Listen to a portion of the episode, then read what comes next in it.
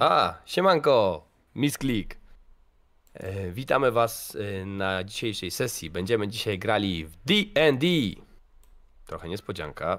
Nie jest to rzecz, która jest jakaś bardzo e, ogrywana na naszym kanale, ale zmierzymy się. Bardzo chciałem zmierzyć się z tym systemem, zobaczymy co z tego wyjdzie. Żeby tradycji stało się zadość, najpierw powitamy gości, a zaczniemy od y, gracza, który po raz pierwszy występuje u nas.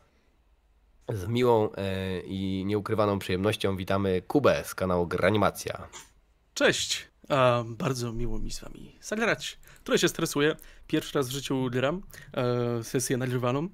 E, uh, będzie dobrze. Zadbamy jak o swoje.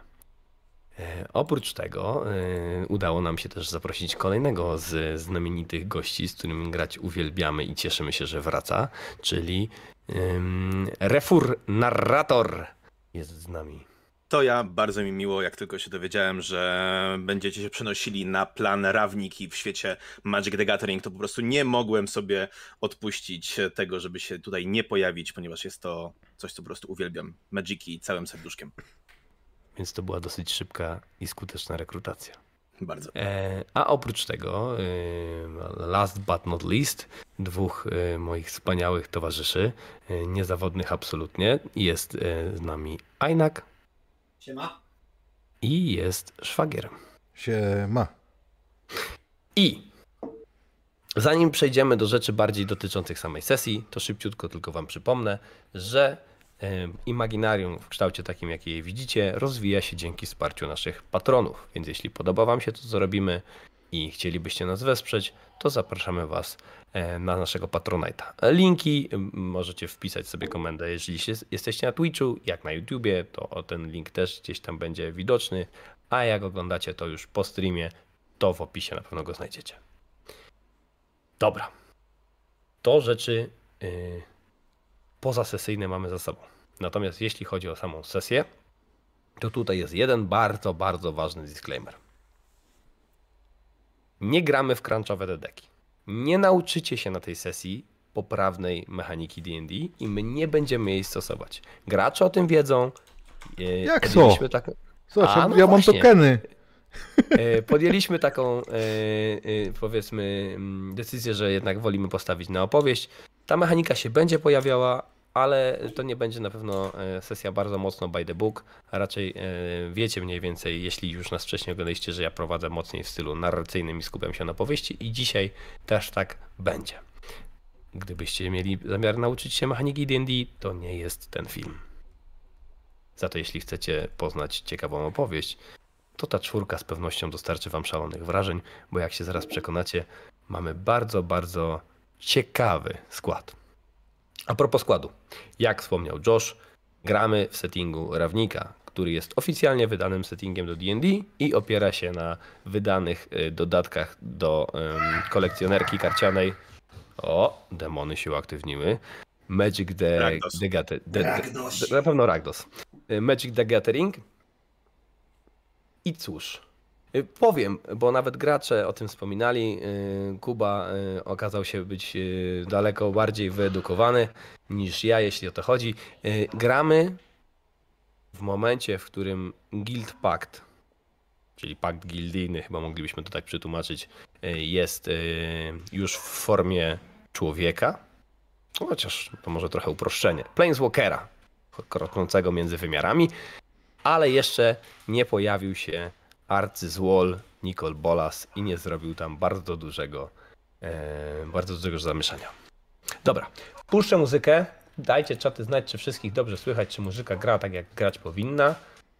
Maciek, co prawda, już o to zadbał, ale poprosiłbym Was o potwierdzenie. Wszystko jest na pewno w porządku i będziemy powoli zaczynać.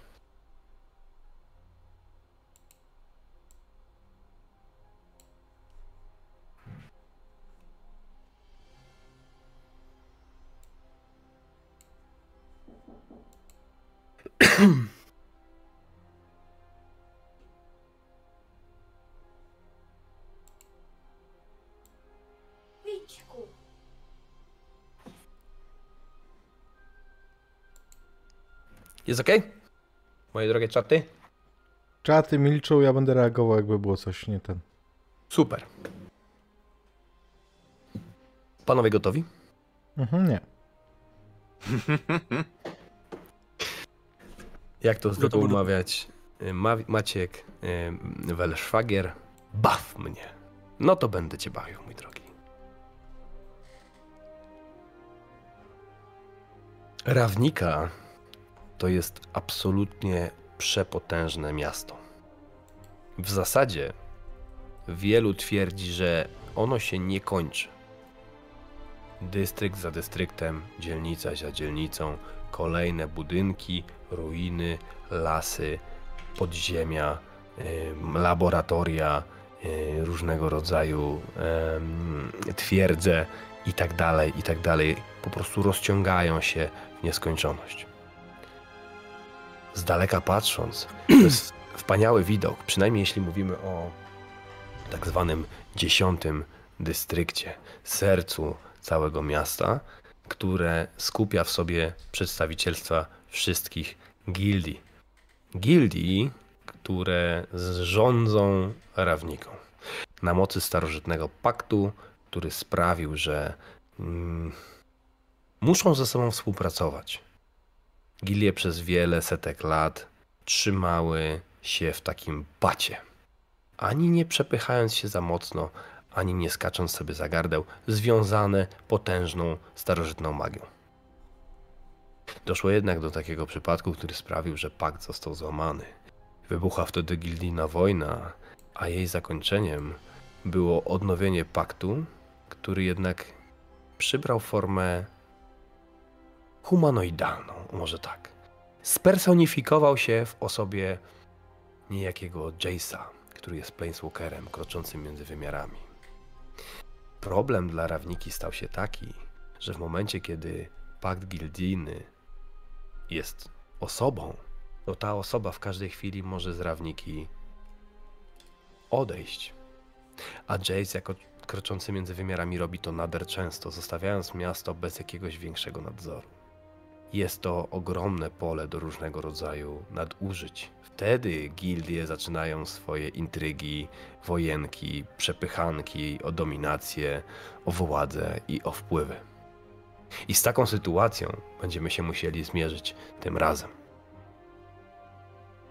Natomiast to, co wezwało was niejako na dywanik do jednego z urzędników, którzy opiekują się paktem gildyjnym, czyli teoretycznie stoją ponad podziałami, ponad gildiami. To potężne pożary, które trawią już od wielu dni szósty dystrykt. Dystrykt nie jestem pewien, czy dobrze tłumaczę, ale tak sobie y, przyjmijmy. Szósty dystrykt, który swego czasu przez y, Gildię Orzow, czyli syndykat trawniki, został zamieniony w ogromne połacie fabryk, magazynów, y, gdzie zostaje wykonana rzemieślnicza, dość ciężka praca. Ale, ale, ale tym szóstym dystrykcie znajduje się też kilka innych dość istotnych z punktu widzenia, jakby to powiedzieć, całego miasta zasobów. Może tak bym to dookreślił. I teraz, kiedy potężne pożary targają całym tym dystryktem, zostajecie wezwani przez jednego z Wedalkenów, który Nazywa się Nissa. Wezwał przedstawicieli waszych gildii, żebyście dowiedzieli się, jaka jest przyczyna tych pożarów. Wyobraźcie sobie strzeliste wieże, rawniki, bijące wysoko w niebo. Nawet tutaj, w dystrykcie szóstym, dużo budynków jest wysoka, Dużo tych, jest wysokie, dużo tych budynków jest y, strzelista, imponująca. Tutaj znajdują się, znajduje się ogromna forteca Kamen i y, ona góruje nad częścią tego dystryktu. Żeby do niego dotrzeć, trzeba się przecisnąć, przedrzeć przez bijący i tętniący życiem serce dziesiątej dzielnicy. I kiedy spojrzymy z góry, to nagle świat zabarwi się na pomarańczowo, czerwono, szkarłatno, żółto, strzelistą, ognistą barwę, która eksploduje wirującym płomieniem, pochłaniając kolejną połać dzielnicy. Jeden, drugi, piąty, dziesiąty budynek uciekający, wrzeszczący mieszkańcy wszystkich razji, ze wszystkich gildii, którzy po prostu muszą umykać przed potężnym żywiołem, niepowstrzymanym absolutnie w kształcie wirującego tornada, zmiatającego wszystko, co znajdzie się na jego drodze. Zostają po nim tylko popioły, dymiące, a na tych popiołach poruszają się już tylko kolgari, który, którzy pełnią funkcję gildii oczyszczającej miasto spychając je do ogromnego dołu. E, Dead Bridge Chasm przetłumaczylibyśmy chyba na otchłań martwego mostu. Taką, e, taką sobie tutaj przyjmijmy roboczą, robocze tłumaczenie. I do tej otchłani Golgari zrzucają te wszystkie resztki, które pozostają po tych potężnych pożarach. Potychacie się z Nissą na granicy dystryktu szóstego. To wysoki humanoid o niebiesko, niebieskiej barwie skóry, wodnistych, takich mętnych trochę oczach, który spogląda na was z wyższością urzędnika piastującego pieczę nad gildiami. Nie znacie się. Zostaliście tutaj wysłani przez przedstawicieli swoich gildii, może przez samych przywódców. Wy mi za chwilę o tym opowiecie. Nissa patrzy na was z góry i mówi: Nie śpieszyliście się. Sprawa robi się coraz bardziej poważna. Czas wziąć cię do roboty, cholerne nieroby. Dlaczego akurat Wasza czwórka. No właśnie. Dlaczego? Kto by chciał być pierwszym z cholernych nierobów, który odpowie na to pytanie?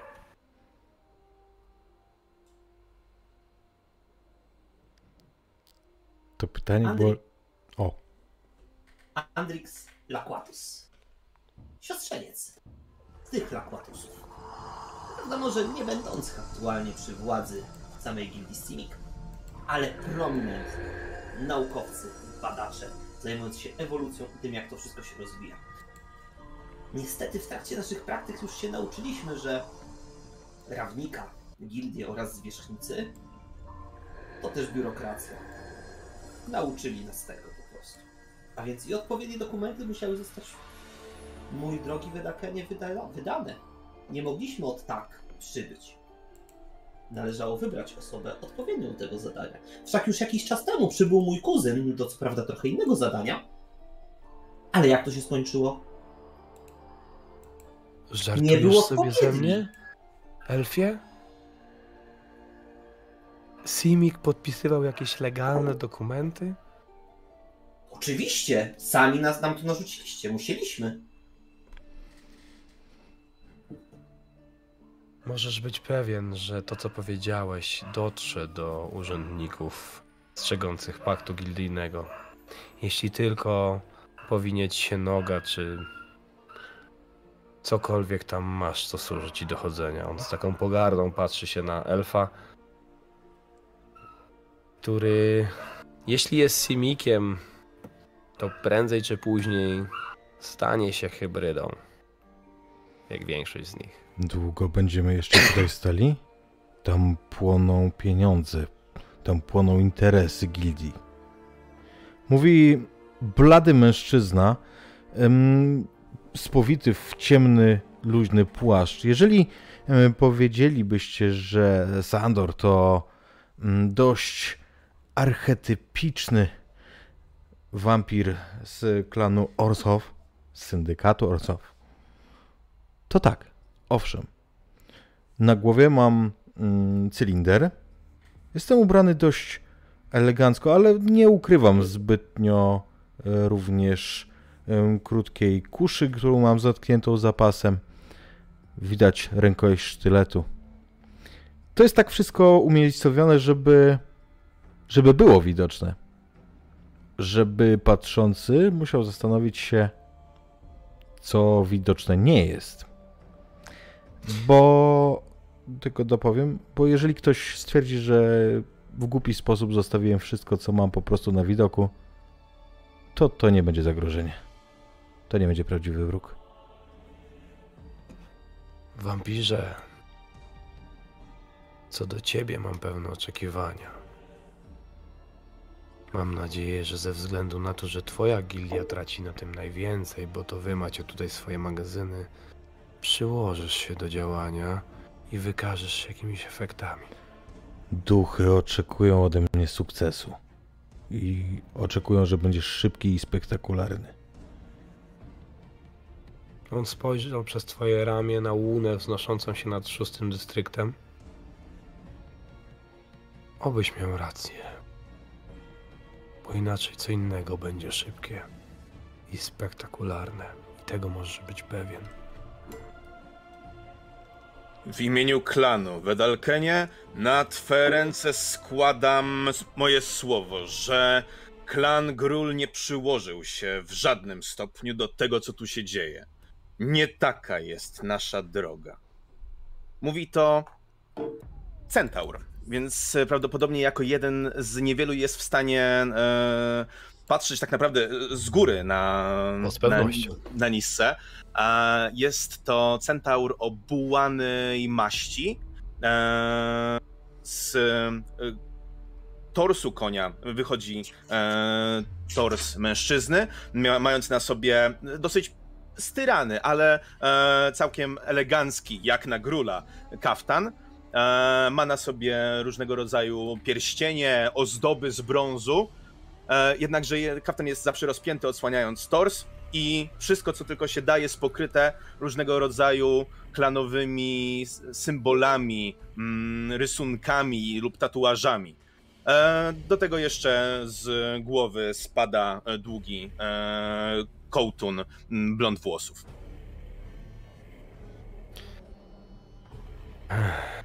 Gdybym ufał słowom Grulu, to zapewne nie zrobiłbym kariery. Ha. Wszyscy wiedzą, że kawałek stąd macie te swoje cuchnące, obrzydliwe ruiny, w których biegacie jak banda jakichś oszołomów. I ruiny też tutaj niedługo będą, jeśli nie weźmiemy Więc- się do pracy. Zdziwiłbym się, gdyby Grul nie miał interesu w tym, aby nie powstrzymać tych pożarów. Jako emisariusz klanu płonącego drzewa jestem tu, by utrzymać pakt. Taka jest wola mego pana. Wyjątkowo niefortunna nazwa klanu do tego zadania. Ha! Rzekłbym. My No jesteśmy dobrze. teraz obok tego płonącego dystryktu, tak? Wy jesteście na jego granicy, ale dystrykt płonie nieco dalej. W tej chwili, tam, to miejsce, gdzie wybuchł pożar, to są niejako. Um, Quarter to będzie kwarta Kowali? Kowalska? Tak byśmy chyba mogli przetłumaczyć. Wybaczcie, ja tak na biegu tłumaczę, bo Rawnika nie została nigdy po polsku wydana, więc em, będziemy, sobie, będziemy sobie radzić. Więc kwarta Kowalska, Smelting Quarter, znajduje się sporą, e, e, spory kawałek od was. Wy stoicie przy moście Benzera, który prowadzi do Wayportu, czyli miejsca, którym e, jest jeden z ważniejszych hubów handlowych dla całego miasta. I teraz niejako po drugiej stronie dzielnicy wznosi się ta łuna. Zwykle to ona tam jest, tak czy siak. Dymy bijące z kowalskiej kwarty w niebo, gdzie przez cały czas słychać brzdęk kutego metalu. Generują podobny widok, ale nie tak intensywny, nie tak pomarańczowy i z pewnością nie tak szybko poruszający się. Że tak. Dwa kroki obok stoi mężczyzna Um, ubrany dosyć elegancko, w bogaty strój, taki mieszczański, um, trochę szlachecki.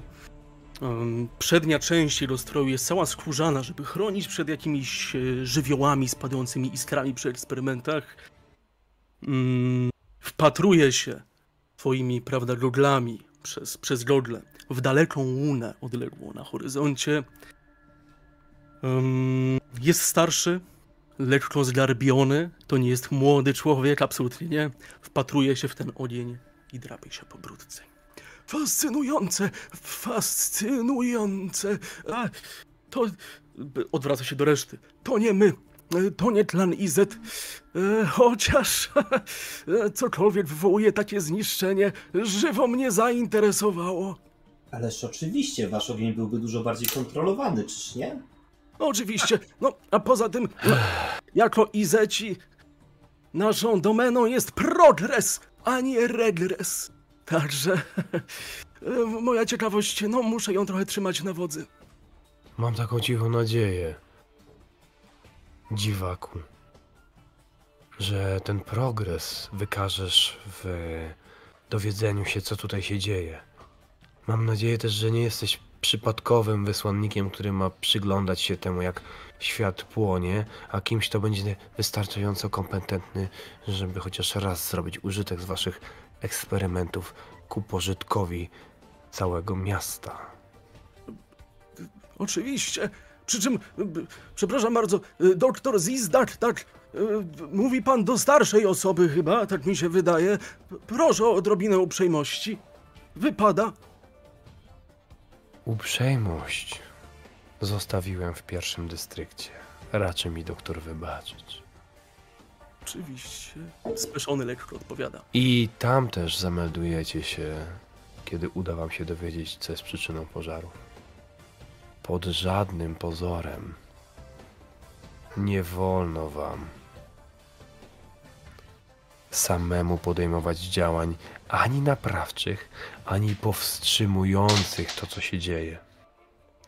Najpierw Gildia Azorius rości sobie prawa do tego, żeby wydać sąd nad tą sytuacją. Waszym zadaniem jest dowiedzieć się, co jest przyczyną pożarów i zaraportować tą informację do mnie w pierwszym dystrykcie. Czy to jest jasne? To jest ta na horyzoncie. Znaczy się bardzo. Pieniądze się palą. To jest szesnasty pożar na przestrzeni tygodnia. Każdy z nich wybuchł w innym miejscu, ale w podobnym nasileniu i w podobny sposób. To nie jest przypadek. Nawet wśród tej bandy. Ech, tutaj są gobliny. Grul robi tu swoje rajdy. Ragdos robi tutaj swoje opętańcze przedstawienia. Powodów do pożaru jest mnóstwo, ale nie z takim nasileniem, nie z taką regularnością i nie o takiej skali. Dowiedzcie się szybko, co się dzieje. To już możemy iść. O tak, zdecydowanie. Opuszczenie waszego towarzystwa będę pamiętał jako przyjemność tego dnia. O, On zawija- szlachetny Nissa, pozwól jeszcze chwilę. A czy jest coś jeszcze, co już wiecie?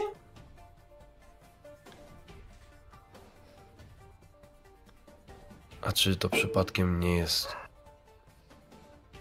czymś, co się czym się pasjonują członkowie gildii Simic, by dowiadywać się pewnych rzeczy samemu? Więc pytam. Pożary mm, nie udało się nam wyłapać jakiegoś konkretnego wzorca. Wydaje się, że po prostu wybuchają w losowych miejscach w całej dzielnicy. Byli tutaj już specjaliści, pyromanci. Jedyne czym to się skończyło to wybuchem kolejnego zbiornika i dodatkowymi obrażeniami.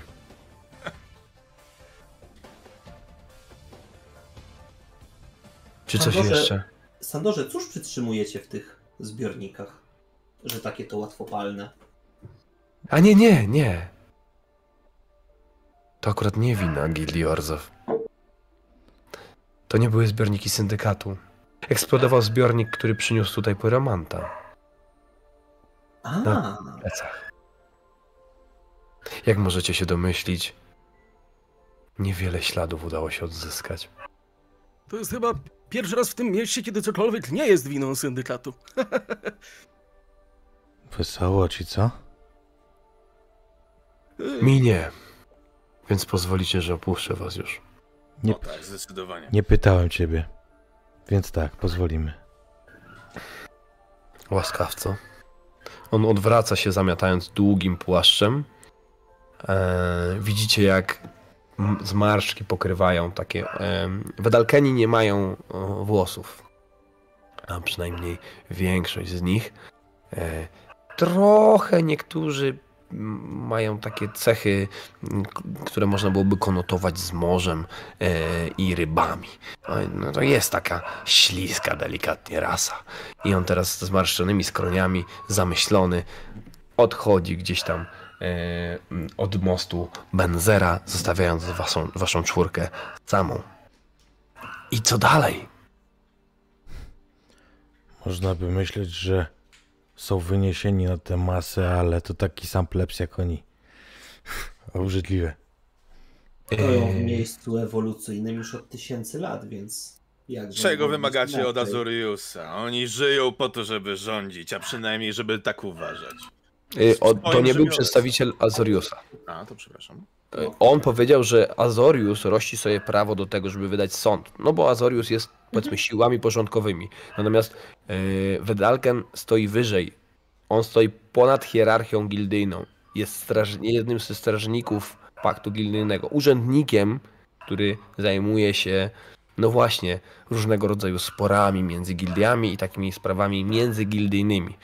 Mm, to bardzo skomplikowana sprawa, kto na kogo ma większy wpływ. Wy moglibyście go zignorować. Tak naprawdę on nie ma jakiejś wyraźnej formy nacisku na to, żeby zmusić was do działania. Natomiast w interesie waszej gildii jest dowiedzenie się, co się dzieje. Orzow, jak już sam powiedział, patrzy, jak palą się jego zasoby. Izet zapewne jest zaciekawiony tym fenomenem e, żywiołów. No, jak najbardziej. Pewnością podobne e, pobudki może mieć Simic, chociaż nieco inne pewnie plany w związku z tym, co można byłoby z tym zrobić. Grul natomiast, o ile mógłby się cieszyć z tego, że świat hierarchizowany płonie, to jednak te pożary wybuchają bardzo blisko granicy dystryktu, a mm, zajmowane przez e, gilie i klany Grula y, tereny są zagrożone. Jeśli to się rozprzestrzeni, to wy też będziecie ofiarami tych pożarów.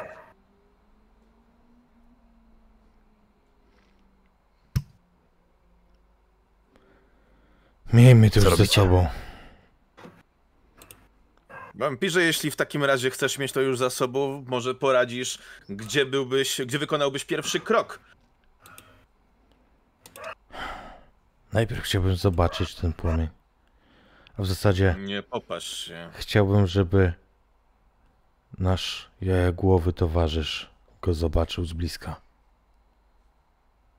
Trzeba zobaczyć nie tyle ogień, co miejsce po pożarze. Wtedy można coś wydedukować. Tak? Może. Muszę znaleźć miejsce, gdzie to się zaczęło. To jest dobry pomysł. Dokładnie. Cokolwiek może sprawić, że nasze manufaktury przestaną płonąć, będzie dobre i sprawi, że syndykat Orcow będzie wdzięczny. Czy może Trochę wiemy, gdzie... Dozgonnie. Może wiemy, gdzie rozpoczęło się? Jakiś pierwszy płomień, gdzie się pojawił? Pierwszy No. Tej inwe- informacji Wedalken wam nie dostarczył. Miejsc, które moglibyście odwiedzić, jak stwierdził, jest przynajmniej kilkanaście. Więc możecie udać się w różne miejsca całego dystryktu. Jest tutaj. em, hmm, tak zwany Park Medori, który jest okolicą zamieszkaną przez e, nieumarłych. I kiedyś był zarządzany przez e, Gildię i do tej pory oni w tej części dystryktu mają wiele swoich magazynów. Nieumarli zarówno posiadający ciało, jak i ci, którzy są bardziej eteryczni. Można ich tam spotkać często w nocy. E, Kwarta Kowalska, gdzie znajdują się kuźnie, magazyny, różnego rodzaju wytwórnie metalurgiczne i, i zajmujące się tym, tą gałęzią przemysłu e, miejsca, to e, kolejne miejsce. Natomiast obok znajduje się coś, co nazywane jest. Hmm, nie wiem, czy się ucieszycie, czy nie, ale Gore House, czyli dom okrucieństwa, może tak byśmy to nazwali, czyli My siedziba e, gildii Ragdos i szaleńców z Ragdosa. Kamen, twierdza Kamen, duża, górująca nad całą dzielnicą, do której, e, która przylega do Wayportu i jest niejako miejscem, w którym e, Boros trzyma swoje siły strzegące tego, tego miejsca. I otchłań martwego mostu. Wy stąd widzicie twierdzę kamen, która jest na wprost. W zasadzie inaczej. Pierwsze to widzicie, jakby przejdziecie przez most, znajdujecie się w Wayporcie. Zaraz za nim góruje twierdza kamen. Na lewo od y, tego mostu znajduje się wielka otchłań w ziemi, dziura y, i to jest właśnie ta y, no, otchłań rzeczona. Y, I dopiero dalej można się przedostać do mm, kwarty Kowalskiej albo do parku Medori. Na wschód od was, odchodząc od, od Wayportu, znajduje się jeszcze Teen Street, czyli. Cynowa. Tak, ulica Cynowa, która jest jedną z takich chyba najbardziej yy, prężnie działających ulic handlowych w całym mieście.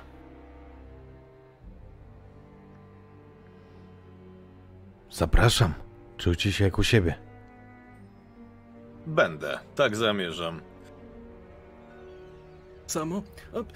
Przepraszam, panie y, Sangwesku, tak nie przekręciłam nazwiska? Bardzo dobrze. To się, to dobrze, to bardzo dobrze.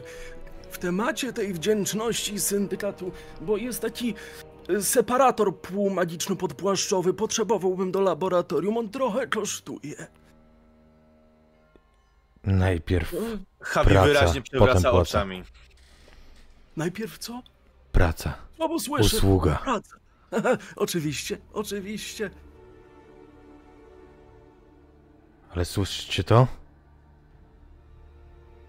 Ten pies przestał ujadać. Może już się spalił. Ruszajmy. Ruszajmy. Wy, mieszkańcy innych dystryktów, to lubicie sobie pogadać. Ja bym poszedł zasięgnąć języka, jeśli mamy cokolwiek znaleźć do tych waszych kupców. Chodźmy. Hmm, I ruszam. ja również. No i ja tak samo. Chcecie się udać na cynową do kupców, czy jednak, bo mówiąc o waszych, rozumiem, że masz na myśli e, Orzowa, a Orzow jednak bardziej ta część e, północno-zachodnia, czyli Park Medori i... No ale zrozumiałem, że to tamtędy będziemy szli. Nie do końca. Wyobraź sobie długi most wiszący nad y, dziurą. Generalnie e, bardzo duża część rawniki y, wzbija się wysoko w powietrze. Wayport jest nieco niżej, powiedzmy, że na poziomie gruntu, gdyby on go otaczał, bo to jest ogromna kamienna konstrukcja, tak jakbyś ym, całą przecznicę sobie wydzielił, której znajduje się właśnie jakby serce transportu, a w Rawnice nie każdy transport musi od się odbywać drogą konwencjonalną i chyba to warto byłoby zaznaczyć. Natomiast dookoła tego wayportu jest duża dziura. Jakby spada w dół y, ziemia. Ta otchłań mm, po waszej lewej, idąc mostem, i to jest naprawdę głęboka rzecz, ale sam, e, sam wayport i tak wystaje ponad dolne dzielnice. W Rawnice funkcjonuje coś takiego jak podmiasto, w którym żyją wyrzutkowie, kryminaliści i Golgari. Golgari, którzy absolutnie nie mają interesu, żeby wychodzić na światło dzienne, pojawiać się gdzieś na powierzchni. Żyją sobie właśnie tam, tup mm, większości przecznic, albo w, wprost pod nimi, bo pod całą rawniką roz, rozciąga się ogromna sieć kanałów, tuneli, lochów, katakumb, jaskiń. To jest, mm, taki, jest tak wielka, jak, jak wielkie jest całe miasto. I ulica Cynowa skręca na wschód, tak naprawdę kierując się poza yy, szósty dystrykt. A żeby dojść do parku Medori, musielibyście skręcić na zachód, czyli w, w przeciwnym kierunku i pokonać większą część dzielnicy, bo Cynowa jest niedaleko, zaraz za Wayportem. Ale to w parku ja mam przychylne sobie oczy. To prawda, Prawdy. to prawda. A cóż tak przychylnie patrzę na stworzenia nocy parku? Inne, równie rozsądne. Uśmiecham się obrzydliwie i nie tłumacząc więcej ruszam w e, tamtą stronę, prowadząc ich. Ja natomiast, jeśli pozwolicie, chciałbym tylko po drodze zobaczyć jedno z tych spalonych miejsc. Z miłą Dobra. chęcią z wami. Doktor Zis, nie słychacie? Kuba, będzie nam łatwiej cię zrozumieć, jak włączysz mikrofon. Oczywiście. Jeśli jakieś będzie po drodze, to ja ty, ty też bym się tam bardzo chętnie zatrzymał. Mam nadzieję, że nie będzie, bo to znaczy, że spłonęło więcej niż myślałem, ale nie ma co żywić dłużej nadziei. Jak zrozumiałem, one są bardzo nieregularne w różnych miejscach. A więc chcę też zobaczyć, czy jest jakiś schemat. Czy masz jakąś Schemat. rozpiskę? Ogień nie ma schematu. Przemieszcza się tam, gdzie go wola poniesie. Oj, Jeśli ogień jest wolny, to tak, a jeśli ma pana, to będzie schemat.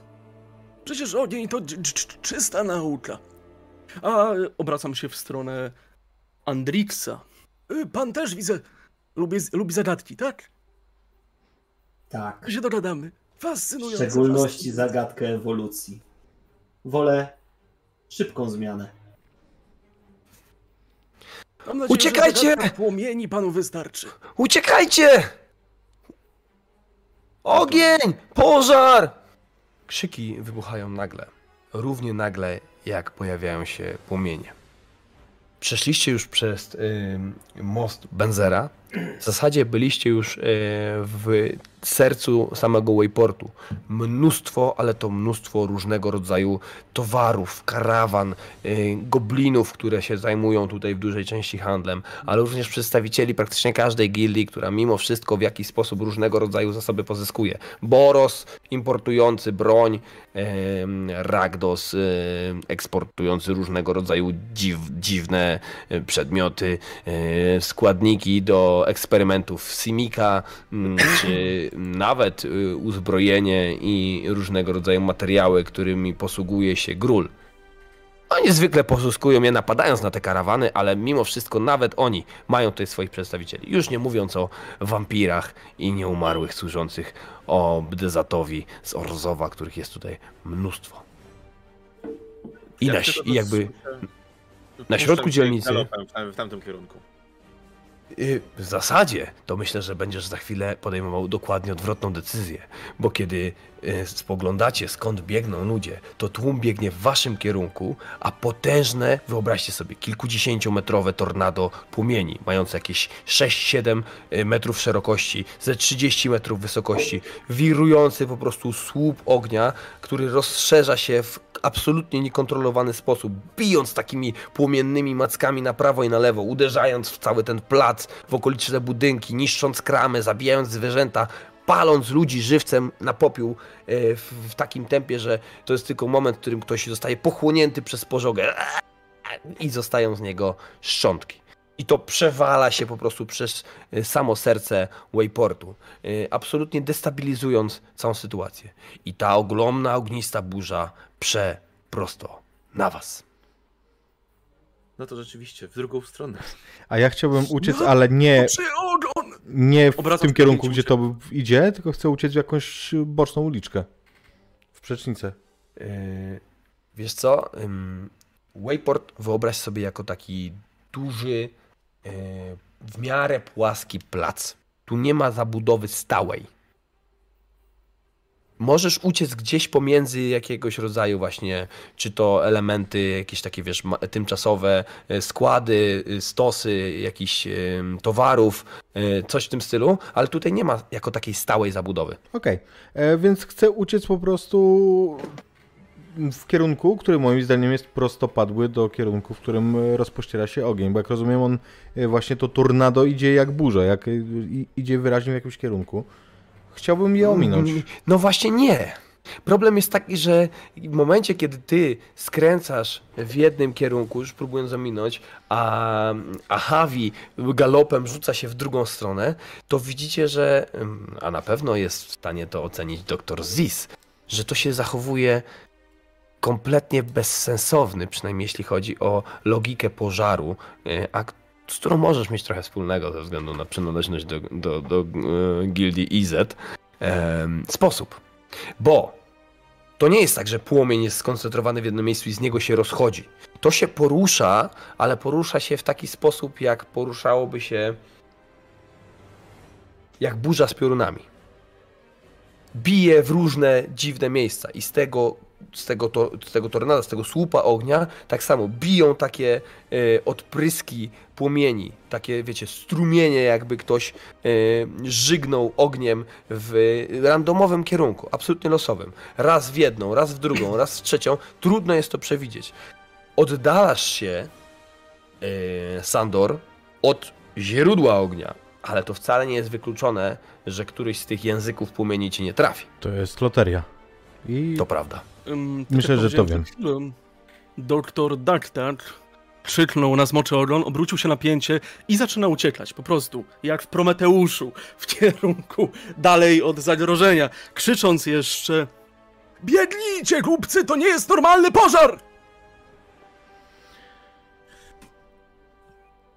Andrix natomiast wycofuje się w takim dosyć zorganizowanym pośpiechu, ale jednak zerka co jakiś czas, próbując złapać, czy jest tam jakaś podstawa, źródło, albo co gorsza, jakiś szaleniec, który to kontroluje.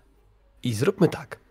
Każdy z Was, który chce obserwować to zjawisko, może wykonać sobie em, test e, na e, Arkana. E, czyli Arcane Wiedza Check. tajemna. Wiedza tajemna. Dokładnie tak. Natomiast, e, natomiast każdy z Was, który się zdecyduje na taki test, będzie musiał poświęcić czas na to, żeby przyjrzeć się temu zjawisku. Okej. Żywioł się nie zatrzyma.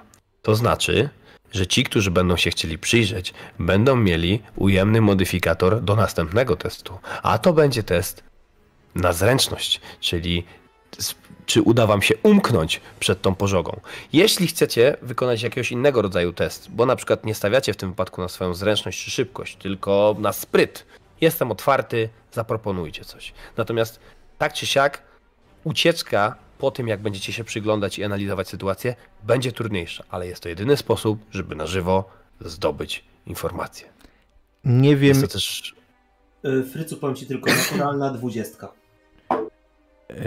A ja chciałem powiedzieć, że nie wiem jaki był poziom trudności, ale olej to, bo rzuciłem zanim powiedziałeś o tych, o tych konsekwencjach. E, poziom trudności tego rzutu na arkana to 10. Ja sobie rzucę. E, myślę, Mi że to by jest weszło, tak, ale ja uciekłem. uciekam bezpośrednio, tylko po prostu próbuję się oddalić, rozglądając się za sytuację, bo na, na pewno jest to rzeczywiście coś niecodziennego. Au, nie.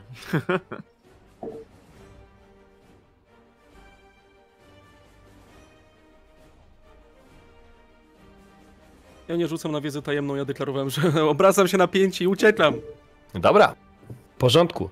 Zatem em, myślę, że w przypadku Javiego to będziemy, to mo- możemy rzucić na, na faktycznie na zręczność.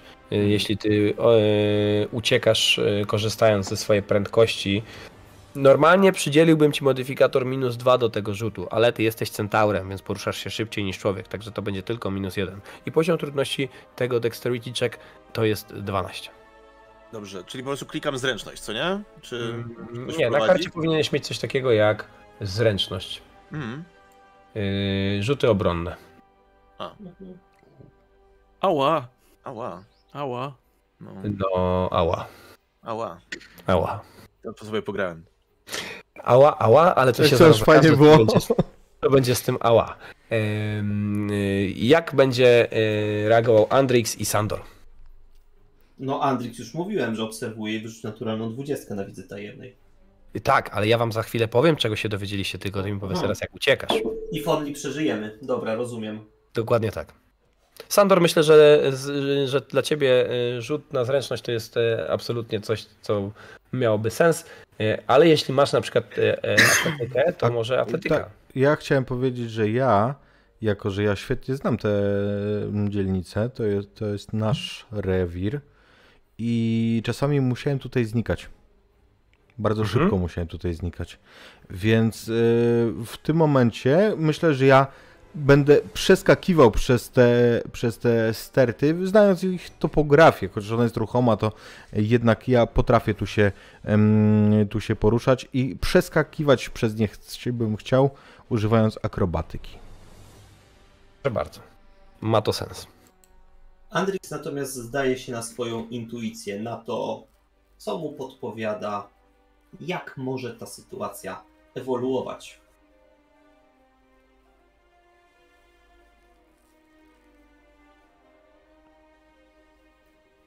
Ja mam 11, więc chyba troszkę nie.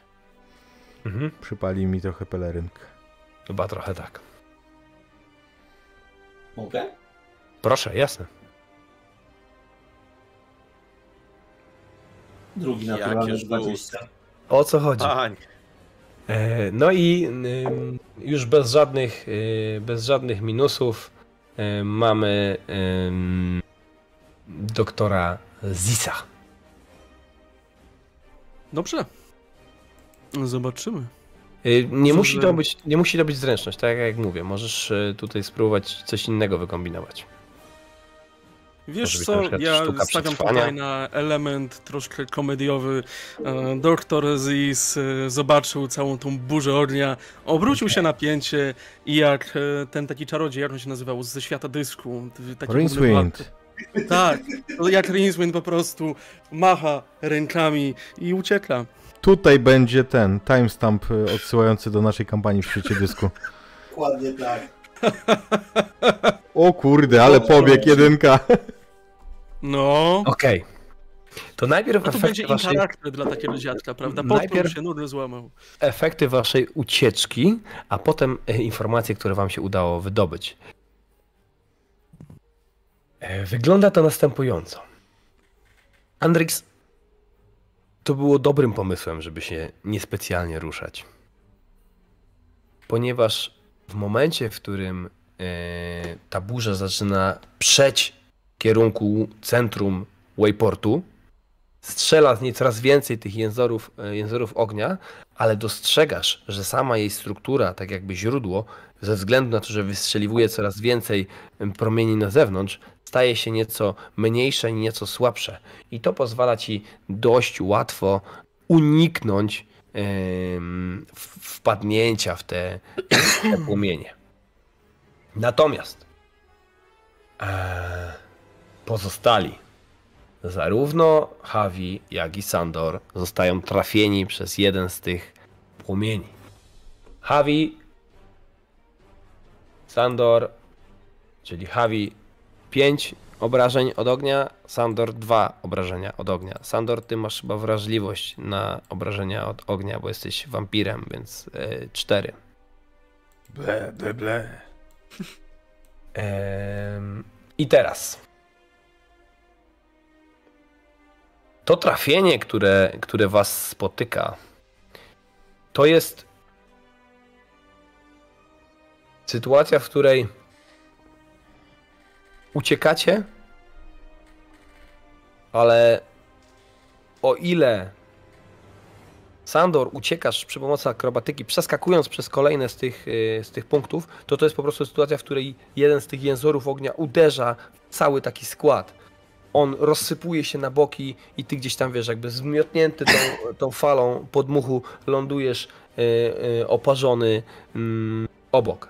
Natomiast jeśli chodzi o Hawiego, Lisie Ozorze, zerkasz w stronę y, tego ognia, próbując zrozumieć naturę żywiołu.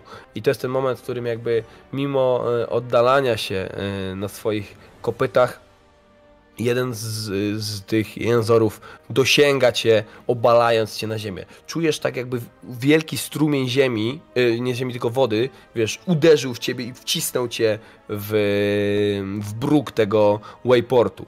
Y, Więc ta, ta rana to też jest taka właśnie oparzelina, osmolone, osmolone ciało. Doktor Ziz. Doktor Ziz, który obraca się, rzuca się w panice przed siebie. Y, Ja myślę, że to, to może być pewnego rodzaju zaszłość związana po prostu z tym, że Izeci wielokrotnie są świadkami różnego rodzaju eksperymentów, w- eksperymentalnych wybuchów i tego typu rzeczy. Wiesz, co się może stać. I to Yy, przerażenie Ziz, Ziz biegnie tylko i coraz szybciej mówi gorąco, gorąco, gorąco, gorąco, gorąco, gorąco. I biegnie coraz szybciej. To przerażenie sprawia, że uciekasz naprawdę bardzo, bardzo szybko. I jesteś już daleko od tego płomienia. I to jest moment, którym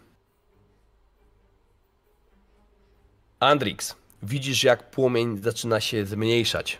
Jak y, jakby wraca do źródła, znika być może w ziemi, a być może w cały ten płomień jest wsysany do jakiegoś jednego punktu. Trudno to jest określić. Dzieje się to dosyć szybko. I to jest taki moment, w którym jakby cały ten żywioł się kumuluje w jednym niedużym punkcie i zanim całkowicie zaniknie, zanim ten ogień wypali się tak jakby zabrakło mu paliwa, wystrzeliwuje ostatni ogromny jęzor ognia. Ja myślę, że to dostrzeże ym, zarówno Sandor, jak i Havi, którzy odbiegali w tym samym kierunku mniej więcej co dr Ziz. Widzicie, jak staruszek z gildii IZ zostaje wyrzucony w powietrze przez wybuch. Yy, trudno powiedzieć, co było w tych skrzyniach, ale trafia w nie język ognia.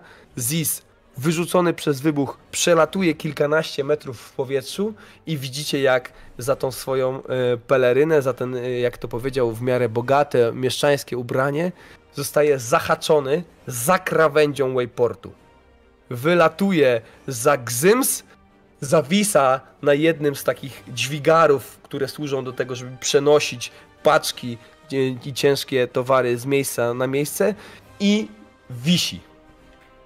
Ziz, jesteś przez chwilę oszołomiony. Wybuch sprawił, że straciłeś absolutnie orientację, gdzie jest góra, gdzie dół. Natomiast do tego momentu, żeby wrócić do rzeczywistości, wrócić tutaj i teraz, zmusza cię nieubłagany dźwięk drącego się materiału. Mam nadzieję, że zainwestowałeś w ten płaszcz więcej niż jakieś drobne, dlatego że to jest jedyne, co cię teraz e, trzymam pomiędzy tobą a tym, co jest tam na dole, pod mrokiem, który jest kilkadziesiąt metrów w dół. I to jest bardzo nieprzyjemny widok. Słychać takie W tym momencie e, doktor Ziz obraca się tak trochę, patrząc, widząc jakby jego płaszcz, który się zrywa, że zaraz po prostu spadnie w tą przepaść. E, mówi tylko, o, na zmocze ustki, o nie, nie, nie, nie, nie. I zaczyna mm, gestykulować. Z jego palców wysunuwają się takie, prawda, e, jęzory energii takiej niebieskiej, które łączą się z miejscem, gdzie ta tkanina zaczyna się rozrywać i nagle ta tkanina zaczyna się z powrotem łączyć, powracać do swojego poprzedniego stanu. Mianowicie chciałbym rzucić Ja już sztuczkę wiem, co- naprawa. Mhm. Jasne.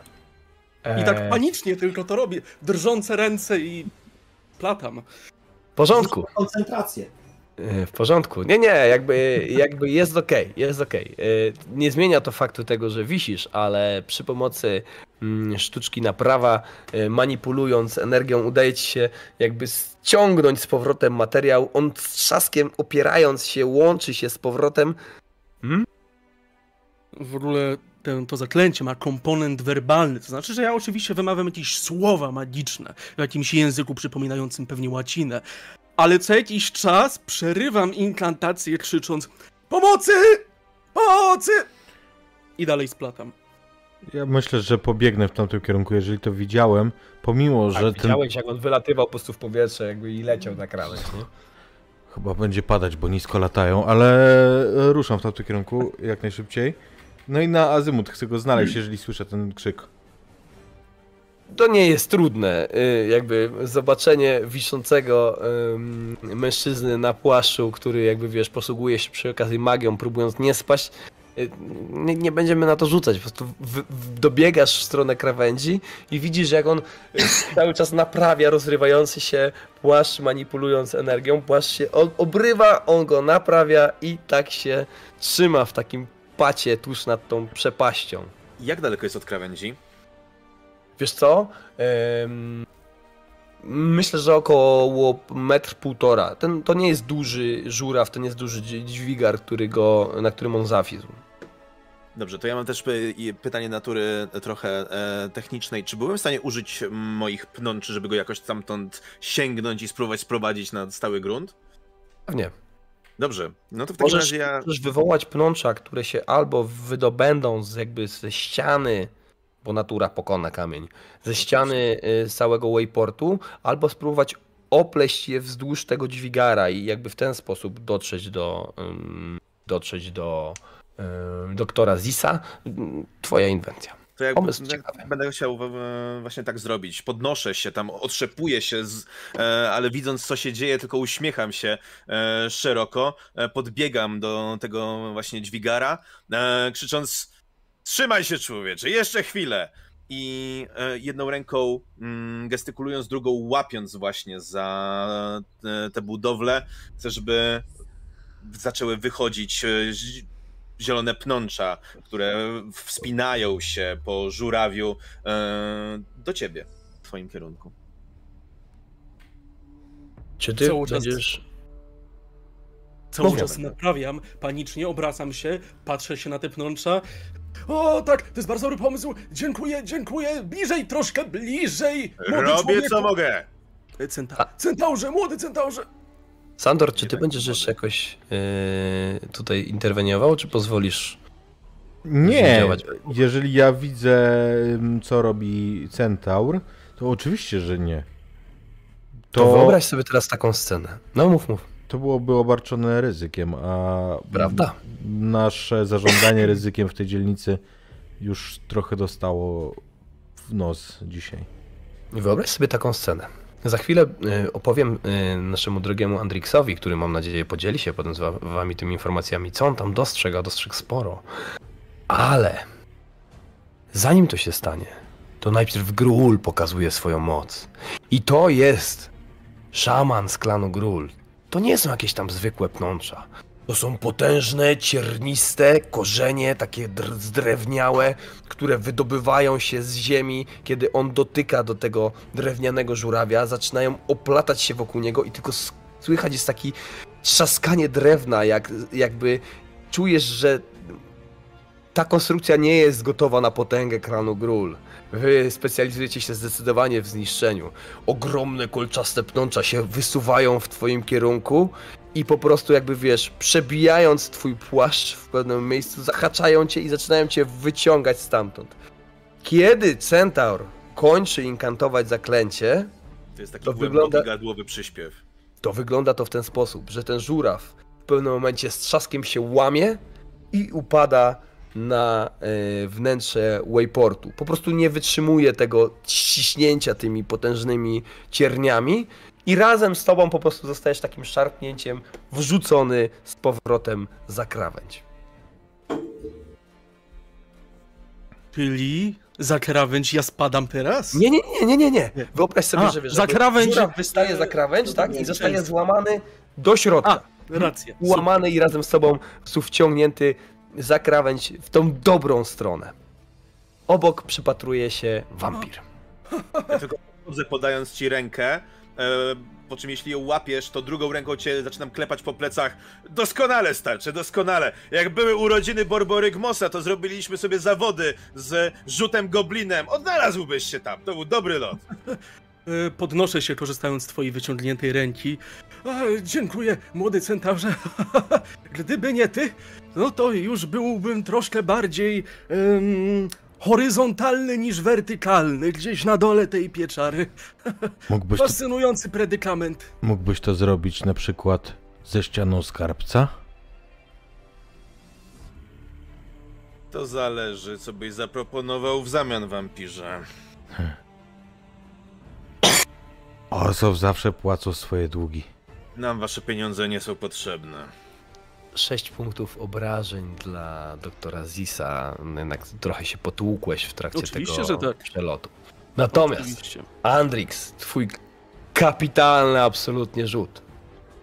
W momencie, kiedy twoi towarzysze udali się ratować ym, członka gildii IZ, ty miałeś nie tylko chwilę, żeby się przyjrzeć temu, co tutaj się stało, ale też, żeby spróbować to przeanalizować. I jesteś przekonany, że to jest jakiegoś rodzaju magia. To nie ulega wątpliwości. Tylko nie jesteś pewien, czy to jest rytuał, czy zaklęcie, bo w życiu nie widziałeś tak potężnego zaklęcia żywiołu ognia.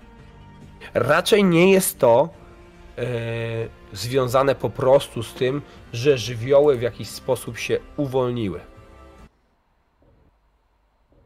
Bo to, bo to było zbyt z jednej strony uporządkowane, a z drugiej strony chaotyczne, żeby to był po prostu żywioł, który przyjął jakąś materialną formę, czy żywiołaka, czy jakiegoś rodzaju demona ognia i, i on, on by się zachowywał w mimo wszystko bardziej humanoidalny, spersonifikowany sposób. To był czysty chaos, ale potężny absolutnie. I o ile jesteś w stanie stwierdzić, że to było jakieś zaklęcie, to ty tego typu zaklęć nie tylko nie znasz, ale też nigdy o czymś takim nie słyszałeś.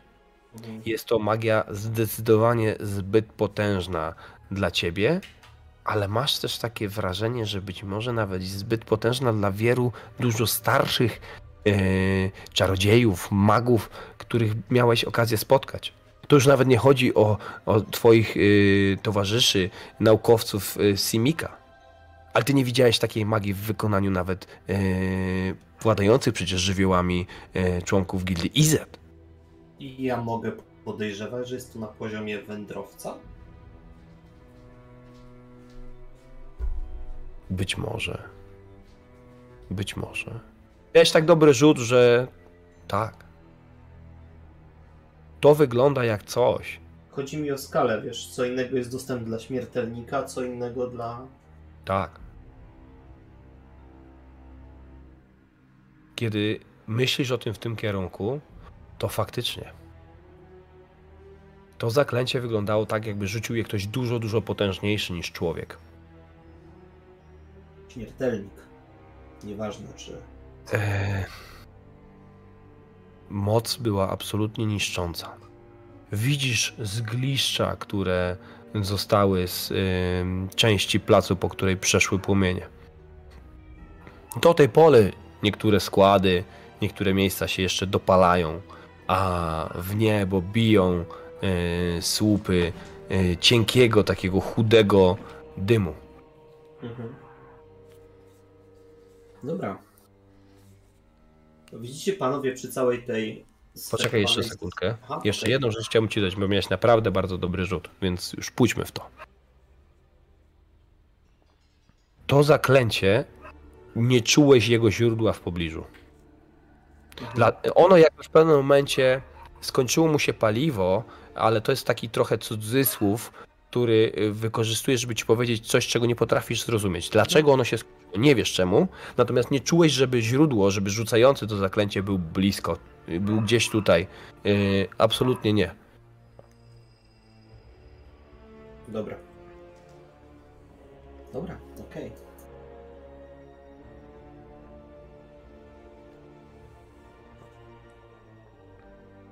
To widzicie panowie, jak po tej śmiałej akcji ratowania. Ja tak naprawdę z tego miejsca, gdzie ten ogień był prawie najsilniejszy, idę bez jednego osmalenia. Przyjrzałem się temu, przyjrzałem. Chodźcie, posłuchajcie, opowiem wam, co tam było. Nie uciekałeś. Nie było potrzeby. Może to kontrolujesz? O nie! Władając taką mocą?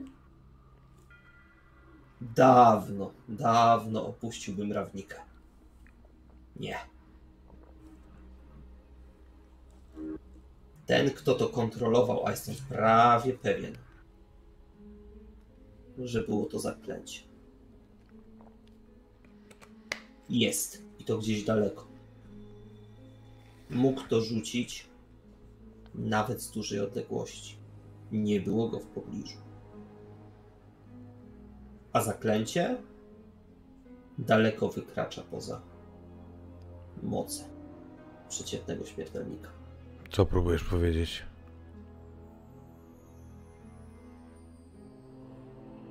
Albo jakaś bardzo długowieczna rasa, albo może nawet wędrowiec.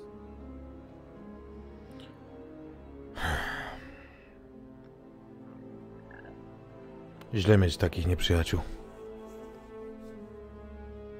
Ale dobrze mieliśmy jest mieć za przyjaciół. Ja powiem tylko tyle. Nigdy nie widziałem mocy magicznej tak potężnej, bo jeśli to co.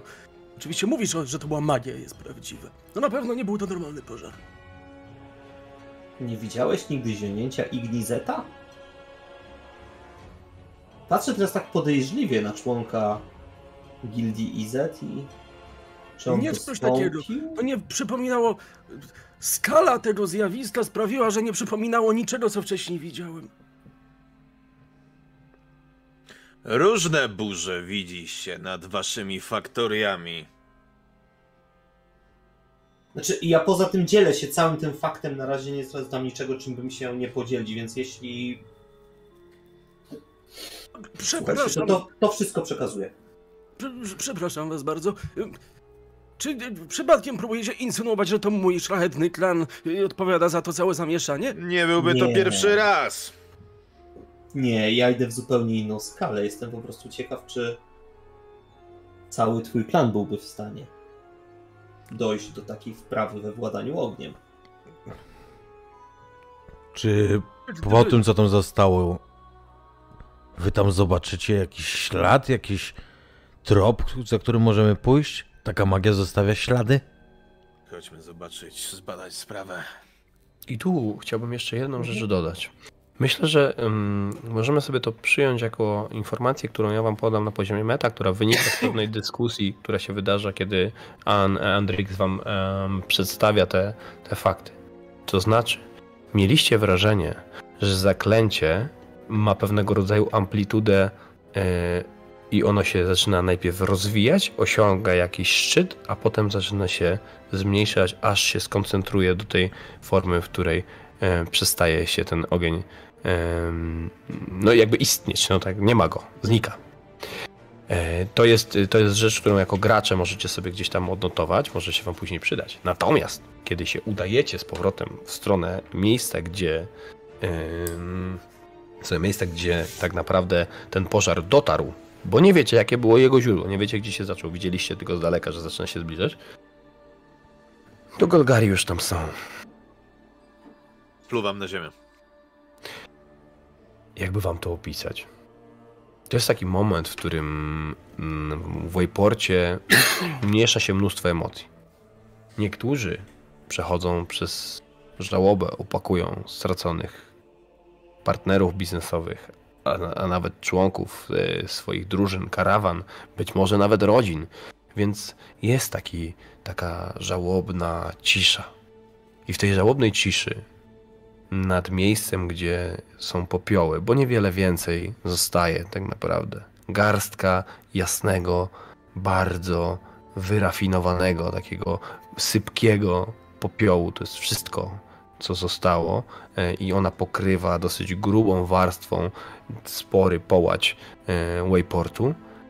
To ten popiół jest w tej chwili zgarniany przez e, kilka dziwacznych, przygarbionych, obleczonych w łachmany istot, które wyglądają tak, jakby człowiek przykulony szedł zaraz dotykając czegoś na chodniku. Garb mocno wystaje, one są bardzo nieregularne. Te szmaty szargają się po, po bruku i w zasadzie nie widać, co pod nimi. Czy to są istoty humanoidalne, czy jeszcze jakiegoś rodzaju e, inne. Kilkanaście takich istot po prostu czura po tym bruku, przesuwając ten popiół w stronę krawędzi. Nad tym wszystkim kręci się jeszcze trzech, czterech upadłych Golgari. To są e, Defkariny, czyli odpowiednik mrocznych elfów e, w naszej rawnicy. Elfy, ale takie, które są nieco wypaczone mm, ze względu na wpływy może naturalne. Mają zdecydowanie ciemniejszą karnację, bardziej takie agresywne twarze. Też wyglądają na obszarpanych i wokół nich unosi się bardzo charakterystyczny zapas, zapach. To jest mniejszający się, odpychający odór zgnilizny i rozkładu, takim płotkawym i prawie że fascynującym zapachem towarzyszącym śmierci. Kiedy tylko przechodzimy koło któregoś z nich, ja się odzywam. Widzę, że smród padliny sprowadził hieny i to coś bardzo szybko. Wiele czasu nie, wam nie było potrzeba, co? Golgari bardzo pilnie wykonują Kuba, swoje mikrofon. obowiązki, centaurze. Doktorze Ziz, po popiołach coś rozpozna rozpoznasz? To jest za dużo z... Może, może. Nie jestem w stanie nic obiecać. Może spróbować. Musiałbym się rozejrzeć. Zajęłoby to kilka... kilka minut. E, Poprosiłbym cię, żebyś rzucił sobie na śledztwo. Very well. Dobra. Nawet mam tą umiejętność wykupioną. Boom! Wow. Słuchaj. Nie ma wątpliwości. Gdyby któreś z was zostało chociażby liźnięte przez kolumnę płomieni, a nie przez jeden z jęzorów, to tak, tak byście skończyli. To jest absolutnie abnormalne, że y, nie zostaje nic, tylko taki bardzo miałki popiół. Nie ma żadnych odłamków, żadnych fragmentów, na przykład, nie wiem, spalony został cały stragan. Drewno, metal, jakiegoś rodzaju inne tworzywa, yy, pomieszanie. Powinno to być widoczne w tym popiele. On powinien przyjmować różne barwy, powinien być yy, jeden bardziej grudowaty, powinny zostać jakieś resztki. Nie. Miałki, sypki, bardzo, bardzo jasny popiół. Tak jakby wszystko spaliło się w tak ogromnej temperaturze, że po prostu jakby nie było szans, żeby jakiekolwiek organiczne szczątki zostały. Eee, a Grul, yy, przepraszam, a nie Grul, tylko Agolgari spychają to wszystko z krawędzi i widzicie jak pierwsze z tych istot, takich przygarbionych, dziwacznych monstrów ym, w łachmanach zaczynają docierać do krawędzi i taką białą falą, wodospadem popiołu sypują to wprost otchłań będącą zaraz za granicami Wayportu. Śmierć potrafi jest. przyjmować fascynujące oblicza, prawda? Liczę?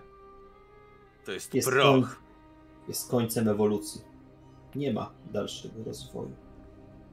Nawet ty, Sandorze, w swej śmierci poszedłbyś coś innego, a nie tylko pył i proch.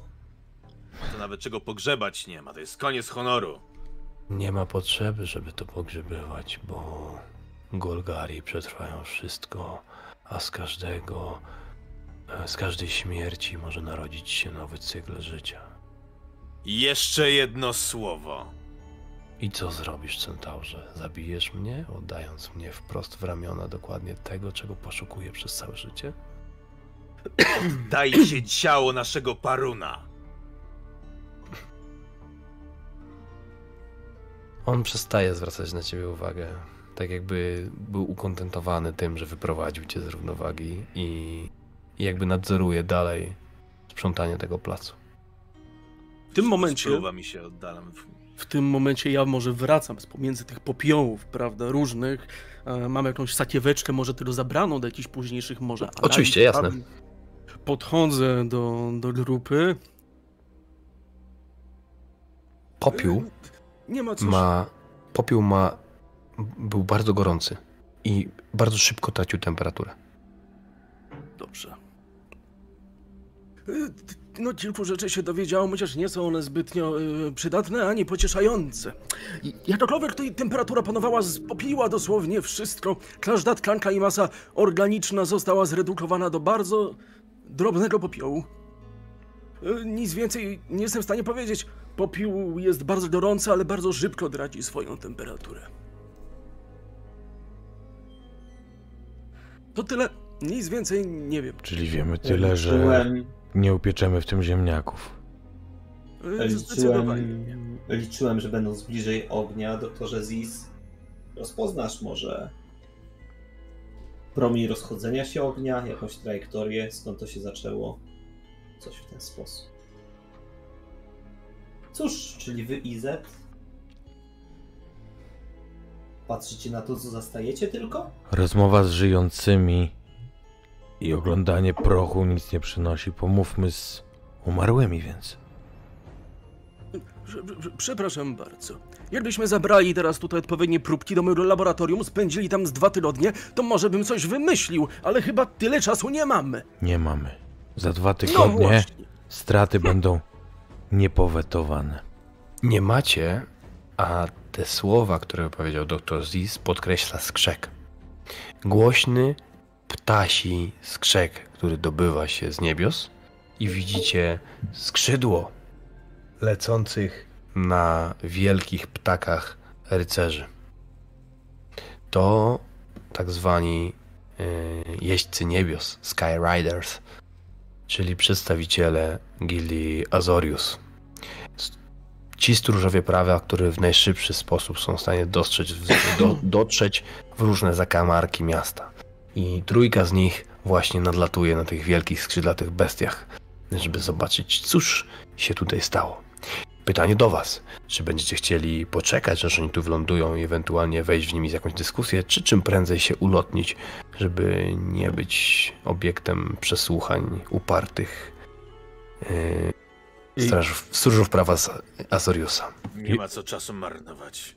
Ja zdecydowanie się znikam. dopadną, Też tak twierdzę, że czas nas goni.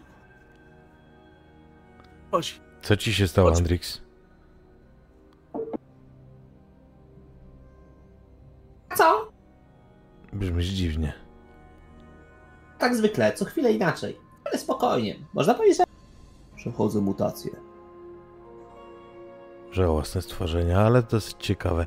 Ja się znikam czym prędzej, bo y, my z takimi nie gadamy. Mamy wielkie tradycje w zachowywaniu milczenia w ich obliczu. Dobrze, tylko powiedzcie mi gdzie. Przed wami twierdza Camden zajmowana przez garnizon e, Gildii Boros. E, dalej na wschód Park. E, b- będzie Gore House, e, czyli, czyli dom okrucieństwa, e, Kwarta Kowalska i Park Medori jeszcze dalej na zachód. Andor, Czy siak, kierunek bym- jest, kierunek jest jeden, musicie się udać na północ. ja bym No przecież- Gorehouse zobaczył. Co może Ragdosi mogą powiedzieć o tej sytuacji? No w sumie też jestem ciekawy, jak Frycu ich odegra. przykrością muszę się zgodzić z tobą, Andrix. Rzeczywiście śmierdzi to, jakkolwiek by nie wyglądało na robotę naszą, to widzę w tym rękę chaosu Golgari. Dobrze. Tak, dosu, Ra- mój drogi Grulu. Ragdos. Bo to jest On dosyć jest ciut za mało istotne. piekielny, ale... Szósty dystrykt, szósty dystrykt to jest miejsce, w którym e, dom okrucieństwa jest taką bramą prowadzącą wno, do wnętrza e, całego kultu Ragdosa. Schodząc w dół i w dół i w dół, w końcu dotrze się do serca ich gilii. Tak samo jest zresztą z e, otchłanią Martwego Mostu. Tam poniżej też znajduje się siedziba Golgari. Musicie jednak pamiętać, że siedziby gildii to bardzo pilnie strzeżone twierdze, do których nie ma dostępu z zewnątrz, jeśli nie jest się ich członkiem, albo nie ma się bardzo dużych wpływów. Żeby dostać się do gildii, swobodnie się po niej poruszać, jest potrzebne coś, co jest nazywane Kirun, czyli runą, kluczem, kluczoruną symbol, który pozwala wam i jakby uprawnia was do tego, żeby dotrzeć w głąb em, tajemnic, jakie skrywają siedziby gildii. No ale dobrze, umykacie przed e, jeźdźcami niebios, którzy z łopotem skrzydeł, rozdmuchując ten popiół, lądują na środku wayportu i odchodząc stamtąd, dostrzegacie, że Golgari absolutnie są tym niewzruszeni. Tak jak wami byli niewzruszeni, tak jak śmiercią tych dziesiątek, jak niestety osób na e, płaskowyżu Wayportu byli niewzruszeni, tak nie wzrusza ich też pojawienie się Azoriusa. Po prostu spychają kolejne wodospady białego popiołu w dół za krawędź.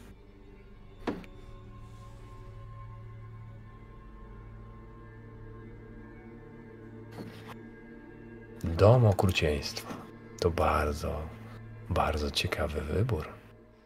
Muszę przyznać.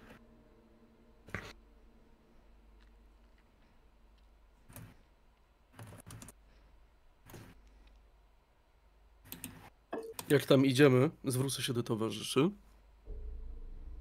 Przepraszam bardzo. Jedno mam zasadnicze, bardzo ważne pytanie. Czy my mamy jakieś konkretne przesłanki, by się tam udawać, czy tylko to, że Golgari są bardzo dziwni, niepokojący i pojawili się tam bardzo szybko? Tak, bo Dom Okrucieństwa to siedziba kultura Gdosa. A, przepraszam. Mhm. Mamy jakieś Mhm. przesłanki? Oczywiście, A mamy jakiekolwiek... Mamy jakiekolwiek inne przesłanki? Tak naprawdę błądzimy we mgle. Tak, ale mgła czasami odpowiada na pytania. Więc Powinniśmy może jednak tak. zapytajmy tych, którzy chodzą we mgle. Powinniśmy sprawdzić tych, którzy tak często parają się ogniem. Otóż Po to kolei. oni się lubują w tych ich pokazach. Piromancji jest zdecydowanie tak. Stąd nie... Albo nawet ja bym powiedział więcej. Jeśli jesteśmy w stanie, zagrajmy im na nosie, że ktoś bardziej niż oni spółkuje z ogniem. Podoba mi się to myślenie? To muszę przyznać. Dobrze myślisz, Simiku. Nie wierzę, że to powiedziałem. To wie, jak wiele możemy się od siebie nauczyć. Wy od nas wiele. My od was nie sądzę. To się okaże w praniu.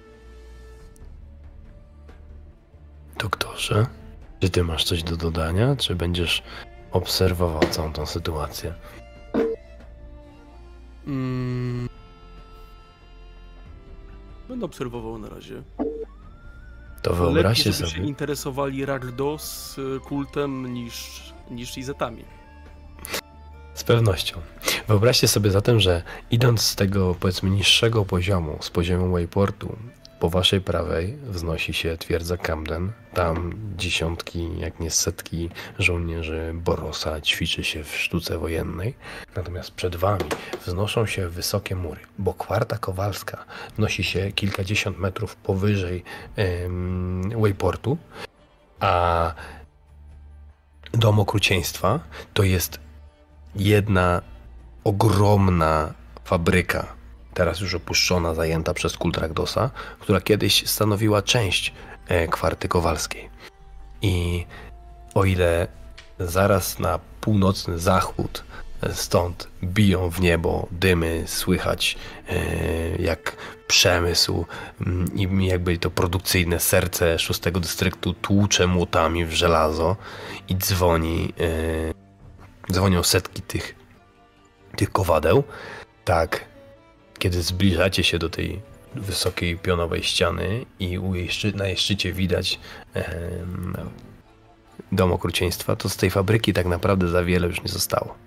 Na dachach oraz y, na elewacjach budynków poumieszczane są różnego rodzaju bardzo dziwne metalowo-drewniane konstrukcje, najeżone jakimiś ostrzami, kolcami, w kompletnie bezsensowny sposób, nieco przecząc, nieco, w zasadzie w ogóle przecząc jakimkolwiek zasadom budowania czy konstruowania. Yy, Na waszych oczach jedna z takich drewnianych konstrukcji zawala się z hurgotem, lecąc w dół tej ściany. Yy, W, w, jakby w hurgocie tych, tych, tych, w tych lecących deskach dostrzegacie jakieś sylwetki, ale nie słyszycie tam okrzyków strachu, paniki czy jęku, tylko słyszycie! Radosne wrzaski y, szaleńców z kultu Ragdosa, którzy właśnie e, ulegają poświęceniu em, i, to szaleństwo absolutnie pochłania ich od środka. I tak, jest tam mnóstwo płomieni. Co i róż wystrzeliwują jęzory ognia w niebo, a niektóre z tych konstrukcji, kiedy się zbliżacie i wspinacie się na górę, żeby dotrzeć do, e, do tej fabryki, okazują się być wielkimi stosami ofiarnymi, y, stosami jakim, jakiegoś rodzaju e, rytualnymi, które płoną podsycane, no cóż, e, różnego rodzaju paliwem. E, Mnóstwo, tak jakby, Ragdosi nie zwracają uwagi na to, co wrzucają do środka, włącznie z członkami swojego własnego kultu.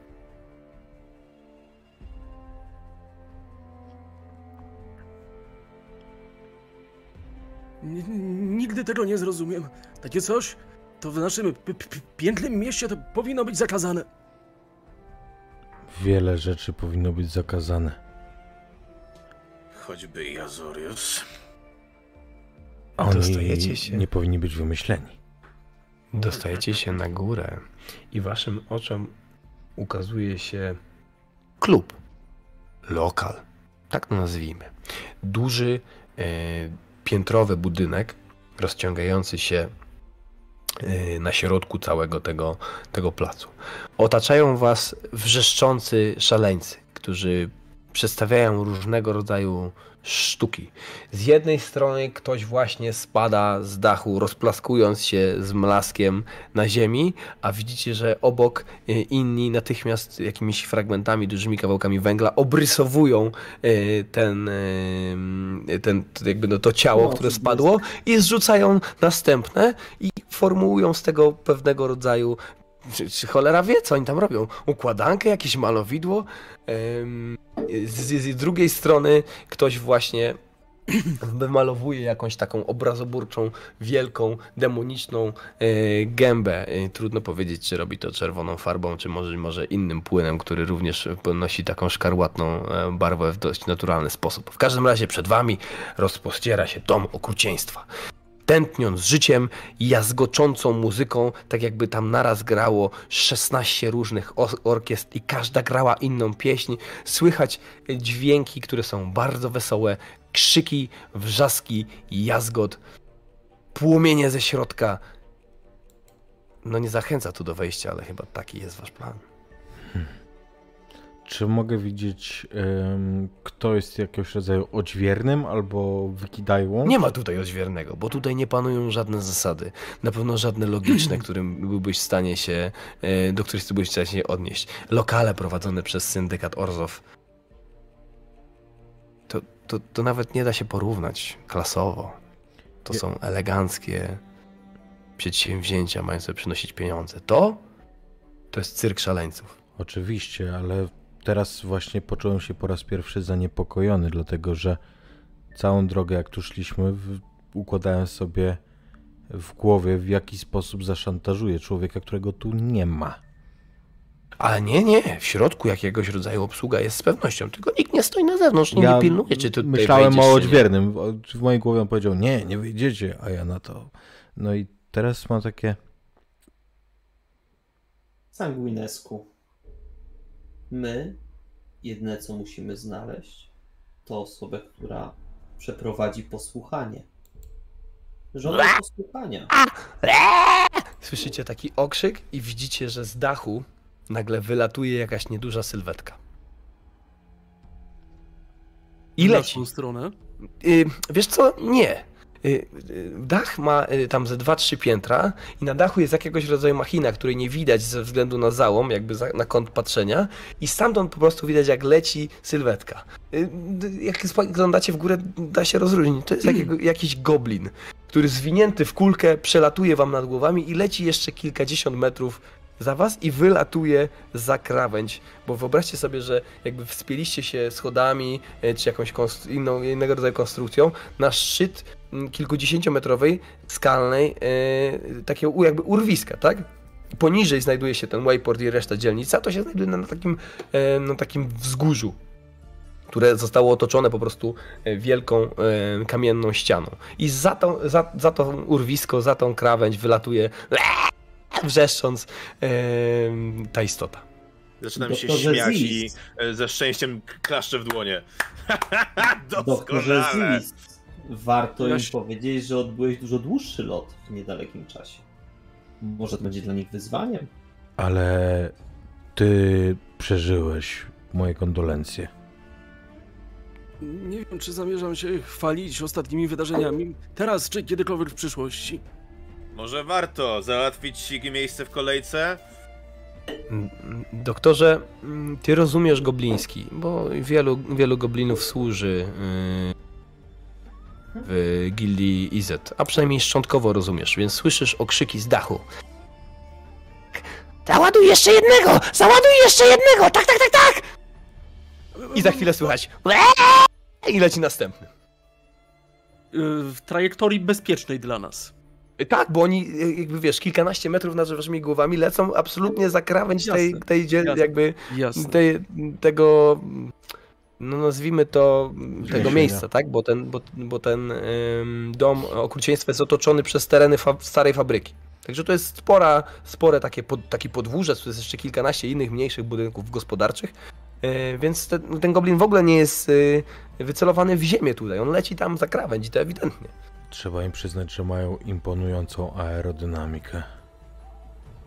Aero, co? Dobrze latają. No to tak, no gobliny są do tego najlepsze. Ale powiem ci szczerze, gdybym tylko miał możliwość wyewoluować im taką wierzbłonę pławną między zakresem ramion a stóp, byłyby w stanie wyprowadzić dużo dłuższy lot. Uuu, No może dużo dłuższy, ale gdzie w tym zabawa, jak on ma kontrolę, gdzie poleci? A Był kto powiedział, że ma nad tym kontrolę?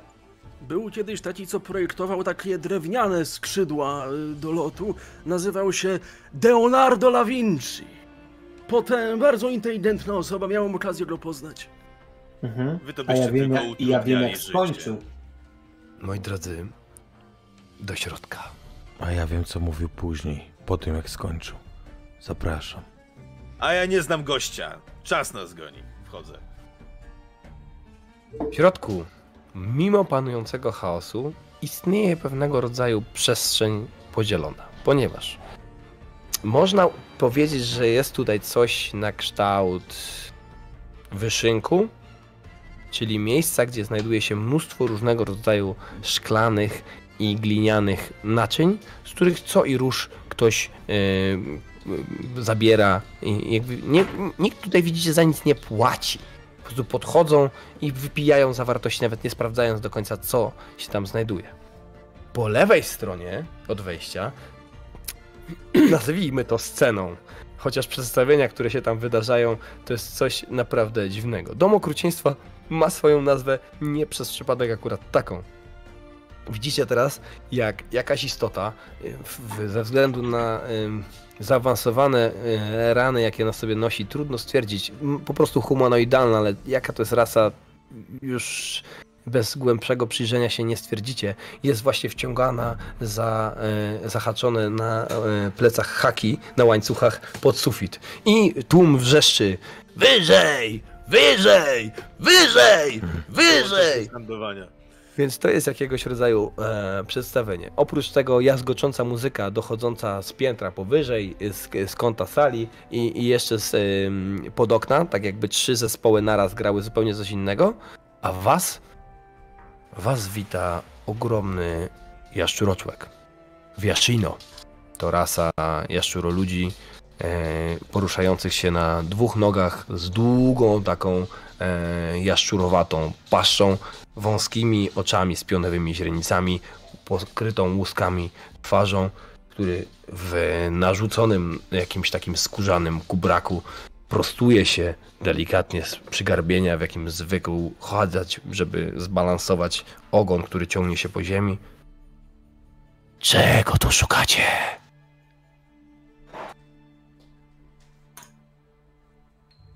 Źródła ognia. Dokładnie. Nie zezwalam na podpalenia wewnątrz mojego domu. O nie. Nie, nie, nie, nie będziemy nic podpalać. Oni by chcieli. zewnątrz.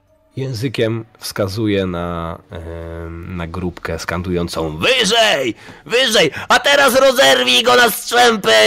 I widzicie jak dwójka ogromnych minotaurów zaczyna szarpać za łańcuchy jeden w jedną, drugi w drugą, a tam z trzaskiem pęka po prostu to ciało, chrupocząc y, żebra. A oni się świetnie Disclaimer 18. Plus? E, maksymalnie 16. Y, y, Dobra. Rakdos, moi drodzy, było się tutaj nie wybierać. Bądźcie gotowi na szaleństwa. I teraz cała wina po, po naszej stronie. Hmm. Oczywiście. E, ja się tak rozglądam po tym wszystkim, po czym zwracam się, a więc to twój przybytek. Doskonale. prawda. W Może. takim razie tak naprawdę szukamy osoby, której należy złożyć pochwały na ręce za to, co się na mieście dzieje. A myśleliśmy, że może tutaj znajdziemy tak wprawnego piromantę. Wszelkie pochwały bardzo chętnie przyjmę. W końcu moja sztuka jest niezastąpiona. Czyli jest szansa, że e, to twoje czyny? Teraz O tym o, na, na mieście się do nich teraz tyle mówi? Nie dałbyś rady. O czym on mówi? No, trzeba czasem wyjść. z Bo on tym. wskazuje, jako mówiąc sztuka jest niezastąpiona, on wskazuje głową na e, rozrywaną istotę. Jakby, która z trzaskiem w tym momencie rozpękuje się po prostu. To bardzo ładne. I, i, I tłum woła Jeszcze więcej! Rozpocznijmy festiwal krwi!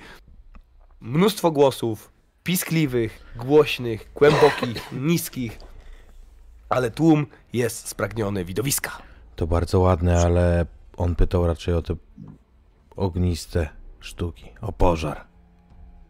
Dokładnie tak. Na terenie dzielnicy. Nie u was w domu.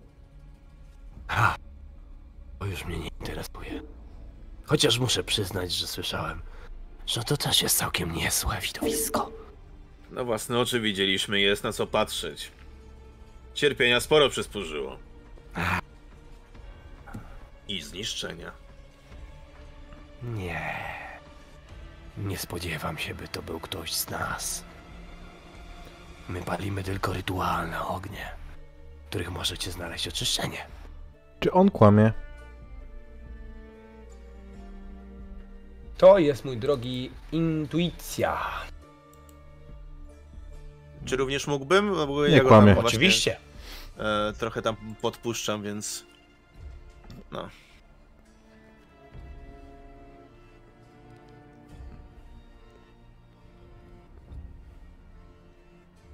E, jakby ten wynik po lewej jest ważny, czy po prawej? Po lewej. Po lewej. Po lewej, czyli 13.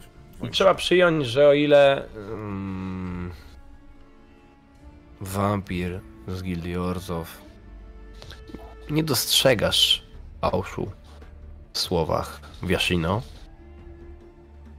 tak Centaur jest nieco bardziej wyczulony na może nawet nie na tyle na subtelność słów, co na sposób zachowania. Na pewno przebywasz też więcej z różnego rodzaju bestiami. Łatwiej ci jest odnaleźć się w, przyjmijmy, mimice tej istoty.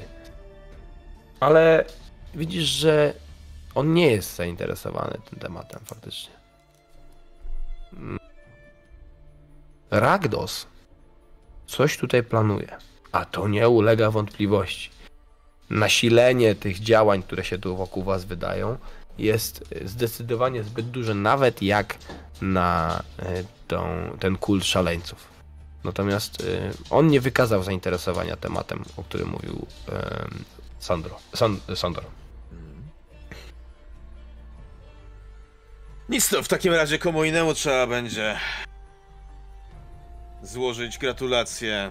A wy co, szykujecie niedługo festiwal? Trzeba Tak. będzie zejść z ulic? Nie, Nie, dołączę. nie, wydaje mi się, że nie. Mamy zamiar wszystko em, odprawić tutaj. Na miejscu. Będzie to jednak widać z bardzo, bardzo daleka. A co do tego to nie ma wątpliwości, czasem widać nawet z naszych ruin. Bardzo dobrze. F- fascynację ogniem jeszcze rozumiem, ale e, to jest trochę za duże dla mnie. I patrzę się w tym momencie na te rozrywane zwłoki. Już nie, bo ich już tam nie ma. Teraz widzisz, że kolejnych na nie scenę wchodzi następny hmm, Ragdos Performer, czyli Artysta. Art, o, artysta, zabrakło mi słowa. Artysta Ragdosa, który widzisz, że jest wymalowany w jakieś dziwne, kabalistyczne znaki, ma na szyi taką ogromną, żelazną obręcz i y, ta obręcz ma kolce skierowane wprost w jego głowę.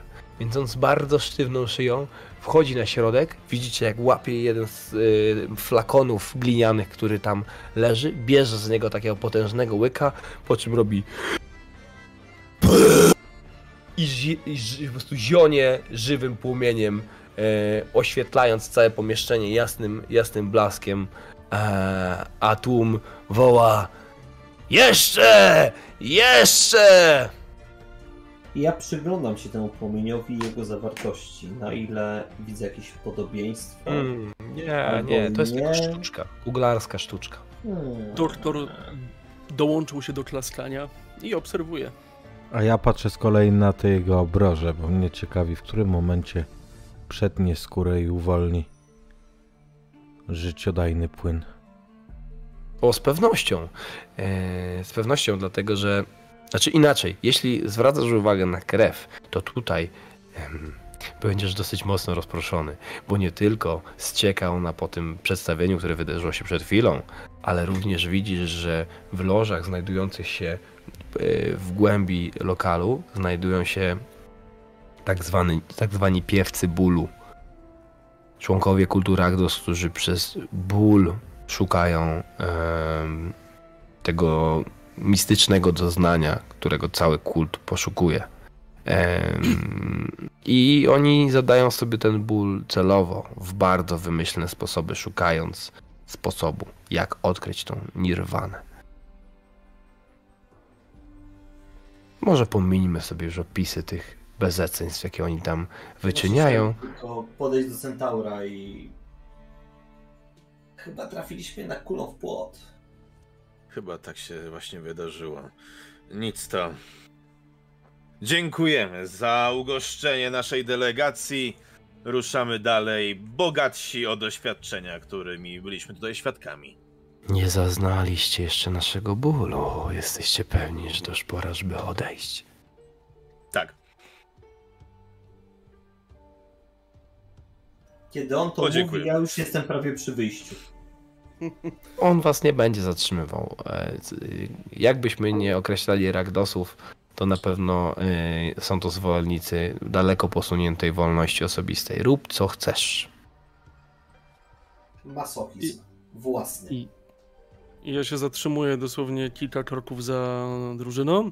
Przyglądam się jeszcze chwilę temu pokazowi zionięcia orliem, kiedy się zorientuję, że już zostałem sam w tym bardzo niepokojącym miejscu. Wtedy dopiero się obracam i pospiesznie wybiegam ze środka. Kiedy przyglądasz się, to ostatnia scena wygląda w ten sposób, że gest jest bardzo podobny. On ma ten kołnierz, taki gruby, żelazny kołnierz z kolcami skierowanymi w stronę szyi. Znowu bierze łyk z glinianego naczynia i widzisz, jak w ostatnim geście ty wychodzisz, gdzieś tam stoi tym facetem, patrzyłeś się w tamtą stronę, widzisz, jak on nagle gwałtownym ruchem przechyla głowę tak, że się nakłuwa na te kolce, ale bluznięcie ogniem kieruje prosto w rozchodzony tłum. I tłum, jak gdyby nigdy nic, spowity w płomieniach, ktoś się, wiesz, komuś się podpaliła jakaś tam grzywa, ktoś y, w- o, skąpany po prostu w ogniu wrzeszczą Jeszcze! Jeszcze! Wybiegam ze środka. Czyżbyś, Gdzie- doktorze, zobaczył coś, czego nie chciałeś? E, Tak, gdybym stał tam chyba kilka sekund dłużej, to bardzo możliwe, że pr- spaliłoby mnie drugi raz dzisiaj. Nachylam się. Jeszcze możemy wrócić. Oj, nie, nie, nie. nie. Nie martw się. Śmierć nie zawsze jest końcem. E, Wolę tworzyć ogień, a nie być palonym. Taka osobista preferencja. To niestety często idzie w parze. Ale skoro już o ogniu... No to co? Do parku chyba. Mówiłem. Uwielbiam to mówić. Mm, Ty to chyba lubisz w ogóle słyszeć e, dźwięk swojego głosu. To prawda. Myślę, że przedostaniecie się do parku Medori przez e, kwartę Kowalską, górą, żeby nie schodzić i nie wchodzić z powrotem, bo wyobraźcie to sobie tak, jakby wgryzająca się liter, e, taka litera U e, rozdzielała kwartę Kowalską, dom okrucieństwa i znajdujący się naprzeciwko park mm, Medori, a pomiędzy nimi na poziomie wayportu po prostu jest e, y, dolna część dzielnicy, więc wy górą jakby dookoła przedostajecie się do Parku Medori. Park Medori wygląda na dość stary. Bardzo, bardzo spokojny. Mnóstwo budynków nosi na sobie ząb czasu. Z niektórych obsypują się delikatnie elementy otynkowania, w innych pojedyncze dachówki sterczą jak zęby u chorego na szkorbut żebraka. Rozglądam się Mi- potem mówiąc tylko natura sięga po to, co swoje. To prawda, jest jej tutaj zdecydowanie więcej niż tej cuchnącej, śmierdzącej, biłącej płomieniami kwarcie kowalskiej, którą pewnie z dużą ulgą opuściłeś, chociaż podejrzewam, że doktor Zis mógł tam prawie ukręcić sobie szyję z zainteresowania, ale czasu, żeby się rozglądać nie było. Tutaj grobowa cisza, przemykające się gdzie niegdzie sylwetki osób, które załatwiają jakieś interesy. W głębi słyszycie, że, że ta dzielnica nie jest aż tak martwa. Ten park mm, zamieszkany jest przez y, nie tylko ludność, ale również kręcą się tutaj przedstawiciele Orzowa. Boros ma tutaj swoje składy broni, więc y, im dalej w głąb parku, tym mniej park będzie on przypominał. Ale tu na krawędzi jest jeszcze dosyć cicho i nie da się ukryć ponuro. Majestat śmierci. Dom. Em, chciałbym znaleźć kogoś z naszych. Najlepiej ducha. Albo kogoś z jawy, kogoś z eterycznej społeczności tego miejsca. Wiesz o tym, że znajdujące się placówki w głębi parku są bardzo pilnie strzeżone. Nie tylko Orzow, ale Boros starają się strzec swoich tajemnic.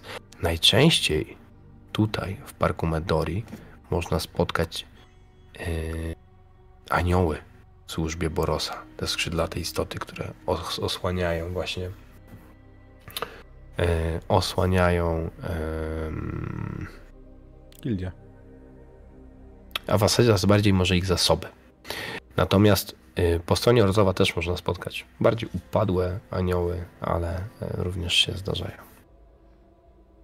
Poszukiwania kogoś eterycznego, upiora, ducha, nieumarłego nie są w Medori zbyt trudne. Powiedz mi tylko, kogo ostatecznie udało się znaleźć. Spotkaliśmy Gaspara. Gaspar to upiór, który wygląda tak jak w chwili śmierci, a więc kiedy wyłania się, to ma całą twarz zlaną krwią z potężnej, brzydkiej rany na czole.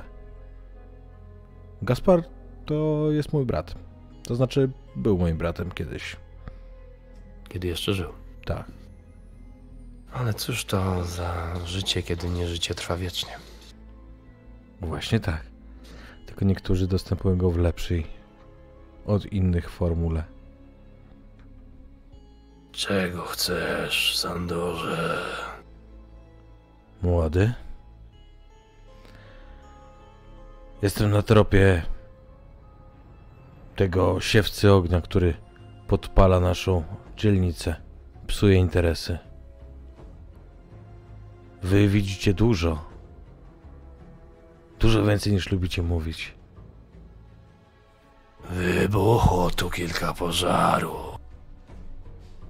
Ale nie widziałem nikogo, kto byłby za nie odpowiedzialny. Pojawiają się, tak jak ja, prosto z mgły. I nic wokół? Ty nie musisz wszak umykać przed ogniem. Ty możesz się przyjrzeć.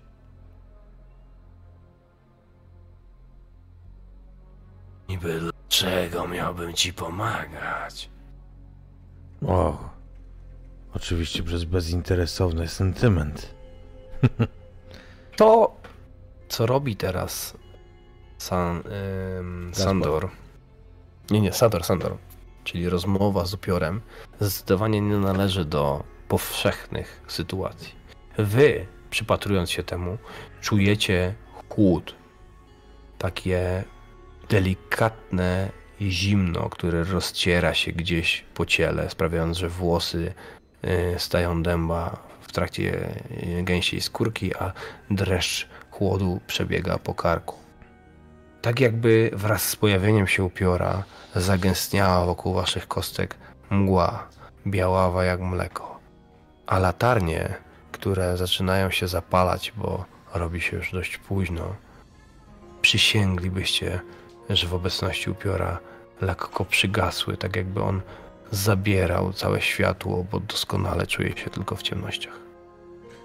Martwi winni spoczywać.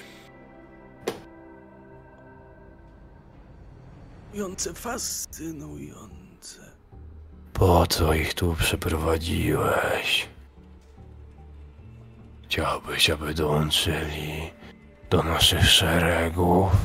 Na pewno, To do, da się zrobić. na pewno dołączą, ale na razie mam dla ciebie inną zapłatę za twoją wiedzę.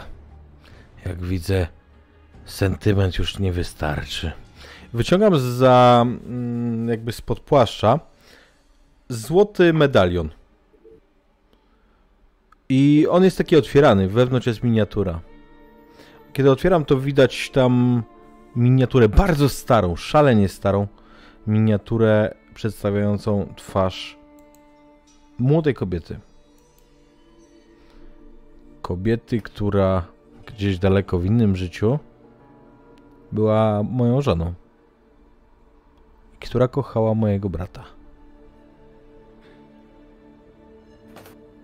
Nawet do tego się posuniesz. Nie chcesz? Mogę rzucić to za krawędź przepaści. Nawet nie masz serca, które mógłbym ci wyrwać. Upiór wyciąga swoją eteryczną dłoń, żeby schwytać e, em, ten naszyjnik i widzisz tylko jak z gniewem prześlizgują się jego szponiaste palce.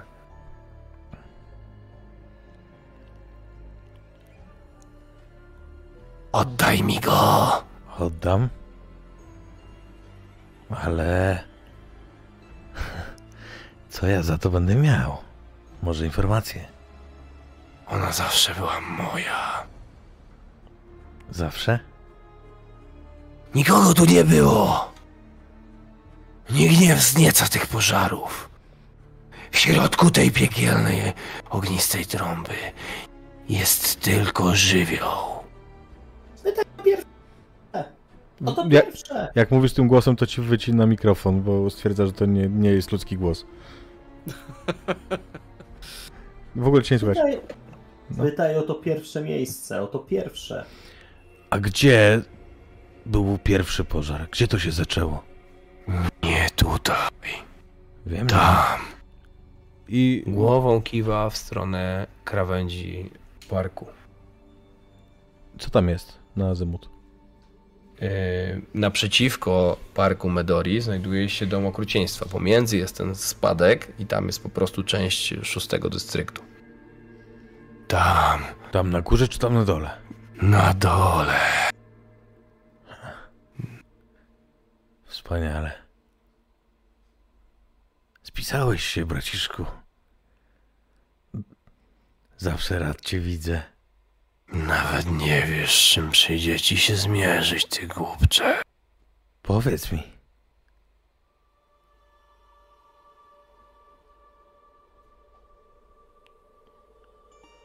Oni chcą więcej śmierci. Nigdy nie są nasyceni. Zawsze głodni. Golgari? Przeklęci. Można się było spodziewać. Synowie z Foktira. Wyciągam znowu w, w jego kierunku ten medalion. Wiem, że on go nie może chwycić. Więc wyciągam go w jego kierunku i wieszam na gałęzi krzaku. Przez chwilę spoglądam, bo bardzo mnie korci, żeby zrobić coś jeszcze. Ale zawsze płacę swoje długi. I zawsze pamiętam o nich. Gaspar wydaje się być wściekły z powodu twojej wizyty i z powodu tego, co robisz, a z drugiej strony widzisz, jak nie może oderwać wzroku od tego medalionu. Spogląda się na niego. Odejdź stąd. Dziękuję za informację, ale wiesz co? Powiem ci jeszcze jedną rzecz. Ona zawsze mówiła, że jestem lepszy w łóżku z nas dwóch. Chciałbym, żebyś rzucił sobie, skoro tak go prowokujesz. Em, Walka z duchem, oh yeah. Wiesz co? E, tylko za, zanim powiesz, e, to ja chciałbym powiedzieć, że chciałbym skorzystać ze swojej e, zdolności leverage i ja myślę, że ja na mojego braciszka mam jakieś haki na dzień. No, to był twój leverage, który wykorzystałeś. Ten naszyjnik, który mógłbyś mieć. Okej. Mm, Uzyskałeś informację tak naprawdę, wykorzystując po prostu wiedzę, jaką Orzow posiada. Nawet wobec własnej rodziny. Ale teraz rozścieczyłeś Gaspara i Gaspar będzie próbował, e, no, będzie próbował cię skrzywdzić. Przekroczyłeś pewną granicę. Okej, co powiesz na, na to, że ja się wobec tego spróbuję zasłoni, zasłonić obzedatem Radą Duchów? Oni są też nad nim. Y, tak, ale niech to będzie efekt rzutu. Tak, tak, tak, tak. Zróbmy z tego. em, Po prostu ja walczę, że-. Walczy, żeby Rzut to było zastraszanie, nie? A, w ten sposób. Aha. Dobra. Y, Poziom trudności tego rzutu to jest 13. No, charisma roll byłby dla ciebie na pewno dużo trudniejszy. Co? Boisz się starszych? Przodkowie. Widzicie jak upiór. Mhm, mów, mów. Nie, mów. Jakby ja będę, Upiór- ja będę, wiesz, sączył taki jad słówko po słówku w międzyczasie. Upiór rozkłada ręce i w takim nagłym ruchu, który jest zdecydowanie za szybki, żeby ludzkie oko mogło go w pełni uchwycić, rzuca się w stronę w stronę Sandora, ale w momencie, kiedy ten wspomina o obzedacie jeszcze mnie popamiętasz. Zawsze cię pamiętam, braciszku. Przyjdzie taki moment, kiedy popełnisz błąd, a obzedat się od ciebie odwróci, a wtedy... A wtedy ja będę stał za twoimi plecami. Po czym on z wściekłością odwraca się i wnika jakby w to drzewo, na którym powiesiłeś Mhm. medalion, rozpływając się w tej mgle, która z takim unosi się wokół. Prawda czasami boli. Panowie, możemy? Ja się tylko jeszcze nachylam do doktora Azisa. Los gorszy niż śmierć. Czy jesteś taki pewien, że chcesz się zadłużać u Orzowy? Po czym idę w kierunku, który wskazał nam duch. Jestem tego pewien coraz mniej z minuty na minutę. Duch kazał wam krawędź parku i powiedział, że za krawędzią będziecie kierować się w dół. Ale wydaje mi się, że Sandor chyba zrozumiał, co sugerował jego brat. Prawda, Sandorze? Mm, upewnijmy się, że mam zejść po prostu na dół do e, tych, do... jak oni się nazywają? Do e, Go, Golgari. Nie chodziło mu zatem o to, co się znajduje bezpośrednio za krawędzią, czyli o dolną część szóstego dystryktu, ale wy musicie zejść dużo, dużo głębiej. Tak I jest. tam też spotkamy się po krótkiej przerwie. Wracamy zaraz, dajcie znać czaty, jak się bawicie na tych dedeczkach wyjątkowych u nas. Przyczyny tych tajemniczych pożarów, spotkawszy się z em, upiorem, em, bratem jednego z naszych graczy, jak się okazało, Gasparem, który wskazał, że powinni kierować się w dół, postanawiają udać się. No właśnie. Gdzie? Bo dochodzicie do krawędzi parku Medori. I co dalej? Czy ja jakkolwiek wiem, skąd wyłażą e, Golgari? Tak jak ci wspomniałem, główne miejsce, które jest połączone z gildią, jaką jest Golgari, to jest ym, otchłań. Most mar- y, poczekaj. Otchłań martwego mostu. Mhm. A jest tam jakieś Natomiast zejście? Golgari jako tacy jest, są jedną z najbardziej rozprzestrzenionych gildii w całej Rawnicy, dlatego że oni, tak jak na przykład Azorius będzie miał swoje pałace, swoje siedziby, Boros swoje garnizony, tak Golgari po prostu żyją w podmieście. Calusieńkim. Niezmierzonych setkach kilometrów kanałów, jaskiń, tuneli, lochów. Ale bijącym sercem ich gildii jest otchłań, która się znajduje przy Martwym Moście. No to znamy naszą drogę. Może ci miglancy na ptakach już odlecieli. Wcale nie musicie zahaczać o Wayport, żeby tam dotrzeć. To się nie skończy dobrze. Natomiast, Nie. Ale za to jak ciekawie. natomiast wszyscy zdajcie sobie sprawę z tego, że zejście do pod, e, pod miasta to jest bardzo ryzykowna sytuacja. Oprócz tego, że to, co żyje w podmieście, rzadko kiedy można nazwać bezpiecznym, a już na pewno trudno to nazwać czymś, co da się kontrolować, to sami Golgari są bardzo, bardzo terytorialni i wejście na ich tereny, z których pozyskują swoje bezcenne surowce, zawsze jest ryzykowne.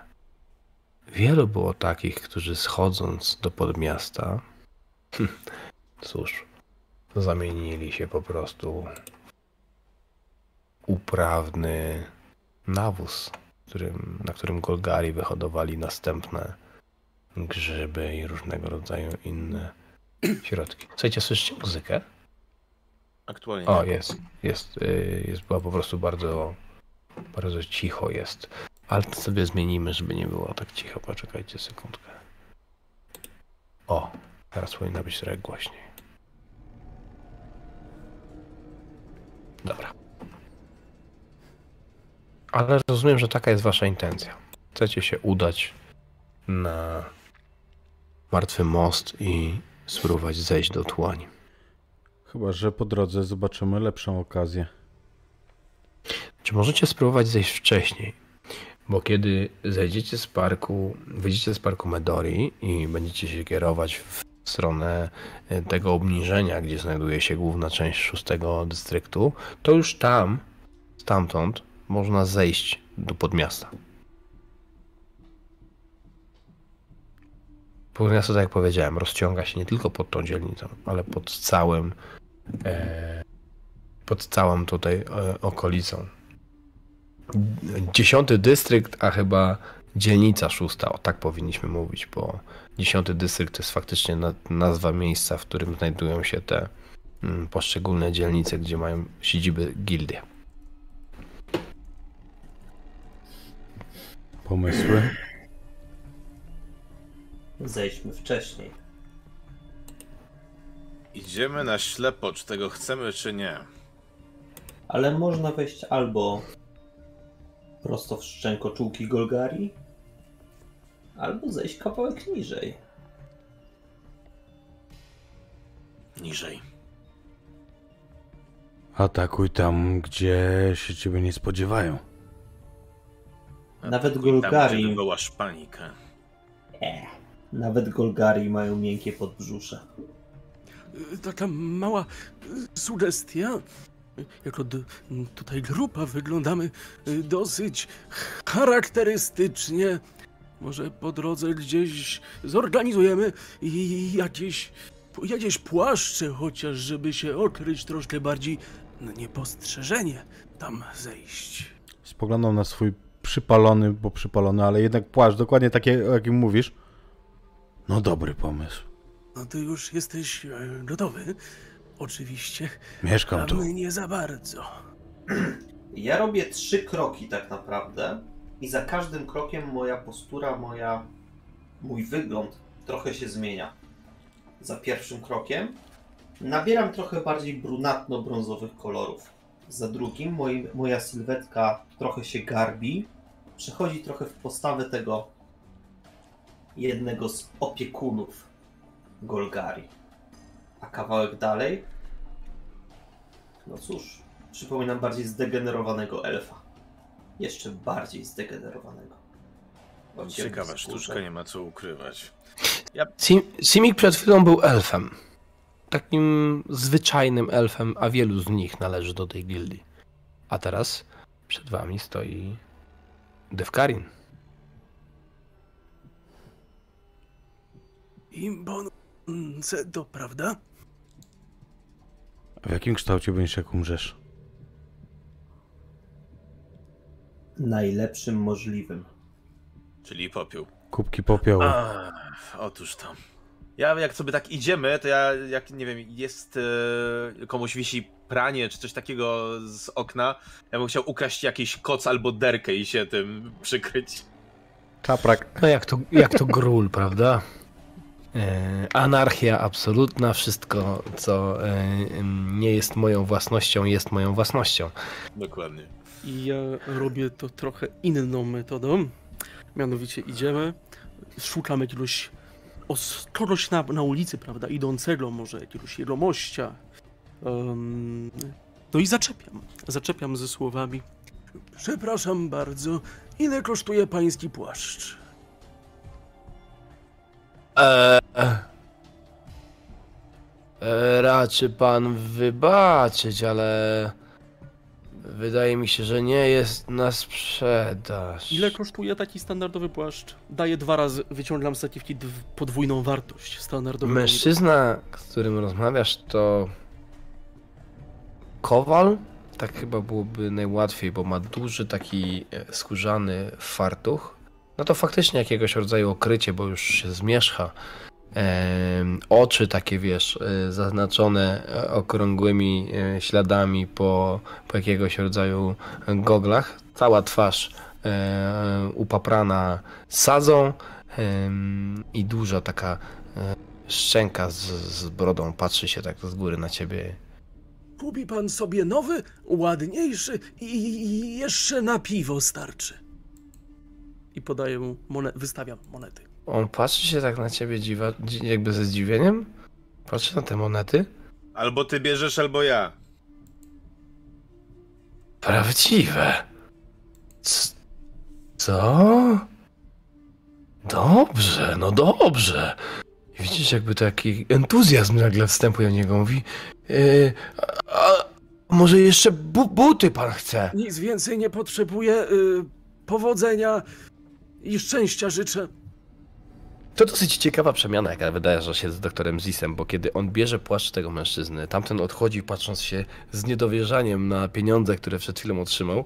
Widzicie, e, że jak Zis się nim okrywa, to ten płaszcz przynajmniej kilkanaście centymetrów dotyka do ziemi. Jest dla niego zdecydowanie za długi. Ale świetnie skrywa twoją sylwetkę, ponieważ jesteś w stanie się nim okutać po prostu od góry się do dołu. totalnie okryję całościowo, jak tylko mogę. Rzucę tylko za tym mężczyzną. Tylko nie zapomnij odprowadzić podatku. On się ogląda, ale wiesz, że jest takie spojrzenie pod tytułem co? I przyspiesza. Wystarczy. Ja spoglądam na Javiego i może jakiś pancerz mu dołożymy, jakiś kit nowy, coś. Bardziej by przypominał Golgari wtedy. Albo siodło. Nie. I ja w, Oni w, w momencie, kiedy siodła. mówisz siodło, staję przed tobą. Unikam.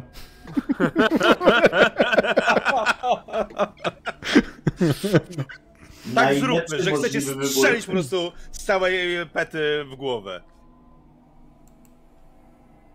No. Myślę, że strzeliłeś. Na co rzucam? Nie rzucaj, jemu nie Okej. wyszedł rzut obronny. Wystarczy.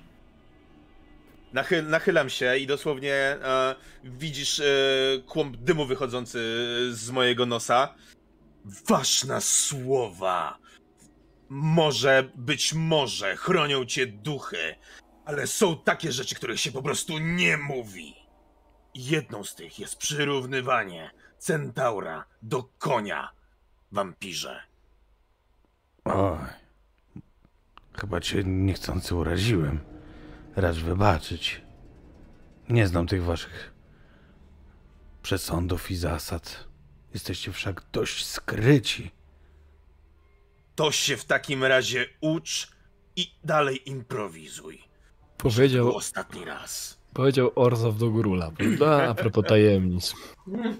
Ja, jakby on doskonale wie, że to jest figura retoryczna, nic więcej, nie?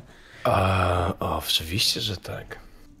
E, ja wiesz co, w ramach przebierania się e, zgarnę jeszcze, jeszcze przechodząc gdzieś z jakiegoś straganu jedną rzecz. E, ja będę bardzo udawał, że nie jestem wampirem.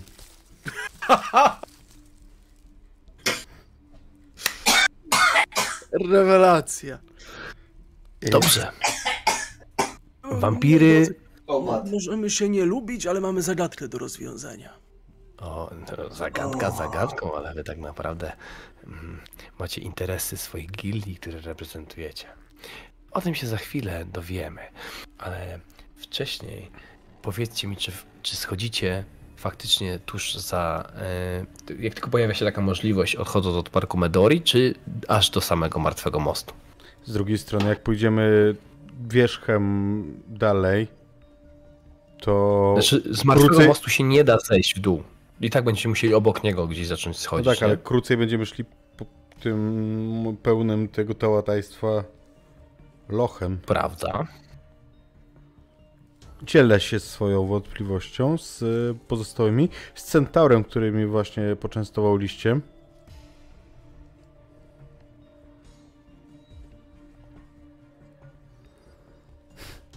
Idziemy do końca górą i przebijamy się przez linię największego oporu, czy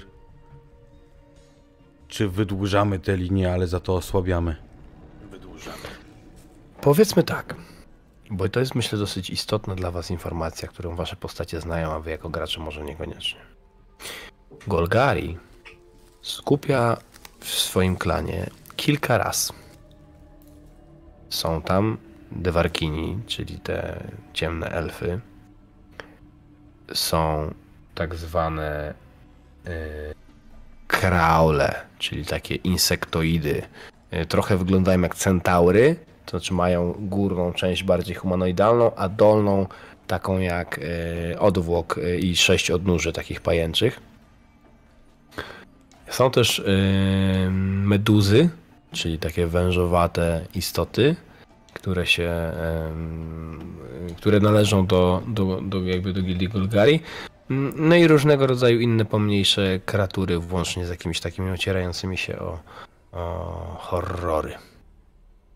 Natomiast, co jest istotne, kraule, to, to jeśli mówimy o terytorialnych Gorgali, to te insektoidy, one będą stanowiły dosyć dużą część zbrojnego ramienia tej gildii i to one właśnie będą najbardziej terytorialne. Zamieszkują w różnych dziurach, norach, e, jamach skalnych, swoich legowiskach, często e, znajdujących się gdzieś na pionowych ścianach, dlatego że one są w stanie się po nich bez problemu wspinać oraz latać, bo niektóre z nich mają skrzydła. Więc to, że się znajdziecie przy moście Martwej Otchłani, to jakby w niczym wam to nie ułatwi sprawy. Będąc bliżej, wciąż jesteście narażeni na te same niebezpieczeństwa. Javi powiedział dobrze. Wydłużamy linię oporu i schodzimy. Zdecydowanie tak. Tak trzeba.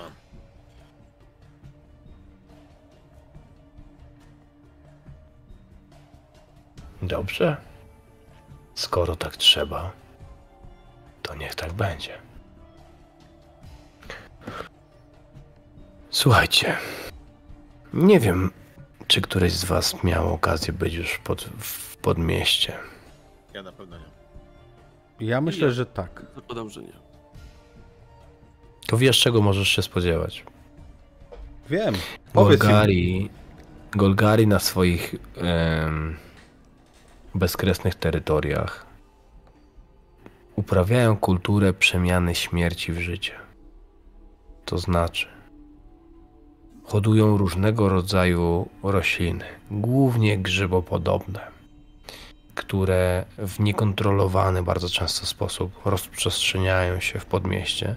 Nierzadko zdarza się tak, że wychodzą, m, wspinając się po ścianach budynków, gdzieś tam wychodząc jakiegoś rodzaju szczelinami, kanałami czy coś takiego, aż na powierzchnię i zatruwają otoczenie różnymi toksycznymi e, wyziewami. Te rośliny z pewnością nie są zbyt bezpieczne. I jest ich bardzo, bardzo dużo, są bardzo różnorodne. Wyobraźcie sobie tysiące, setki tysięcy gatunków różnego rodzaju grzybów, porostów i, em, i rozchodzącej się em, takiej mm, jakby tkanki roślinnej, trochę przypominającej mech, ale bardziej obślizgłej, która porasta dosłownie całe połacie pod miasta. I kiedy się z, udajecie w dół, schodząc coraz niżej, coraz niżej, po pierwsze zaczyna się robić coraz mniej światła, jest coraz ciemniej, a z otchłani ym, pod miastem biją tylko fluorescencyjne zielonkawe blaski e, związane właśnie z hodowlami, jakie uprawiają Golgari. Ale co jest najgorsze w tym wszystkim, to jest to, że coraz częściej musicie zwalniać albo wręcz omijać niektóre ścieżki, ponieważ unosi się nad nimi dziwna mgiełka. Czasami zielonkawa, czasami taka żółto-brązowawa. Zawsze jest widać w niej takie nieduże drobinki, jakiegoś rodzaju zarodniki albo inne świństwo, które się tu po prostu rozplenia. Cuchnie rozkładem, kompostem, yy, takim yy, gnijącymi roślinami. Bardzo ten zapach jest denerwujący. Ja myślę, że jednymi z osób, które najbardziej będą to odczuwały, będzie e, Javi oraz e, Andrix.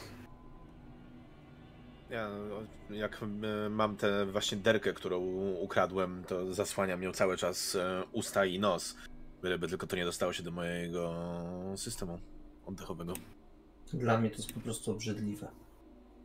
Rośliny, których używamy na co dzień, wykorzystujemy do ewolucji, rozwijania. To jest zupełnie inna bajka. A tu ten smród degeneracji, rozkładu, nieumiejętnego wykorzystania moim zdaniem po prostu. Jest jak obraza. Dla tego, co można by było z tym zrobić. Poprosiłbym Was teraz, żebyście wykonali sobie test wiedzy tajemnej na poziomie 12. Jeśli ktoś nie ma wiedzy tajemnej, a wydaje mi się, że y, Sandor jej nie ma, to nie ma potrzeby, żebyś rzucał. Rewelacyjne rzuty. Najlepsze. No, cała nadzieja w Andryksie.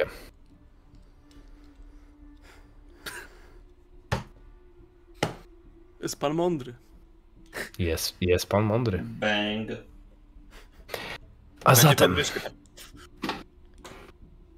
Andryksie, kiedy twoi towarzysze, trochę jak dzieci we mgle, po prostu kierują się, uważając, żeby nie nadepnąć na żadnego rodzaju dziwne, pnącze, jakąś maź albo mm, pora, porastające wszystko fluorescencyjne grzyby, schodzicie taką wąską em, ścieżką, która udeptana stanowi taki jakby wał pomiędzy plamami jakiegoś szlamu. Trudno ci tu powiedzieć, czy to są jakiegoś rodzaju z wy, wylewy, wybicia z miejskiej e, linii kanalizacyjnej, czy to po prostu coś tutaj spłynęło, czy się uzbierało.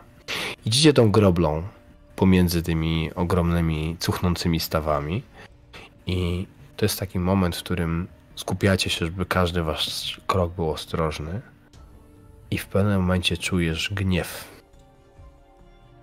Gniew, który aż bije z całej okolicy. Tak jakby emocja pojawiła się w powietrzu, generowana przez dziesiątki, jak nie setki umysłów naraz. I czujesz, że ten gniew jest tym, co czułeś do góry, kiedy pojawiło się to zaklęcie. Zostaliśmy wychwyceni. Natomiast, Coś nas wyłapało. Co natomiast znaczy wyłapało? Co masz na myśli? Jeśli chcecie wiedzieć coś więcej, to potrzebuję teraz nie e, Arkana, tylko potrzebuję jakiegoś rodzaju Perception check. A nie, bo czekajcie, bo tu jest Passive Perception. E, passive Perception sprawia, że nie trzeba rzucać, tylko ja wystarczy sobie zerknę, kto tam ile ma i wydaje mi się, że Javi ma najwyższą. Javi! em, Co mam zrobić, powiedz mi. nic nie musisz robić. Dobrze. czujesz w, w całym tym, y, wiesz, gęstniejącym zapachu rozkładu, zgnilizny, dekom, y, dekompostacji, czujesz zmianę, czujesz wątek innego zapachu. Twoje wyczulone centaurze zmysły, przyzwyczajenie do tego, żeby jednak y, obcować z naturą zupełnie innego rodzaju, sprawia, że wyczuwasz. Gdzieś nad tobą szaleje pożar. Dlatego, że nad wami jest jakby, póki co jeszcze nie zeszliście całkowicie pod ziemię, nad wami jest e, otwarta przestrzeń, nocne niebo, tylko jesteście po prostu kilkadziesiąt metrów już poniżej poziomu, na którym były ulice, wayport i tak dalej. Ale gdzieś tam szaleje pożar. Czujecie to? Czujesz tą wyraźną spaleniznę. Kolejny ruszył. Czuję, Teraz tu rozpoznałem. się zagotuje. Lećmy w dół. Im szybciej, tym lepiej. Bądźmy dalej od zasięgu tego Póki ognia. mamy czym oddychać. Ogień jest daleko od was. Ty go czujesz tak, wiesz, jakby gdzieś tam tylko wyczuwasz ten taki charakterystyczny, gryzący zapach e, dymu i popiołu. Nie widzisz nawet blasku płomieni. To jakby nie może być Nie, nigdzie... to, tak blisko. bardziej e, reakcja właśnie na to, że Mhm. gdzieś tam jest żywioł i e, w jakiś sposób jest on nam bliski w tym momencie po prostu. Chyba, chyba nas tutaj n- n- nie sięgnie, ale nie mam zamiaru ryzykować. Chodźmy szybciej. Przyspieszacie po tej grobli. To jest bardzo niepokojące, myślę, że dla was e, uczucie. Być może y, Sandor, który już tutaj bywał, nie czuje tego aż tak mocno, ale wyobraźcie sobie, że świat robi się coraz mniej. Do góry jest ciemno, a wy zaczynacie powoli zagłębiać się w te rejestry podmiasta, które już nie są odkryte, tylko zaczynacie wchodzić gdzieś tam pod pierwsze. Zaczy- tak, Wiecie, takie, najpierw jakaś wisząca półka, potem jakaś taka duża przestrzeń, jakby jakaś platforma e, z, oparta na takich ziemistych e, kolumnach. A w pewnym momencie po prostu wchodzicie do dosyć dużego tunelu. On ma jakieś 8 metrów szerokości, ze 4 metry wysokości, więc jest ogromny. I zagłębiacie się w ten tunel, wchodząc w kompletną ciemność. Zapach robi się tylko coraz bardziej intensywny. A gdzieś na skraju świadomości zaczynacie słyszeć ciche chrobotanie. Tak jakby coś skrobało po ścianach tego tunelu.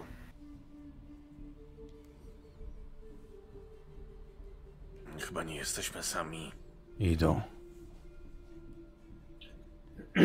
Tak jak powiedziałem, moim zdaniem nas wyczuli. Miałeś przez to na myśli, mówiłeś to już przed chwilą, dalej nic nie rozumiem. Ciężko to określić, coś się zmieniło. Coś się zmieniło w tych grzybach, w tej powierzchni, w tym natężeniu. Emocja, którą poczułeś, Andrix, była bardzo, bardzo potężna. Dlatego konotujesz ją z większą ilością osób. Nie jesteś sobie w stanie wyobrazić tak silnego uczucia, tak potężnego gniewu. Wściekłości wręcz.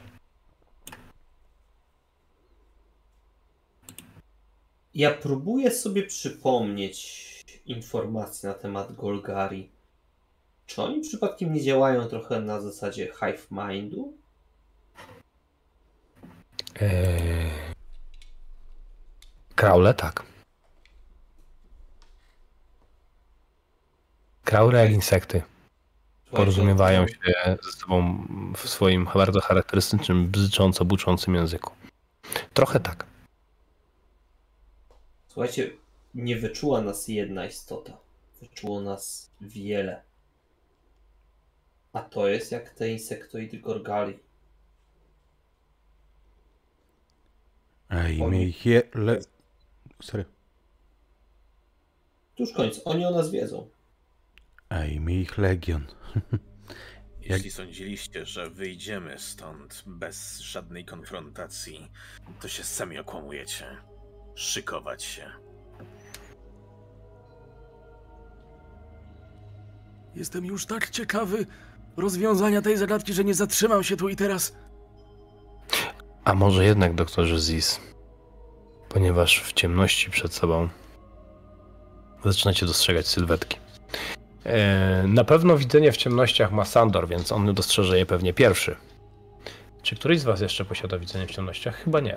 Wydaje mi się, że Andrix powinien mieć.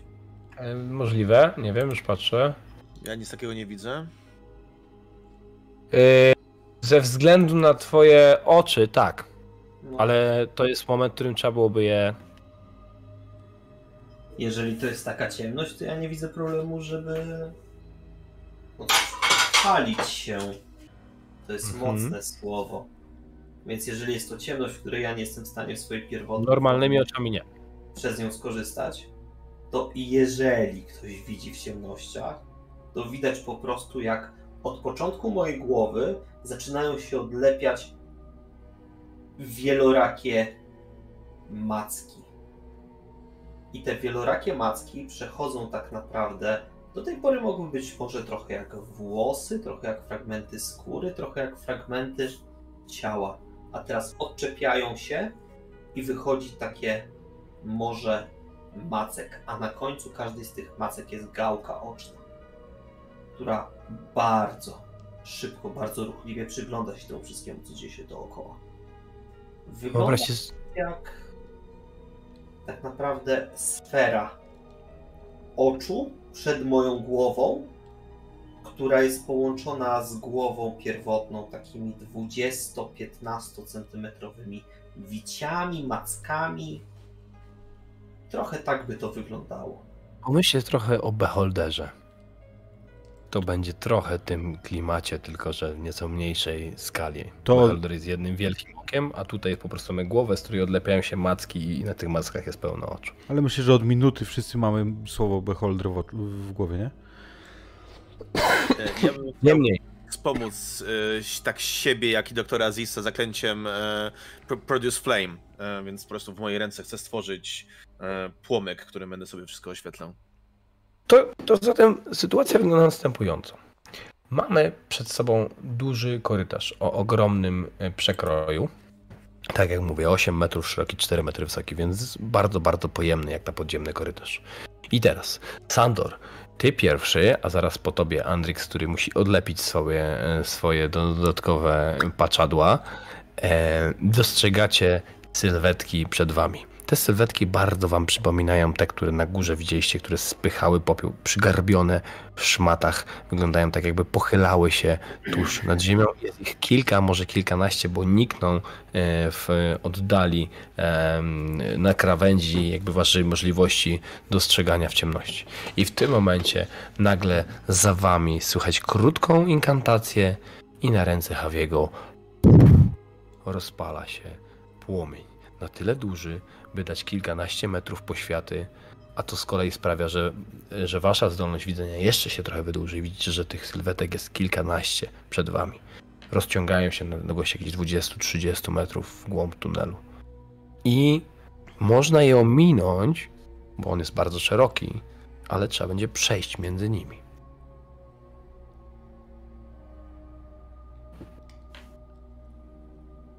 Ile my widzimy? Osoby bez widzenia w ciemności. Około Widzimy, 20-30 metrów w tej chwili. No bo ale nie o, widzimy, od ile samego jest tych połowy- sylwetek. kilkanaście. Okej, widzimy to też. Tak, tak. Oni widzą jakby gdzieś tam jeszcze dalej, nie? Że, Mhm. że one się w pewnym momencie kończą. Więcej Jasne. niż cztery.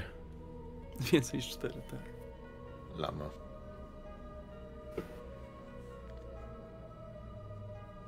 Są... Myślicie, że są wrogo nastawieni? Będziemy walczyć? Będziemy palić? Nie wiem, Czy- trzeba będzie sprawdzić. Z drogi robactwo, ale i, inaczej stanie się komuś krzywda, a tego chyba nikt by nie chciał. Nie wiem, czemu chciałem powiedzieć Rowdy. Havi. Trzymaj się. Przejdziemy. Jest ścieżka. Okrzyk mimo wszystko jest jeszcze. Natomiast nie widzicie żadnej reakcji po stronie istot, które stoją wam na drodze. Najmniejszej. One wydają się być zamarłe na yy, jakby na, na ziemi tego korytarza. Nie ruszają się ani w jedną, ani w drugą, ani też nie reagują na okrzyk Hawiego. Słychać tylko takie mlaszczące dźwięki. Przed nami, za nami. A, nie złapię mikrofon. Yy, mlaszczący taki dźwięk, jakby coś się odklejało od yy, powierzchni. Przed nami, za nami. Przed wami, od tych istot. Ja z- zaczynam iść w tamtym kierunku. Widząc, że e, towarzysze przystanęli, no to ktoś musi. Pójdę za nim. Ileż wstępa? Się nie bardzo spieszę, ale idę. Pójdę za nim, ale dokładnie postaram się iść tą samą ścieżką, co on. No kroków nie powtórzę, bo nie mam kopetek, ale, ale mimo wszystko tak, żeby jeżeli on zobaczy, że będzie przechodził, to ja dosłownie 3 metry za nim.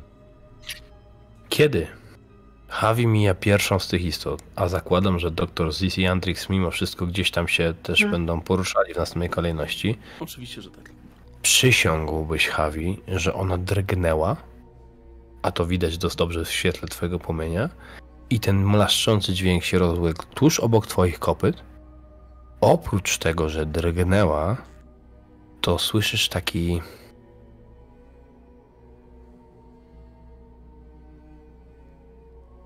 tak jakby ten mlaszczący dźwięk to było coś na zasadzie węszenia. Jakby to się przesuwało w twoją stronę. ale żeby dostrzec, co jest pod tymi szmatami, musiałbyś się schylić i poświecić wprost w tą istotę.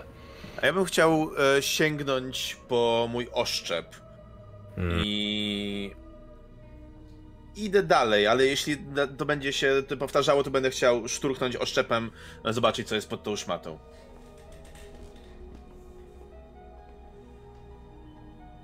Ty idziesz za nim, Sandor, Mhm. i widzisz, że to coś zaczyna się powoli poruszać za Hawim. Bardzo wolno, ale dostrzegalnie. Kiedy Hawi już jest przy następnym, to to coś przepełznęło, przesunęło się dosłownie kilkanaście centymetrów. Uwaga pod nogi. Mówię, słychać jak, jak ten cały czas taki mlaszczący dźwięk.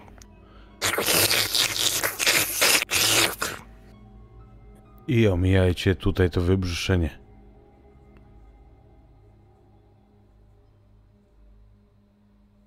Idę dalej, omijając to takim łuczkiem. Idąc, mocno Ja się ob- oczywiście, zakładam, sięgam gdzieś do swoich rzeczy, zakładam rękawicę na ręce, taką pojedynczą, grubą nicią srebrzystą, prowadzącą od głównego do środkowego palca, e, gdzieś 10 cm w dół i lekko odsłaniam połę lewą swojego płaszcza, sprawdzając zawartość, podnosząc z powrotem głowę i idąc dalej Anrix? szykując się do ewentualnego starcia. Ja natomiast podejrzewam, że się nie powstrzymam, że to będzie taki moment, w którym nawet jak idę z nimi tą ścieżką, to jednak w którymś momencie wszystkie moje oczy skierują się w stronę tego, co tam jest na uboczu. Co tam właściwie jest, czym to że- jest. Żeby dostrzec, co to jest, trzeba aktywnie się do tego zbliżyć i uchylić tych szmat. Inaczej Tak. nie da rady. Tak, ja myślę, że to właśnie w ten sposób będzie wyglądać. E, Doktorze Ziz, poproszę o Dexterity Check, czyli rzut na zręczność. Jeśli masz jakąś fizyczną umiejętność, która może ci pomóc w tej sytuacji, to. E, To będzie rzut obronny, czy na, na atrybut? No właśnie nie masz ani akrobatyki, ani A to atletyki. bez nic różnicy takiego. jest w sumie. E, dobra, rzucam surową e, zręczność. Mm. I jedenastka była do wyrzucenia, ale słyszę chyba, że. Tak, 18. A! Dobra. Sytuacja zatem wygląda tak. Kiedy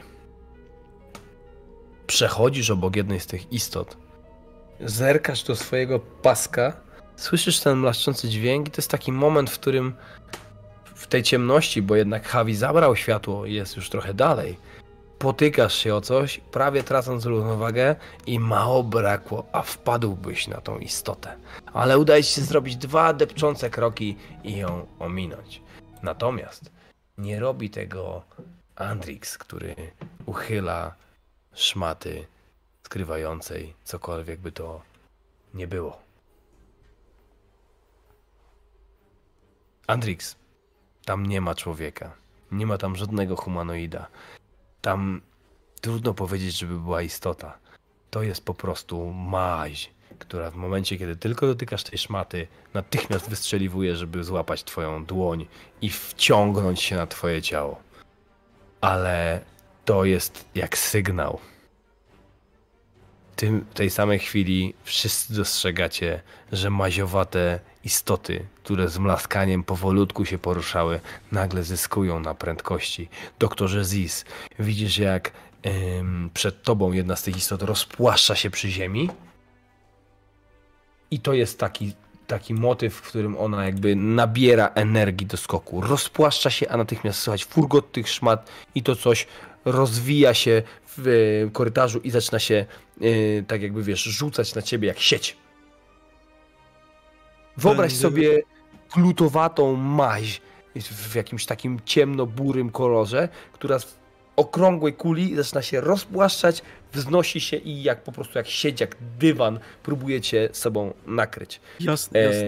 Em, Kolejne z nich będą próbowały oblec kopyta Hawiego i pojmać Sandora. No będę próbował unikać. Ja też. To jakaś inicjatywka może? Nie, Nie. nie, nie, bo będziemy turlać i turlać i turlać. Jasne. Ja bym chciał, jeśli mogę. Poczekajcie. Zac- Zacząć musimy od Andrixa. Bo on jest, yy, że tak powiem, przyczyną wszystkich tych wydarzeń. I pierwszy będzie obiektem ataku. Andrixie, No. poprosiłbym cię o test. Hmm. Zręczności raczej. Dobra. Zręczności albo kondycji. Nie widzę, żebyś miał tutaj jakiegoś rodzaju wspomagającą cię umiejętność, więc Nie, nie mam niczego takiego. yy, trzeba rzucać na goło. Czwórka. Dobra. Za chwilę ci powiem, co się z tobą dzieje. Jasne. E, I teraz następny. E,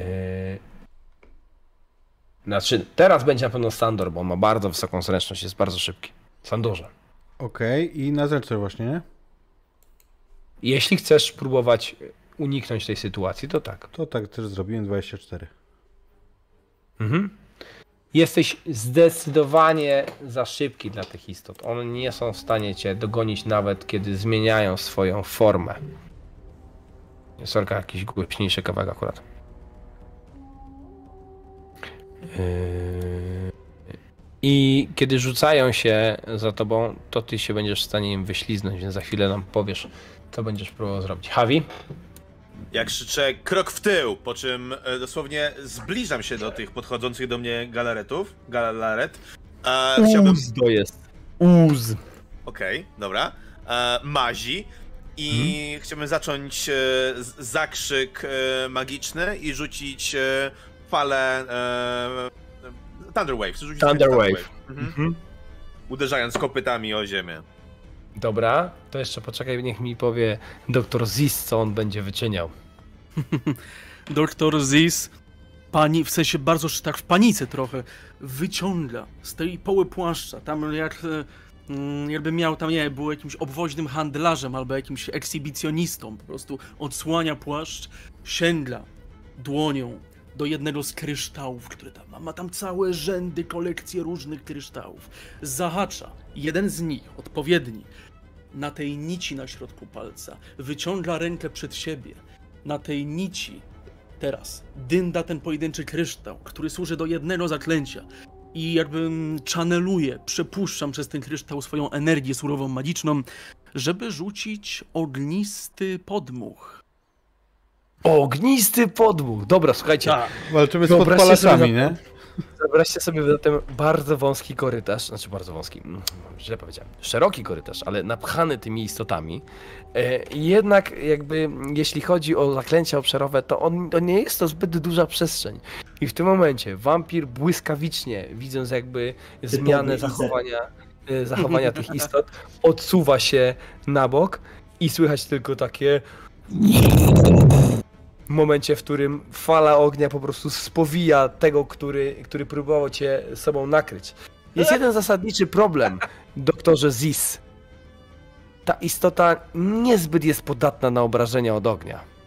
Jej glutowata struktura sprawia, że płomień obiega ją i i jakby przetacza się po korytarzu, ale z takim mlaśniący, mlaszczącym jakby dźwiękiem to coś po prostu zalewa cię i czujesz takie ogromne gorąco i pieczenie, kiedy znajdujesz się wewnątrz tej mazi. Czujesz się jak pianka marshmallow na patyku teraz, nie?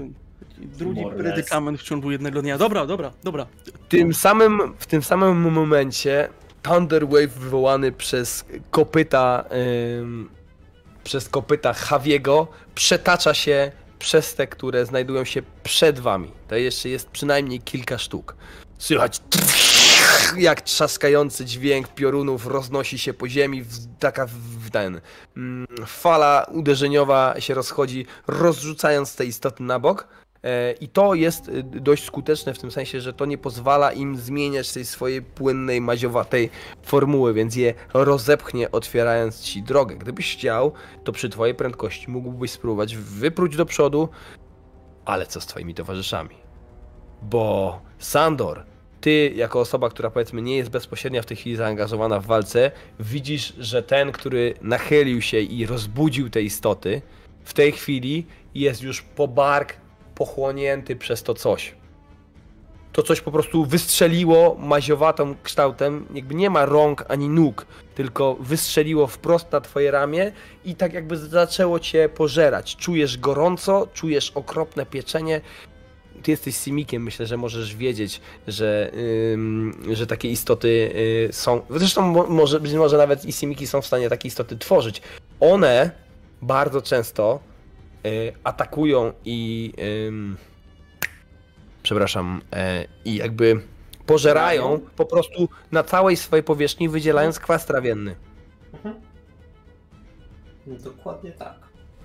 Mm, wiesz co, ja nie wiem, czy to jest rzut na wiedzę, bo jeżeli takie istoty kojarzę, to czy ja kwasem coś im zrobię? Nie.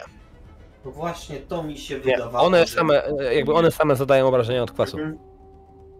Że to w ogóle w tą stronę nie idzie. A jeżeli to w ogóle w tą stronę nie idzie.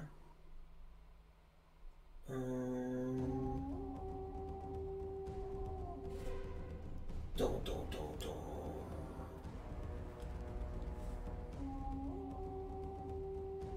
To ty się co ja zrobię rzecz No. następującą. To znaczy pomniejszę siebie, uciekając od, e, że tak powiem, narastającej na mnie przestrzeni. Jeżeli teraz się szybko zredukuję, Tak. to powinno się udać, że one będą dalej trawiły na tej samej przestrzeni, a nie zdążą za mną pójść. Super. Ehm, zatem, Sandorze, e, z dwóch problemów, które miałeś przed oczami, to znaczy jednego jedzonego do mniej więcej wielkości barku, a dru- drugiego nakrytego tą mazią doktora e, Zisa i płonącego sufitu nad wami, e, zostaje już tylko jeden. Za chwilę się przekonamy, co tam doktor Zis ma jeszcze w swoim zonadrzu, ale być może będziesz chciał zainterweniować. Natomiast słyszysz taki dziwny, chrupoczący dźwięk i e, tak jak wcześniej ta przemiana trwała przez jakąś chwilę, tak jak opisywał wam Andrix, zrobił parę kroków zmieniając się w Dwarkina, tak teraz słyszysz taki chrupoczący dźwięk i nagle on znika. No trudno. Em, wiesz co, ja chciałbym zrobić test, może na którejś z tych innych e, istot, niekoniecznie na te, takiej, która jest na e, jednym z moich towarzyszy niedoli. Mm, I chciałbym strzelić z łuku do takiego. Ja nie przypuszczam, żeby to było zbyt efektywne, ale może. E, strzelaj. Proszę. Strzelasz Poziom trafienia to jest e, maźni, 11. która mnie pochłania. Nie, nie do tej. Zaznaczę, że nie, nie, a, nie do tej drugiej. Jasne, jasne, sorry, sorry. Sprytnie, prawda? A to ty strzelaj, rzuć sobie, y, zobaczmy 18. jakie są obrażenia. Y, No to, no to jak są takie będzie obrażenia, to twoja kusza ma chyba 1d6 Po- plus 1, coś Tak, takiego? y, D6 plus 4 i Okej. y, myślisz, że To to był... piercing damage to jest. Tak, ale wiesz co, ja sobie pomyślałem, że jeżeli mm, tam są Andrix i Dr. Ziz, czyli są wrogami tej mazi w, na krótkim dystansie, to to będzie sneak attack. Mm, Dlaczego nie? Jasne. Czyli 17, 19 A pół, na pół. Ale po, czyli ma odporność. y, No po prostu piercing damage nie jest zbyt ja efektywny. wiem, ale Ale- źle, źle Kiedy- coś powiedziałem, bo coś mi... Zaraz, zaraz. 17 to jest na trafienie, a nie na... Oza- Właśnie wiem, ja rzuciłem na trafienie, a nie na ten. No co To jest? też jest na trafienie. Nie, Nie, no dobrze. E, ósemkę. Masz bonus tam proficiency, bo masz proficiency. Plus, y, plus 4. Y, nie no, ale to na trafienie. dwa, I masz 14. Ale to na trafienie. Bo na dole trzeba Piątka jest na nacisnąć. K20. A, to z tego rzucam, O. a nie z karty. Okej. E, ładnie rzuciłeś, może być. E, 5 Nie i... ładnie. 1d6 plus 4 rzuciłem jedynkę. A, trudno. A na sniku szóstkę. E, no dobrze, no to, to, to ile mamy? Ale z karty też możesz rzucić. Z karty możesz rzucić na dole. Panato Hmm. i Panato. 15. Czyli na pół, czyli Okej. 7 albo 8. 8. Zatem strzelasz ze swojego łuku, e, dobywasz go i wystrzeliwujesz w stronę tej istoty i widzisz, że mimo tego, że ta rana nie wygląda na spektakularną, tam nie ma żadnego rodzaju jęku, krwi, czegoś, co mógłbyś przyzwyczajony, tylko takie Strzała wpadła w- strzała po prostu wchodzi dokładnie w to cielsko, to widzisz, że ona się skręca, zwija się w takim e, jednak bólu. Może wibracja, może mm, to, że jej tkanka zostaje rozdzielona przez jakiś inny obiekt, sprawia jej jakiegoś rodzaju ból. Doktorze Zis! Tak. Ten mój opętańczy śmiech zmienia się po chwili w, w jakiś taki krzyk. Ja zdziwiony w ogóle tutaj mnie oblepia, do ust mi to wchodzi. Wypluwam gdzieś tą maść przez takie oblepione w ogóle jakimś ciśnienie, jak to, jak to cię próbuje zmiażdżyć. W, w, tylko udaje mi się powiedzieć kilka słów. Taki jestem smaczny, to spróbuj tego. I w tym momencie ja robię Pikachu. E, A zamiast to już jest bardzo surową skuteczne. energię magiczną przepuszczać przez kryształy, żeby osiągnąć jakieś Mm. skomplikowane efekty. Po prostu przez całe moje ciało przechodzi prawie surowa magiczna energia i to jest shocking grasp sztuczka. Okej, czyli yy, błysnęło, rozeszły się błyskawice. To dosyć ciekawie wygląda, bo jesteś nakryty takim półprzezroczystą mazią i nagle pod nią widać takie niebieskie pioruny energii i ja, ja jakby ona, czujesz, czujesz jak zaczyna mlaszcząc po prostu się oddzielać od ciebie, uciekać od tego prądu.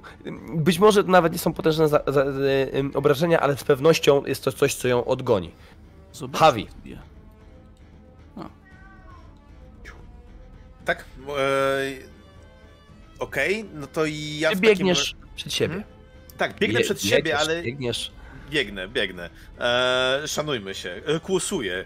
E, ale kiedy dobiegnę jakoś do końca tego wszystkiego, ja chcę się odwrócić i znowu puścić te fale energii, mimo tego, że tam są moi towarzysze, chcę umożliwić im e, jakiekolwiek przejście, widząc, że to działa po prostu.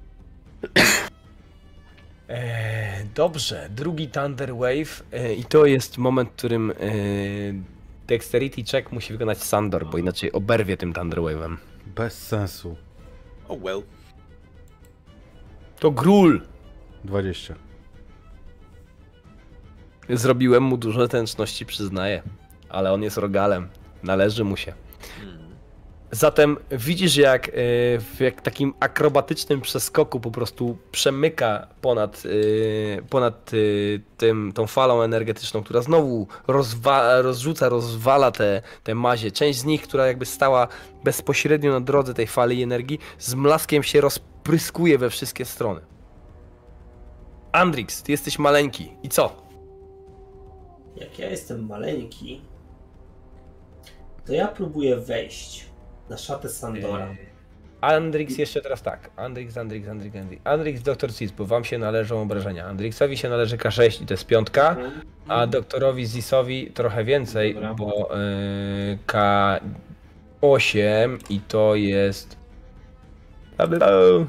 Ósemka. O, pełne obrażenia. Ała! No, ale to jakby to, że on cię próbował zmiażdżyć i przy okazji jeszcze pożreć rozpuszczając Jasne, pasem, zdecydowanie zabolało. I Andrixie, mniejszyłeś się i co? Ja próbuję wejść na ubranie Sandora. Dobra, to tu jakby nie- rzucajmy. Sandor wykonuje ten przeskok, ty się możesz o ten, y, o ten jego y, płaszcz zahaczyć. Ja tam próbuję się wczepić w ten płaszcz i trzym, trzymać się tego. Wiesz co, i wchodzisz i Nie, jak... mam, nie, mam, nie mam niczego, czym jestem w stanie zagrozić po prostu temu czemuś dookoła nas. Badanie nie wypadło pozytywnie. Mam takie wrażenie, jeszcze bym to pobadał, ale kurczę, nie daje się. Więc jak wchodzisz, e, wchodzisz i wczepiasz się w ten płaszcz, to widzisz, że za pazuchą e, dynda złoty medalion, taki, w którym można zamknąć miniaturę. Identyczny jak ten, który widzieliście tam w parku. Co za okropny wampir. Ble, ble, ble. Jestem z Tagaspara. Dobra, Havi, bo tak naprawdę twoi towarzysze sobie całkiem dobrze poradzili. Natomiast chciałbym, żebyś ty sobie wykonał e, test na przyrodę, na nature. Czy to jest e, sztuka przetrwania, czy... Nie, umiejętnościach jest po Przyroda. prostu coś takiego jak przyroda. A rzeczywiście, Lekko wyżej możliwe. sztuką przetrwania. Mhm. Mhm. Ojej! O matko. To ty bosko. jesteś przyroda. No dobra, no to jakby to nic, to w chaosie walki nie dostrzegasz sygnałów, jakie daje ci natura. Ym, powiedzcie mi tak, jako grupa. Każdy z was jest teraz uwolniony, ale wciąż jest kilkanaście tych istot, które y, roz, roz, część z nich rozrzucona na boki przez y, fale energii, w, które wygenerował Havi. Pozostałe w duż, szybkim tempie zaczynają w tym swoim ym, maziowatym ruchu przesuwać się po ziemi, próbując dopaść a to Zisa, a to e, Sandora. Czy wy się będziecie wycofywać, czy podejmować walkę? I ja myślę, że podchodzę generalnie coraz bliżej ucha Sandora i mówię biegnij! Biegnij za Havim! Ruchy, wiara, ruchy! To biegnę, Ja się coś, coś mi mówi. Ja się wycofuję ofensywnie. To znaczy, że uciekam, ale jeszcze na odchodne promień jakiś ognisty, drugi promień ognisty i dopiero po kilku takich strzałach się A ja, będę obracał. ja też się wycofuję e, ofensywnie, to znaczy, że uciekam, ale złorzeczę. Atakujesz ich. Przegapiacie jedną rzecz. W całym tym ferworze ucieczki. Nawet Havi tego nie dostrzega, ale y, y, w pewnym momencie te istoty przestają was gonić. Myślę, że doktor Ziz zauważy z piekielnym ukontentowaniem, że po tym jak wystrzelił dwa ogniste promienie, to one się zatrzymały i widzisz, jak zaczynają się rozpływać na boki. Tak jakby wlepiały się w ściany tego tunelu. Bardzo szybko. Yy, błyskawicznie znikają z przestrzeni tego tunelu, ale to jest ten moment, w którym wy zaczynacie czuć drżenie ziemi. Oj. Ilhark nam błogosławi. Mhm, nie. Ja nie, do, nie dotykam ziemi, więc nie wiem, czy czuję. Czujesz, bo Sandor zaczyna się trząść, bo to nie jest już takie drżenie delikatne, tylko w pewnym momencie zaczynają drżeć naprawdę cały ten tunel, sypie się z góry y, ziemia i kruszące się kamienie, a wy słyszycie hurgot, ogłuszający, potężny hurgot, jak coś wielkiego wsuwa się do tego tunelu. Z góry? Nie. Stamtąd skąd przyszliście. Okej. To źle. Ale, ale to jest jeszcze jakiś kawałek od nas, nie? No, kilkadziesiąt metrów. Natomiast y, coś tam po prostu zaczyna włazić do tego tunelu i jest ogromne, sprawiając, że cały tunel się trzęsie. Czujemy, że się zbliża. Y, I ja nawet widzę. w poprzedni rzut był na to, żebyś to wcześniej zauważył, Havi. Teraz ci już powiem. Urm. A! Ale jakby tylko, tylko z której strony i w którą stronę? Wy weszliście od zewnątrz i on też stamtąd próbuje się wcisnąć do tego tunelu. Zresztą, kiedy zaczynasz, dociera do ciebie, co to może być, i rozglądasz się po tym tunelu, gdzieś tam ten płomieniem sobie przyświecając, to to nie jest wykopany przez ludzi tunel. My jesteśmy w jaskini żmija! Ruchy, bo nie będzie... Ty- Tylko ucieczka nam teraz pomoże! Nie można, nie można z nim w, walczyć? A czy walczysz z, ze spadającym wieżowcem? Ruszamy! Ja Ja nie... rzucam na siebie natychmiastowy odwrót, co zwiększa moją prędkość bardzo, bardzo dużo. Ale czy... Bo ja doskonale rozumiem, co do mnie Havi mówi. Ja nawet tej małej postaci teraz będę po prostu. Mi, mi... psiu. Arriba, arriba, ándale. Em, słuchajcie, no to nie jest tak, że ja się uczepiłem. Ja naprawdę nie chciałbym, ale muszę, gdyż najniższą zręczność spośród was ma Dr. Ziz, więc znowu jego poproszę o to, żeby przetestował sobie Dexterity. Gdyż Oj, Centaur ma dużą szybkość. Yy, hybryda się właśnie, yy, Simic się właśnie zaczarował, a yy, Rogal ma yy, 18 zręczności. Zostajesz mi tylko ty, mój drogi, jako potencjalna ofiara tego wielkiego wężyska. Dobrze, rzucam.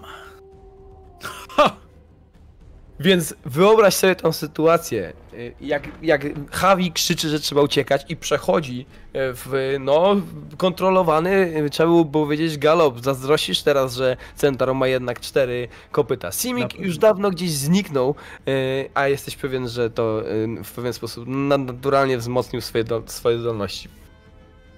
Sandor również się oddala i ty na samym końcu pewnym momencie zaczynasz dostrzegać, co wcisnęło się do tego tunelu. Paszcza jest tak ogromna, że w zasadzie głowa wypełnia całą przestrzeń. 8 na 4 metry to y, jest naprawdę mnóstwo sześciennych metrów głów, gadziej paszczy i ogromnego pyska tego urma, który się przeciska z hurgotem, sprawiając, że wszystko się trzęsie. I to jest taki moment, w którym nagle twoi towarzysze ci znikają z, z oczu. Wiesz, biegniesz oglądając się za siebie yy, i jakby wiesz, patrzysz naprzód, nie ma, ni- nie ma żadnego z nich.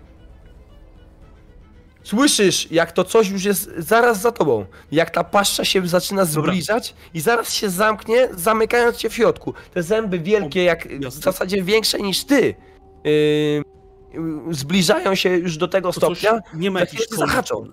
Nie ma jakichś kończyn to coś. To jest robal, który się... Wąż. Ogromny wąż. Ogromny wąż. Tylko Eee, tyle, że wyobraź sobie, że ty widzisz tylko jego pysk. Dobra, Bo on Ja wypełnia zrobię- cały tunel. Szczelnie, nie da się jakby gdzieś... my biegniemy w dół. Yy, tak.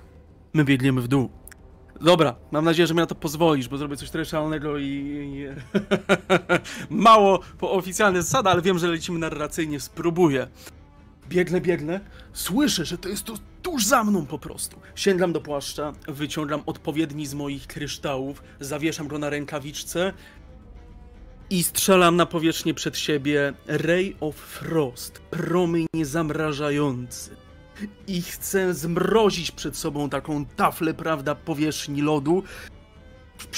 Poślizgnę się, wyląduję na dupie i lecąc cały czas przed siebie będę zamrażał teren przed swoimi nogami. Super pomysł. Śpiewając mam tę moc. Super pomysł.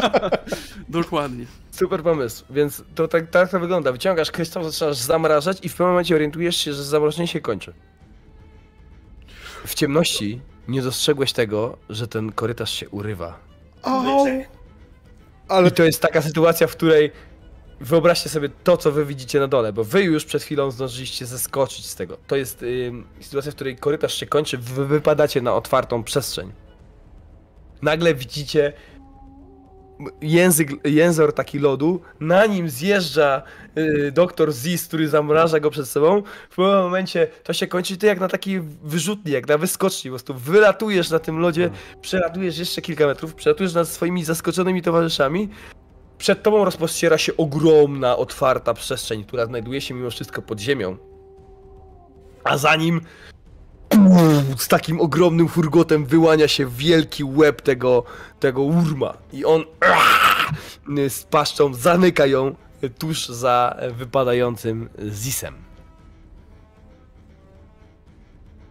Słuchajcie, udało się dostać w głębiny podmiasta. Urum was nie dopadł. Nie dopadły was również łzy, które służą Golgari do tego, żeby pożerać żywą tkankę. Od razu ją wewnątrz siebie recyklingować i przetwarzać na coś przydatnego. Natomiast to, co się teraz rozpościera przed waszymi oczami, wcale nie napawa optymizmem. I w zasadzie być może niektórzy z was się zaczną zastanawiać, czy nie lepiej było zostać w tym korytarzu. Korozda. Siedziba Gilli Golgari. To jest potężna twierdza. Do góry nogami. Wyrastające wieżyce i potężne mury z sufitu. Z tej powały, sklepienia, kopuły, która znajduje się nad tą ogromną przestrzenią podmiasta, zwieszają się, zmiesza się po prostu cała wielka twierdza, zamczysko, pełne ostrych blanek, najeżone wieżami, w dziwacznych, wykrzywionych kształtach, tak jakby dotknięte naturą i rozkładem, bijące fluorescencyjnym, martwym blaskiem.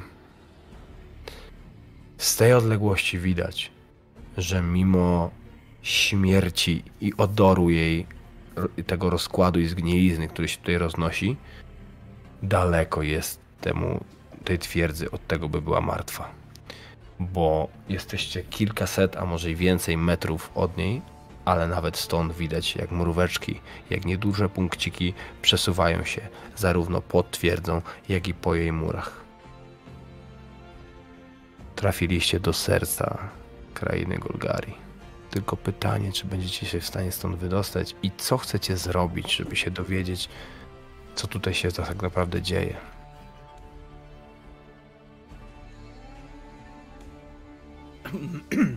Podnoszę się, otrzypując.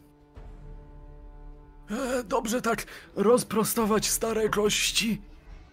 Mam wrażenie na pięć lat. Broda Jeśli taka oszroniona. Cała, cała. Jestem w ogóle cało oszalony. Muszę przyznać, że to było imponujące. Dziękuję bardzo. Przyjmuję komplement. Oby nie był to Tylko- ostatni komplement w twoim życiu. Jesteśmy tam, gdzie chcieliśmy. Choć nie jestem pewien, czy to była dobra decyzja. Andrix, poproszę cię o test na wiedzę tajemną. Co tu ja właściwie widzę, bo Jeszcze Nie raz mam. kogo prosisz? Nie, nie, And- Andrixa o wi- test wiedzy tajemnej. E, Natomiast jeśli chodzi o... mm, 17 to wys- zdecydowanie wystarczająco. Jeśli chodzi o to, co dostrzegają twoje oczy, być może trochę więcej niż reszta. Ty widzisz, że te małe istotki, które chodzą po korozdzie, to są kraule. Dlatego do góry nogami są w stanie się tam utrzymywać, bo to są te po prostu te pajęczaki, które chodzą ja w górę. widzę jakiegoś małego kraula w pobliżu. W waszym pobliżu nie. Pojawienie się urma skutecznie przegoniło wszystkie e, naturalne formy rzucia. Znajduje się wokół was mnóstwo różnego rodzaju e, grzybów, porostów i tego typu rzeczy, które po prostu w podziemiach Golgari można dostrzec. E, Zresztą do samej Korozdy to nie jest tak, że tutaj jest, wiecie, jakby nie wyobraźcie sobie pustej jaskini. Tutaj są ruiny budynków. Są ściany, są e, jakieś takie przejścia, wiecie, przez smyki. E, wszystko to jest przytłoczone przez e, przetworzone szczątki naturalne, które wszędzie się tutaj e, rozkładają. Mury się kruszą, wszędzie e, widać rozkładające się e, rośliny, a z nich wyrastające nowe rośliny. Życie rosnące na śmierci. Cykl, który się ciągle powtarza i nigdy nie kończy. Rozkruszony mur staje się podstawą do tego, by za chwilę stać się legowiskiem jakiegoś nowego, nowej istoty. Ta istota, kiedy zdechnie, rozłoży się, a na niej wyrosną rośliny. A w końcu nad tym wszystkim i tak żerują Golgari.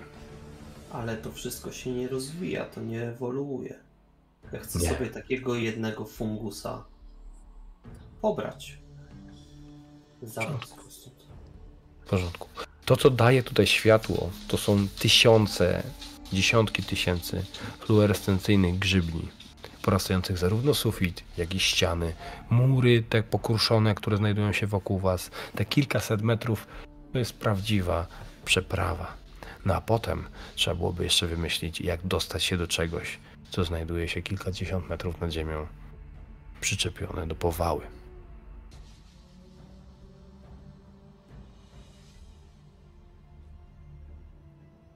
Nie słychać? No, To jest jeden A nie słyszycie mnie?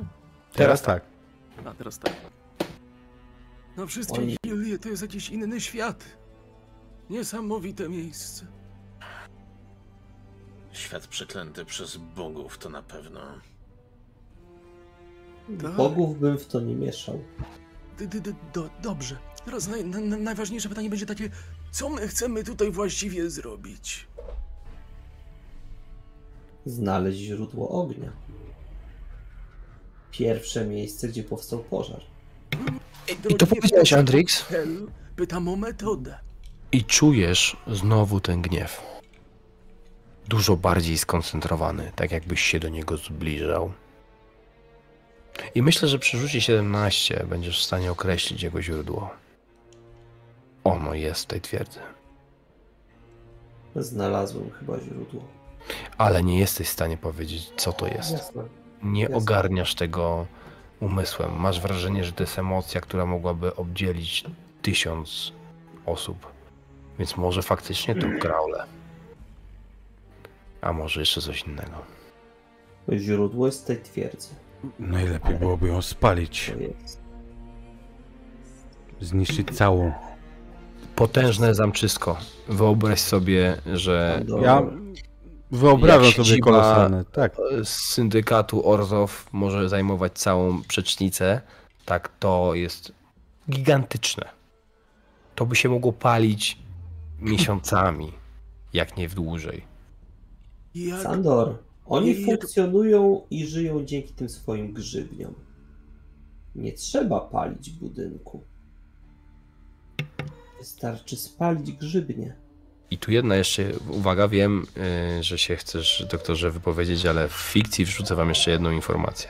Wszyscy zdajcie sobie z tego sprawę, że cała rawnika jest żywiona przez to, co wytworzy Golgari. Gdyby się tak zdarzyło, że odetniecie Golgari od ich zasobów, oni przestaną produkować żywność, a na tym ucierpi całe miasto, włącznie z Orzowem, włącznie z Simikiem.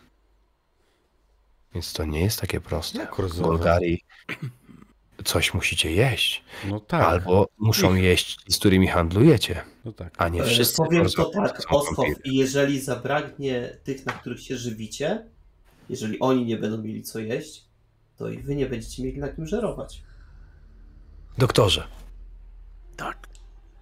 M- m- m- moi drodzy, jedną rzecz muszę wam przypomnieć, bo chyba zapomnieliście. Tak, żeby mnie bardzo cieszyło, palenie czegoś tak wielkiego, na pewno byłoby to bardzo satysfakcjonujące doświadczenie. Tak, nasz cel jest inny. Mamy zniszczyć źródła pożarów, mamy je poznać, dowiedzieć się, czym ono jest. Na to, Mieliśmy by niszczyć... obserwować, wycofać się, a potem złożyć e, raport. Raport. Na to, by niszczyć zamki, by upadały cywilizacje, przyjdzie w momencie błogosławieństwa zrodzonego przez wielkiego dzika. Teraz nasza rola jest o wiele bardziej, i nie wierzę, że ja to mówię, subtelna.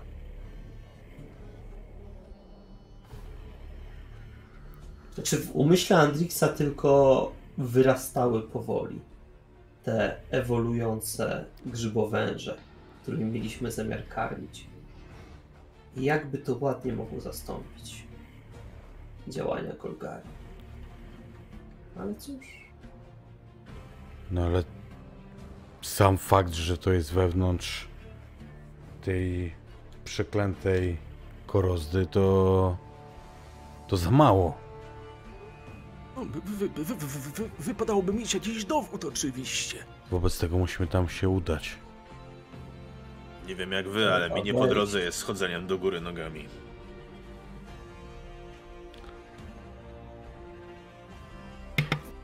pozwolę sobie wam delikatnie podpowiedzieć, dlatego że tak od strony fikcyjnej dostanie się tam to jest przynajmniej jeszcze jedna sesja. O ile w ogóle możliwe. Natomiast macie w składzie trzech magów. I myślę, że na złożeniu trój, trójki możecie być w stanie wykombinować coś, co może wam pomóc pozyskać tą informację. A potem przyjdzie pora, żeby podjąć decyzję, czy wy faktycznie chcecie to zostawić i Ale- tylko zaraportować. Jak, to, jak tak sobie gadamy nad stołem, to mam jedno pytanie. Nie śmiejcie się za głośno, proszę. Czy w tym lore wampiry latają? Zależy które i ile mają Zdarza lat. się. Bo właśnie, tak. właśnie, właśnie ja wiem, że to że się zdarza, natomiast Szczerze? Chcesz latać? Lataj. Nie przeszkadza mi. Ja mi też się, chcę. Peg, Pegaur. Stań się Pegazem. macie te swoje różne czary, kombinujcie. Ja myślę, że jesteś w stanie em, em, poddać się takiej jakby kontrolowanej lewitacji, coś jak szybowanie, wiesz, że jakby wznosisz się i później za chwilę opadasz. To nie jest taki lot-lot, Mhm. tylko potrafisz Okej, się to unieść. jest powiedzmy. cenna wiedza, jakbym skądś spadał, ale w takim razie ustalmy, że generalnie to głównie śnie o lataniu. Na bank. Ja jestem w stanie wspomóc nas zaklęciem skoku. Ja Przyłożę do kogoś przykład- ręce Mhm. i powinien doskoczyć. Ja byłem w stanie zrobić nam ścieżkę używając moich pnączy na przykład. Jedna ścieżka dla wielu. Wydaje się lepszym wyjściem.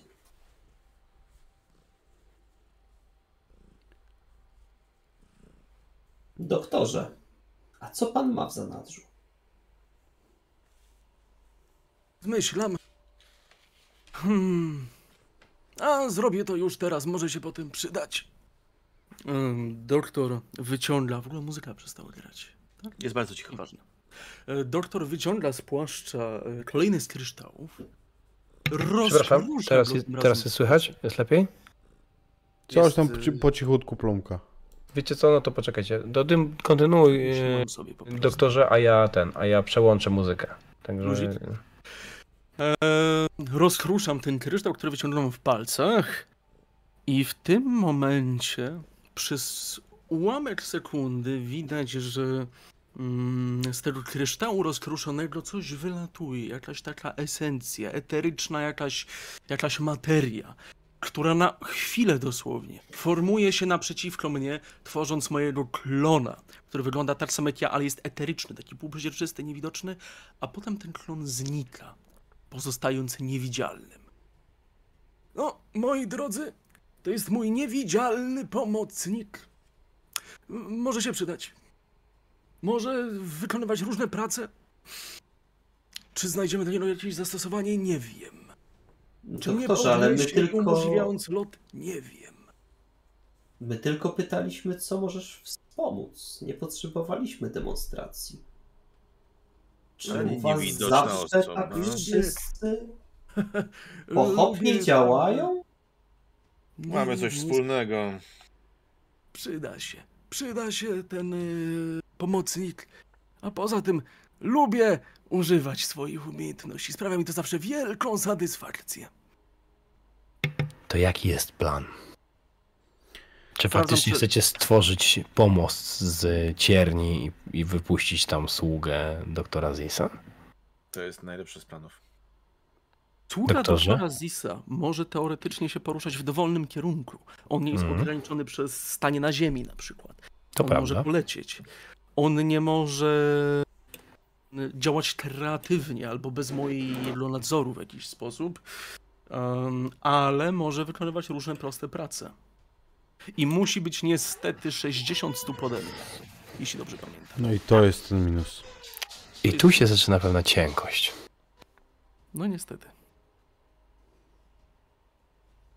Yy, przyjmijmy, że ze względu na potęgę klanu Grul, yy, gildii Gruli, klanu płonącego drzewa, Hawi będziesz w stanie jako lisi ozur stworzyć tak potężne pnącza, które mogłyby was zbliżyć do tego, e, do tej twierdzy. Natomiast jedna rzecz jest istotna. Jeśli one będą tak duże, żebyście byli się w stanie zbliżyć do twierdzy, To, to wszyscy dookoła je dostrzegą.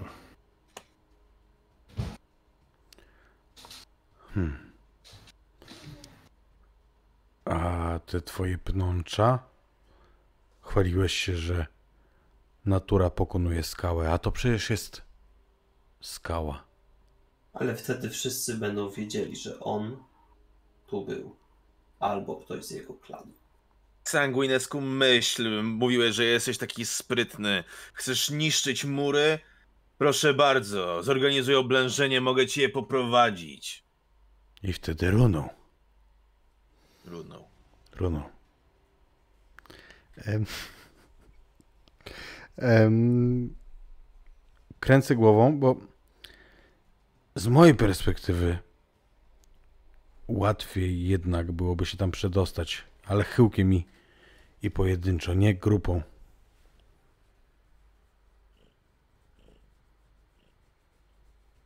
W trakcie, kiedy rozmawiamy, doktor Zis przeprowadzi eksperyment, bo doktor Zis kocha eksperymenty, mianowicie sprawdzi, czy niewidoczny pomocnik jest w stanie mnie podnieść. Jest. To jesteś o półtora metra bliżej. Haha, nigdy tego nie próbowałem wcześniej. Działa niesamowite. Ja bym chciał rozejrzeć za jakimś Półtora metra. grulem tych humanoidalnych. Czy gdzieś się nie kręci w jakiejś odległości? Grulem? Grulem. Yy, Golgarim, przepraszam. Golgarim. Wiesz co? Mm, Z waszej pozycji mm, na poziomie jakby ziemi zasłaniają ci ruiny. Musiałbyś się albo gdzieś podnieść, albo wspiąć na któryś z tych murów, wejść na jakieś, na którąś z tych skał, wzniesień czy cokolwiek. Yy, Bo wy w tej chwili jakby wypadliście z tego tunelu i korozdę widzicie, no bo jest wysoko przed wami, tak? A, ale tutaj na powierzchni, na, na, na mm, wysokości gruntu, to za za chwilę zaczynają się jakiegoś rodzaju właśnie taki labirynt z tych ruin. Dobra. To ja w takim wypadku chcę użyć skoku, żeby dostać się gdzieś wyżej. A to żaden problem.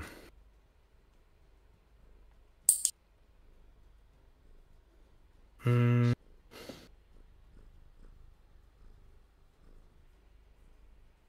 Doktor Ziz, zafascynowany swoją nową zabawką. Jeśli ty chcesz się dostać wyżej i będziesz tam skakał, to doktor Ziz będzie za tobą podążał.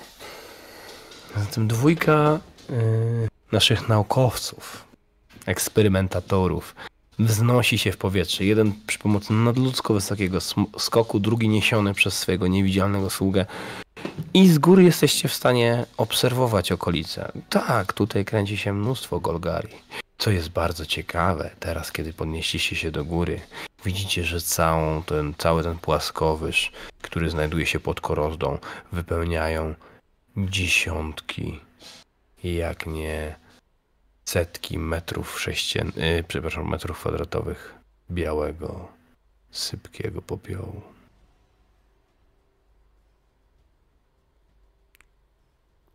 I mrowie istot, które się na nim porusza. Rozejrzę się. Rozglądam się z tej pozycji, którą teraz osiągnęliśmy. Trochę takiej lepszej chyba do obserwacji. I postaram się wydedukować, wymyślić jakąś trasę optymalną, która by nas doprowadziła do tego źródła całego zamieszania. Czy coś będę w stanie wymyślić? A, z pewnością. E, myślę, że to może być śledztwo. Próbujesz Dobrze. wyśledzić. No, by mogło to być pewnie bardziej, bardziej tak, bardziej to była percepcja, ale no już nie bądźmy takimi ortodoksami. Niech to będzie śledztwo. Wiesz co? To mi mówią moje ludzkie oczy. Nie powinno być dla was problemu przy waszych zdolnościach i przy waszych możliwościach, a przede wszystkim tym, że jest z wami Sandor, który też się świetnie tutaj w podziemiu odnajduje, przedostać się w pobliże y, Korozdy, dopóki będą te ruiny. Kiedy zacznie się płaskowyż pokryty białym popiołem, wtedy jesteście już na odsłoniętym terenie. Tam nie ma nic. Tak jakby coś wymiotło wszystko, co tam było i tylko jest ten biały popiół. Ale ja mam trochę. Na, na, na dystansie powiedzmy, nie wiem, 100-200 metrów średnicy wokół, e, pod, jakby pod korozdą. Wyobraźcie sobie nieregularny, ogromny okrąg z popiołu, rozpościerający się pod całą twierdzą. Więcej nawet pewnie niż 200 metrów. Myślę, że spokojnie więcej, bo ona jest jednak ogromna. W każdym razie do, do tego popiołu jesteście Jasne. w stanie dojść ukryci pomiędzy ruinami. Ja chcę Zwracam- dostać się do jakiegoś humanoidalnego Golgari i dokonać zauroczenia osoby.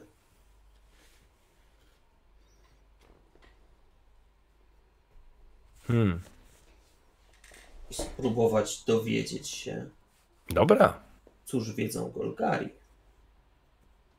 Ciekawa, ciekawy koncept.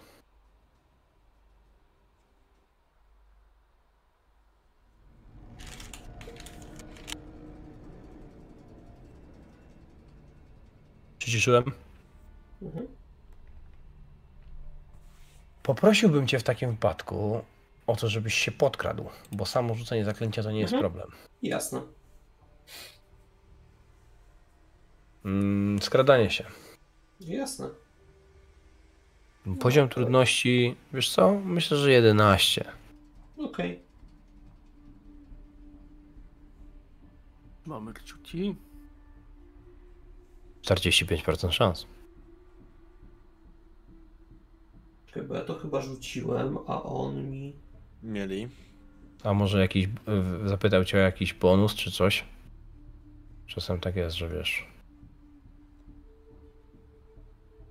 No Ja mogę rzucić swoje karty, bo i tak mam ją otwartą. rzuć, rzuć, rzuć z mojej karty, bo... Ojej! O nie! Cały No frycu. bo tak się zdarzyło, no. Bywa. Ship, ship happens. I'm terribly sorry, but really I'm not. To będzie dobre. Będzie, będzie. O, tak. Dawaj. E, e, wypadła naturalna jedynka, ty, tylko tak e, powiedzmy widzą co, co się stało. Mhm. Piękna czerwona. Wyobraźcie sobie tą sytuację, w której yy, zarówno. O, jest teraz. Ale 17 wskoczył ten rzut. I 13. Aha. No i dobra, jakby. Wyszło ci, to ci wyszło. Rol długo mielił, coś się zawiesiło. Niech będzie na korzyść gracza. To był Niech cliffhanger. będzie, niech będzie na korzyść gracza. Ale srogo, ciekawe co to w ogóle się... Tak się zdarza. On, tak, on czasem ma takie zamuły. O tej porze to jest jeszcze pewnie jakieś obciążenie serwera. W każdym razie. Ty udajesz się, żeby zauroczyć któregoś z Golgari. A co robi w tym momencie Sandor i Havi? Bo wy zostaliście opuszczeni przez waszych towarzyszy naukowców.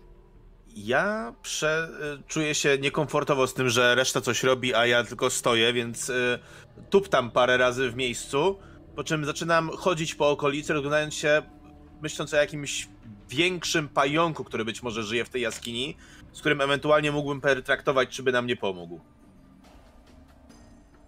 Sure, to- będziesz w stanie namierzyć tego typu bestie. Na pewno coś takiego tutaj żyje. Okej. Mm. Defkarini, czyli ciemne elfy, znane są z tego, że, em, że się kontaktują z tego typu istotami, a ich matka, która stanowi pewnego rodzaju konkurencję dla przywódcy y, gildii Golgari, y, jest w ogóle y, ulubienicą pająków. Całe stada się za nią poruszają.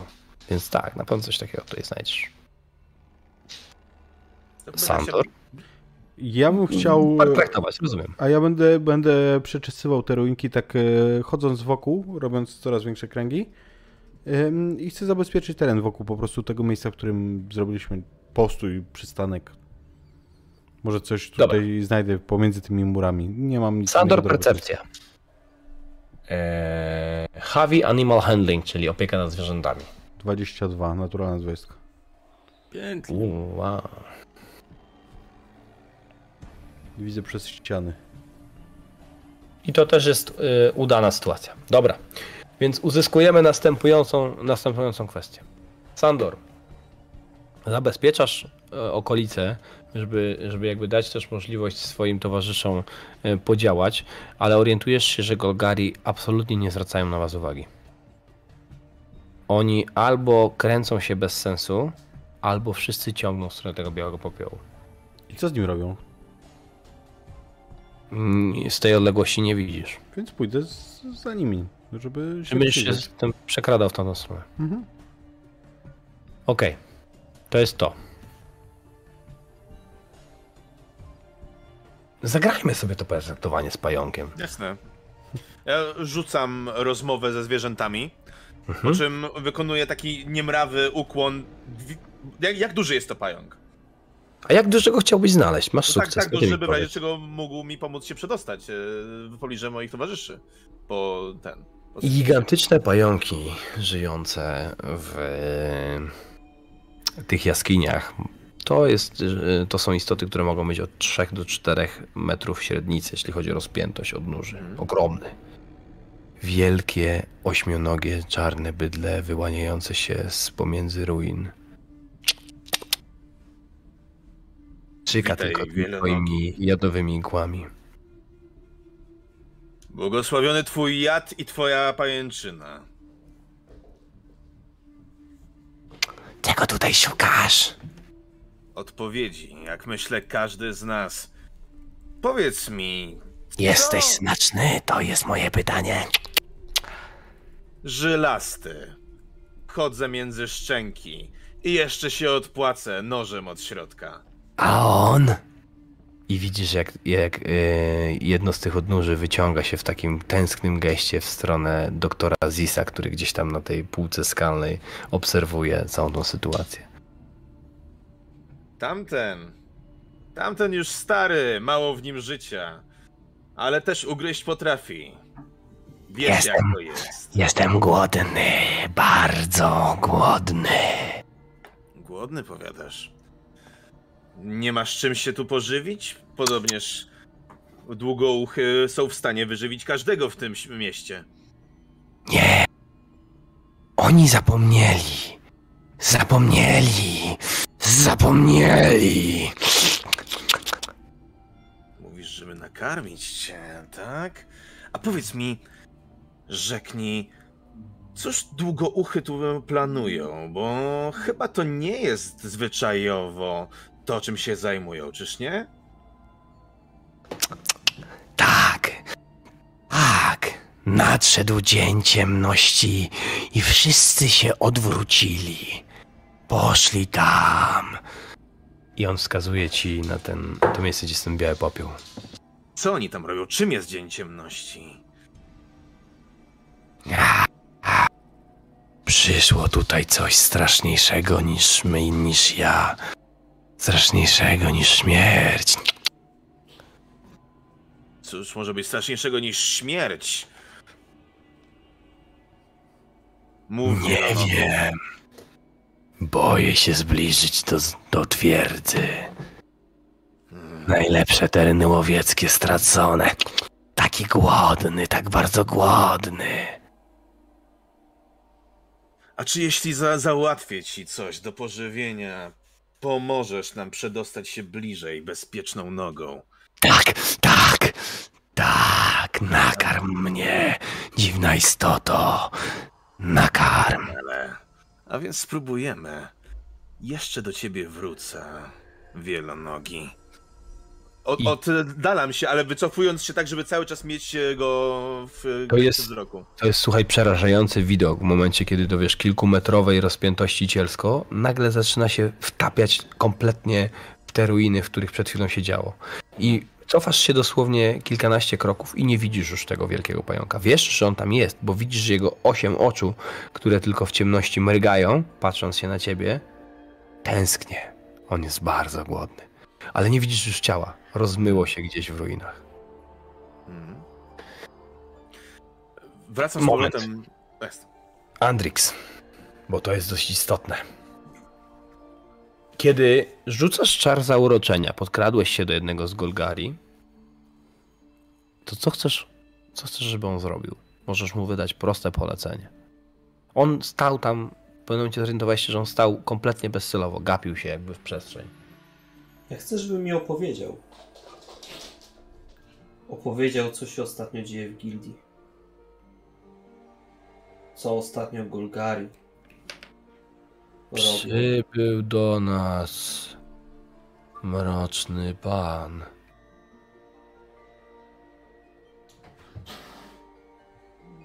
Wydał nam rozkazy.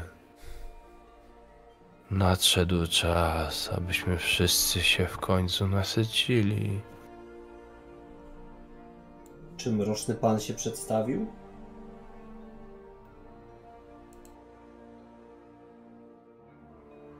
Nie.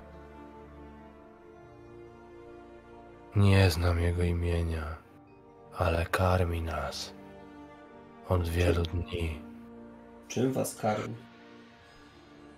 Życiem.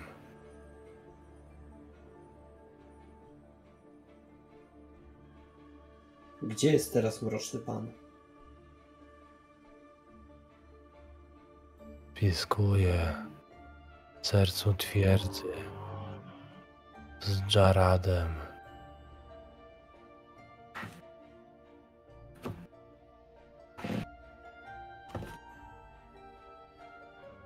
Kimś oprócz Jarada?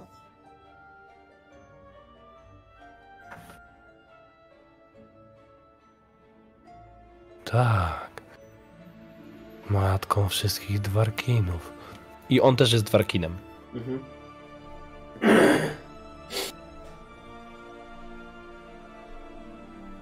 Zjednoczeni możemy osiągnąć wszystko. Gdzie spiskują? Której komnacie?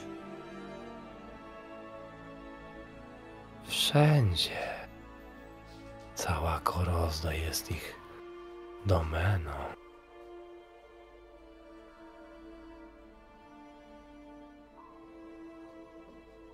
Jak tam najłatwiej wejść? Umrzeć.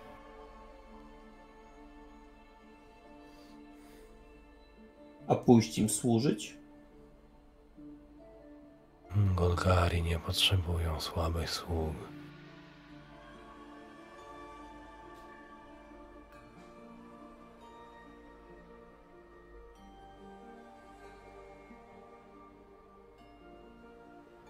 Gdybyś chciał, to dopóki trwa zaklęcie, możesz mu wydać polecenie, żeby on poszedł do twierdzy, dowiedział się czegoś i wrócił. Tylko polecenie musi być proste i dość precyzyjne. Zastanów się może, jakie Mhm. chciałbyś mu zadać Dobra. pytanie, a my się dowiemy, co robi doktor Zis. Doktorze! Doktor Ziz. Doktor Ziz zleci w dół, rozglądając się za swoimi towarzyszami, których zostawił na dole. Jego lot nie wygląda jak lot z geracją, wygląda jak taki kot złapany pod y, łapkami, bo tak naprawdę jest niesiony przez inną osobę, więc to nie jest jakiś Superman, tylko ręce do przodu, tutaj coś go trzyma i go znosi na dół. Także doktor Ziz wyląduje tam, gdzie zostawił swoich towarzyszy. I tam, doktorze, nikogo nie dostrzeżesz. Tak. Rozglądam się. Jak nikogo nie zobaczę, to polecę troszkę w górę, żeby zobaczyć e, z wyższej wysokości, bo samodzielnie nie będę działał w takim obcym terenie. Muszę znaleźć ilość coś towarzysza. Sam- też ustalić. Sandora nie dostrzeżesz, bo on się przekrada, ale dostrzeżesz z pewnością Javiego, który jest dosyć duży i charakterystyczny, który zbliża się z powrotem do tego miejsca, z którego przed chwilą się, w tym się rozdzieliliście. W takim razie pod... zlatuję na dół i podchodzę do niego. Czego się dowiedziałeś? Eee, tak, tak, tak.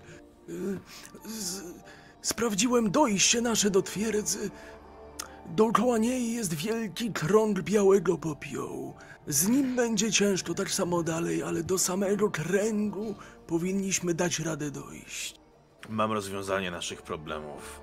Jest tu pająk, który jest w stanie nam pomóc, jeśli tylko załatwimy mu coś do pożywienia się, ale nie wyjdzie dalej. Potrzebujemy jakiegoś ochotnika. Domyślam się, że jest to duży pająk. Prawda? Całkiem spory. Całkiem spory, więc pewnie nie nasyci się kawałkiem wołowiny w sakwie, Nie, tylko czymś- potrzebujemy kraula, albo jeszcze lepiej. Widziałeś coś po drodze? Czy coś po drodze widziałem? Czy coś po drodze widziałem? To jest dobre pytanie. Czy widziałem coś, czym można... Patrząc z góry, widziałeś dużo istot. Dużo istot. Mhm. Jest dosyć sporo istot w okolicy. Że można byłoby spróbować na coś zapolować, tylko większość z tych istot, które mieszkają w podmieście, to one są drapieżnikami.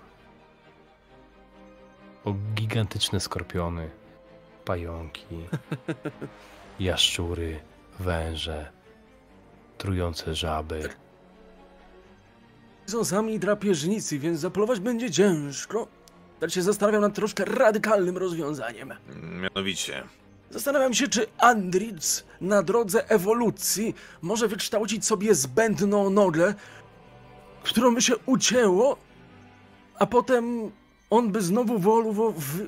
A przepraszam, język mi się plącze. Wyewoluowałby znowu w taki sposób, żeby straty tej nogi nawet nie poczuć. tutaj by raczej by potrzeba zbędnego brata. No nie wiem, jak daleko jego umiejętności sięgają. Polujemy! Jednego, jeden brat już został na poświęcony. I żeby tak nie przedłużać, ja bym właśnie się przyczaił na kogoś, żeby, który się na przykład w jakiś sposób oddali, albo zwrócić jego uwagę gdzieś właśnie z tych ruin i spróbować go e, ogłuszyć. Dobra, zróbmy tak. Też chciałbym brać udział w realizacji tego planu. W porządku. Sandor, zbliżasz się do tego, do tego okręgu, ogromnego okręgu białego popiołu. Rzecz, która, któ- którą mnie zapytałeś, co oni robią, oni ten popiół jedzą. Widzisz chodzące sylwetki, które tak jakby uzależnione sięgają garściami, wycierają sobie gęby całymi aha, i upaćkani są w tym białym, białym pyle. A nad nimi chodzą stwory, których nigdy nie widziałeś wcześniej, nawet będąc tutaj w podmieście. Ogromne, szczudłowate, długie nogi w wysokości kilku metrów i na tym baniakowate istoty, które na takich czterech, jakby trochę pajęczych odnóżach, bardzo cienkich, poruszają się pomiędzy tymi nieszczęśnikami. Ich tutaj są całe setki.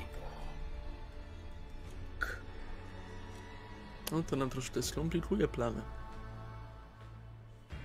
Setki tych nieszczęśników upaćkanych popiołem, a te, tych kreatur jest, mm, no, sporo. I co one robią? Jakby jak, jak chcę się im przyjrzeć ze swojego stanowiska, co robią te istoty? Tylko chodzą, czy coś jeszcze? To jest tak, one chodzą i to się wydaje z daleka, dopóki nie przyjrzałeś się, to, to, to po prostu chodzą. Natomiast w pewnym momencie widzisz, że co jakąś chwilę, kiedy to coś idzie, to ta ostra, długa, pająkowata to odnóże wbija się w jakąś istotę i wciąga ją na górę do tego baniakowatego e, wnętrza. Czyli to, to coś, To wygląda jak żniwa.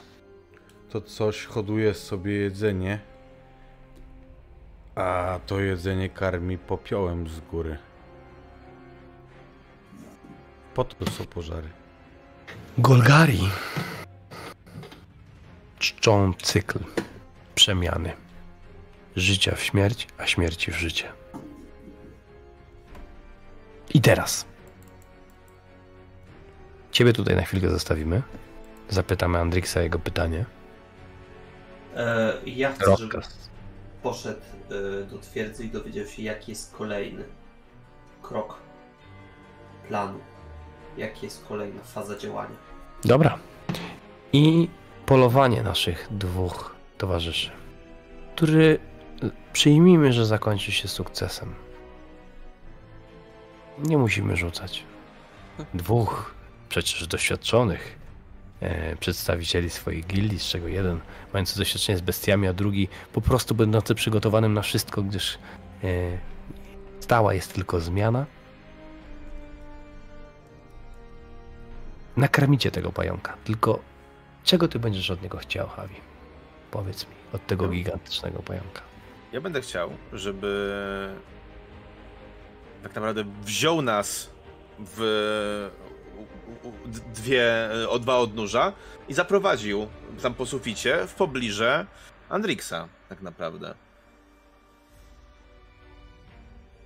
Mm, Znaczy, Andrix nie jest na suficie. Okej, dobra, dobra. Andrix jest teraz w ruinach. On tam y, wydał rozkaz jakiemuś Golgali. On wysłał tego Golgari, którego Mhm. zauroczył do środka.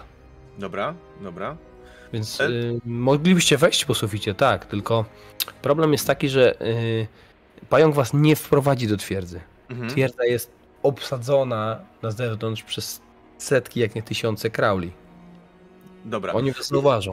Ja proponuję, żeby było tak, że ja mu przekazuję to, co znaleźliśmy, mówiąc "N- pożyw się, a my wrócimy do ciebie, jesteś mi winien przysługę. I będę, wrócimy dalej do, e, do ruin, czekać na przegrupowanie się re- z resztą. I teraz słuchajcie, y, w- we wspaniały sposób mamy pewnego rodzaju klamrę. Bo kiedy spotykacie się z Sandorem, spotykacie się również y, z. Andriksem? Tak, z I Andriksem. doktorem Zusem, Zisem. Znaczy, oni byli we dwójkę. Ale my się spotykamy. Tak. Natomiast spotykacie się również z tym Golgarim zauroczonym, którego wysłał Andrix. Nie jest za cicho trochę? Troszkę. To już lekko podbijam. Ale to jest też do samodzielnego podróżnienia. Przecież nie wymer tam widzowie, więc... No, nad widzami panuje Maciek, więc ja jakby jestem przekonany, że on e, szwagier sobie poradzi. Tylko po prostu uprzedzam, że będziemy mieli. To jest dosyć dziwne, bo wszystkie te rocznie kawałki są z tej samej playlisty, z tej samej gry, z tego samego soundtracku. Jedno są nagrane cicho, drugie są nagrane. Nie, nie rozumiem. Wraca do Was wysłany przez Andrixa Golgari. Szpieg, trzeba przyznać. Metody prawie jak Dimir. On nie był w stanie wszystkiego się dowiedzieć. Polecenie było bardzo proste. Przekazał wam natomiast, że następnym krokiem, jaki Golgari ma w planach, jest spopielenie powierzchni, po to, żeby już nigdy nie zabrakło im jedzenia ani materiału, na którym będą mogli, no cóż, tworzyć nowe życie. To się nie godzi. Tak, wielki dzik ma przyjść i zaprowadzić nowy porządek, ale nie w ten sposób. Musimy się stąd wydostać i powiedzieć na górze, co tu się szykuje. Może ten fascynujący twój pajęczy przyjaciel nam pomoże wyjść na Otóż to. powierzchnię. Z z jego pomocą wyjdzie to najszybciej. Czas, żeby Czyli co? Dowiedział się o tym, co się tu wydarzyło. Wy chcecie faktycznie zareportować to do Nisy, nie podejmujecie sami jakichś działań. Że chyba troszkę za wąscy na, na, na, na takie Mm. wielkie twierdze obsadzone ilość. przez setki potworów. Raz już popełniłem samobójstwo. To, to zróbmy to w ten sposób. Sprasujmy to sobie do czegoś takiego. Kiedy przy pomocy wielkiego pająka wydostajecie się spod miasta, uciekacie ze szponów Golgari, to zerknęlibyśmy chwilę wstecz przed spotkaniem z Nissą. Każdy z was stanął przed przedstawi- przedstawicielem swojej gildii. Havi stał przed wielkim olbrzymem e, z jednym okiem, przed cyklopem Borgorosem, jeśli dobrze wymówiłem. Bossem. Borborygosem. Tak jest. Ehm, Doktor Ziz no, miał okazję stanąć przed potężną smoczą sylwetką Niv Mizeta. Prawda. Prawda. Dlatego tak cały czas y, wszystkie przekleństwa dziś na dzisiejszej sesji prawie były ze smokiem w nazwie. I cały czas ten smok mu gdzieś siedział w głowie. Borborygmos, tak. Natomiast e, nasz drogi San, Sandor, cały czas chcę powiedzieć Sandor, bo mi się myli z tym nekromantą z Herosów. Nasz drogi Sandor, nawiedzony przez, duchu, przez duchy Obzedatu, też otrzymał swoje polecenia. A... Yy, ojejku, wybaczcie, muszę znaleźć Simika. Zegana. Mhm. o Merfolk, który, która, która w zasadzie ona przewodzi e, kombinatowi simików. Każdy z was dostał polecenia, co należy w związku z tym zrobić. Myślę, że na razie zostawimy je sobie w niedopowiedzeniu, bo kto wie, co nam tutaj wykwitnie. Ale chciałbym was zostawić z jedną sceną. Wy udajecie się na powierzchnię, żeby zameldować się Nisie o tym, co znaleźliście w podziemiach, w podmieście. Natomiast gdzieś tam, głęboko w trzewiach korozdy, otwierają się drzwi. Wewnątrz widać bardzo potężną magiczną sferę, zasilaną przez energię życiową, płynącą wprost z ogromnych baniaków długonogich Golgari. Ta sfera utrzymuje coś lub kogoś w zamknięciu. Wewnątrz tej sfery szaleje potężna burza ognia, która już od wielu dni próbuje rozbić jej ścianki. A w samym centrum tej burzy ognia siedzi krocząca między wymiarami Chandra, uwięziona przez Golgarich I to ona jest źródłem pożarów. Ale jeśli Golgari dopną swego, to to, co teraz się dzieje na powierzchni, będzie tylko niedużym przedsmakiem dla faktycznej zagłady, jaką Chandra może przynieść dla Rawniki. Ponieważ w jej mocy i w jej rękach spoczywa prastare i przepotężne zakręcie, które nazywa się Ogień Świata. Karta, z którą możecie je kojarzyć, to World Fire. Zmiatająca wszystko w porządze. I na tym sobie, moi drodzy, dzisiaj zakończymy. Nice.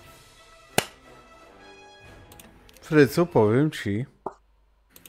Dobra sesja dedeków. Bardzo Teraz.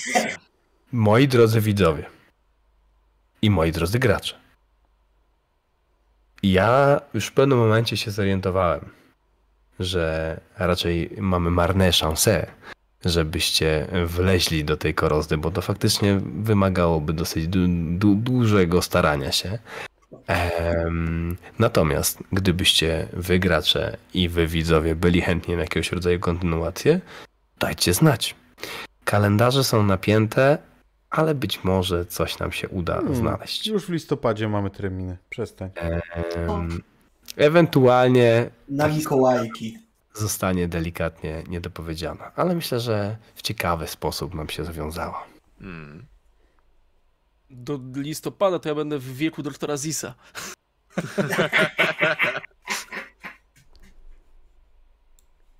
Nie, bardzo sympatycznie, bardzo ładnie.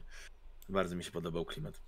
Jezu, te twoje opisy w tym domu grozy, ja pier... Tak, to, to było tak dobrze odpis- opisane. Bardzo mi się podobało Karnarium.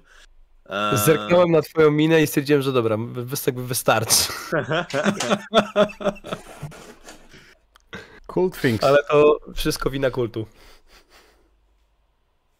Czym się strułeś, tym się lecz. Wszystko wina kultu. Choć Fajnie, mówię, fajnie. jak, jak, dałeś te opisy tych e, baniakowatych stworzeń e, z ostrymi e, ko, ko, kończynami, to myślę, byłem pewien, że to Fyreksjanie. Nie, Golgari Longlegs. Okej. Ale ja chciałem powiedzieć tylko jedną rzecz, że w dwóch sąsiadujących zdaniach, zdaniach były baniakowate stwory i ogłuszenie. tak tylko chciałem powiedzieć, nie? Nuance. Takie tam. My, my, krążyło mi to po głowie, ale jakby no nie, nie wygenerowała się sytuacja. Autentycznie nie, nie znałem karty Golgari Longlegs. Nie, To nie jest jakaś bardzo mocna karta, ale jest taka istota, którą ja się zainspirowałem. jakby- bardzo fajne. Generalnie tak jakbym miał wam e, powiedzieć, bo może trochę bardziej widzem niż graczem, bo gracze mm, e, chyba w większości może poza szwagrem grali, więc w kartach trochę orientują. Chyba, że coś e, e, tutaj implikuje e, Kuba. Czy ty grywałeś w Magiki? Kojarzysz karty? Ja, Jezu. No właśnie. Eee, Dawno temu w gimnazjum y, troszkę. Znajomy W każdym mnie razie- mówił mi, że ta karta jest mało warta i brał ode mnie najlepszą kartę. O nie, najgorzej. W każdym razie jakby teraz Powiedz tylko, gdzie on jest. Znajdziemy go. Z, wielu kart po prostu będących w grze e, była czerpana inspiracja dla tego, co, co dzisiaj my jako gracze doświadczaliśmy, a wy jako widzowie mieliście okazję posłuchać i zobaczyć. Mega, Co? mega, mega, mega, mega, mega, mega. Ja chciałem powiedzieć tylko tyle jeszcze, że się bardzo dobrze bawiłem. Moja pierwsza sesja w ogóle streamowana bądź nagrywana. E, troszkę miałem e, trudność z tym, że ja, jak już mówiłem zresztą wam w przerwie, mało gram online, więc troszkę z tym musiałem się przyzwyczaić do tego. I tak jak mówiłem na początku, że się trochę stresuję, o i zszedł ten stres ze mnie szybko i było bardzo przyjemnie. Super się bawiłem, jeśli będzie jakaś kontynuacja bądź coś, to możecie na mnie liczyć. To bardzo miło słyszeć. Ma, mamy twoje kryształki, tak? Mm, Wszystkie. Dokładnie, dokładnie tak. No cóż, moi drodzy, późno, więc będziemy y, kończyli. Y, czy ja o czymś jeszcze powinienem przypomnieć? Y, Ju... Medeczki! magiczne przedmioty. Jutro Y, tak, dzieciaki. w ogóle miałem jeszcze taki plan, y, jeśli chodzi o Właśnie. magiczne przedmioty. To jest No nie, nie, jakby nie zdążyłem go niezrea- zrealizować, ale to- niezrealizowana obietnica przedwyborcza. Nic nie ucieknie, nic się nie martwcie. Nie powiemy na razie widzę o co chodzi. Będziecie y, musieli obejrzeć drugą część. To, to jest taki, wiecie, paskudny zabieg marketingowy. Jutro dzieciaki, półfinał, y, czyli taki mały finał przed przerwą wakacyjną w Hogwarcie. Prowadzi Magda. I w tym tygodniu to jest tyle, moi drodzy. Ym, Jeszcze w sobotę można chodzi- u mnie zagrać y, w Będzinie. w Będzinie. Szwagier będzie w Będzinie na evencie toporowym, gdzie e, będzie prowadził bardzo, bardzo ciekawy scenariusz do, e, do kultu, więc jak ktoś jest w okolicy, to zdecydowanie polecamy pograć sobie na żywo. Tymczasem, podsumowując, powtórzę, że jeśli to, co robimy i dzisiejsza sesja Wam się podobała, to najlepszą formą wsparcia jest Patronite i aktywność, moi drodzy, y, w naszych kanałach, czy to komentarze, czy jakiegoś rodzaju subskrypcje, czy polubienia. Wszystko to nam pomaga rozwijać projekt. Gracze powoli zmywają z siebie e, Trudy dnia! tak, wspaniałe cosplaye, a my się z wami żegnamy. I do następnego.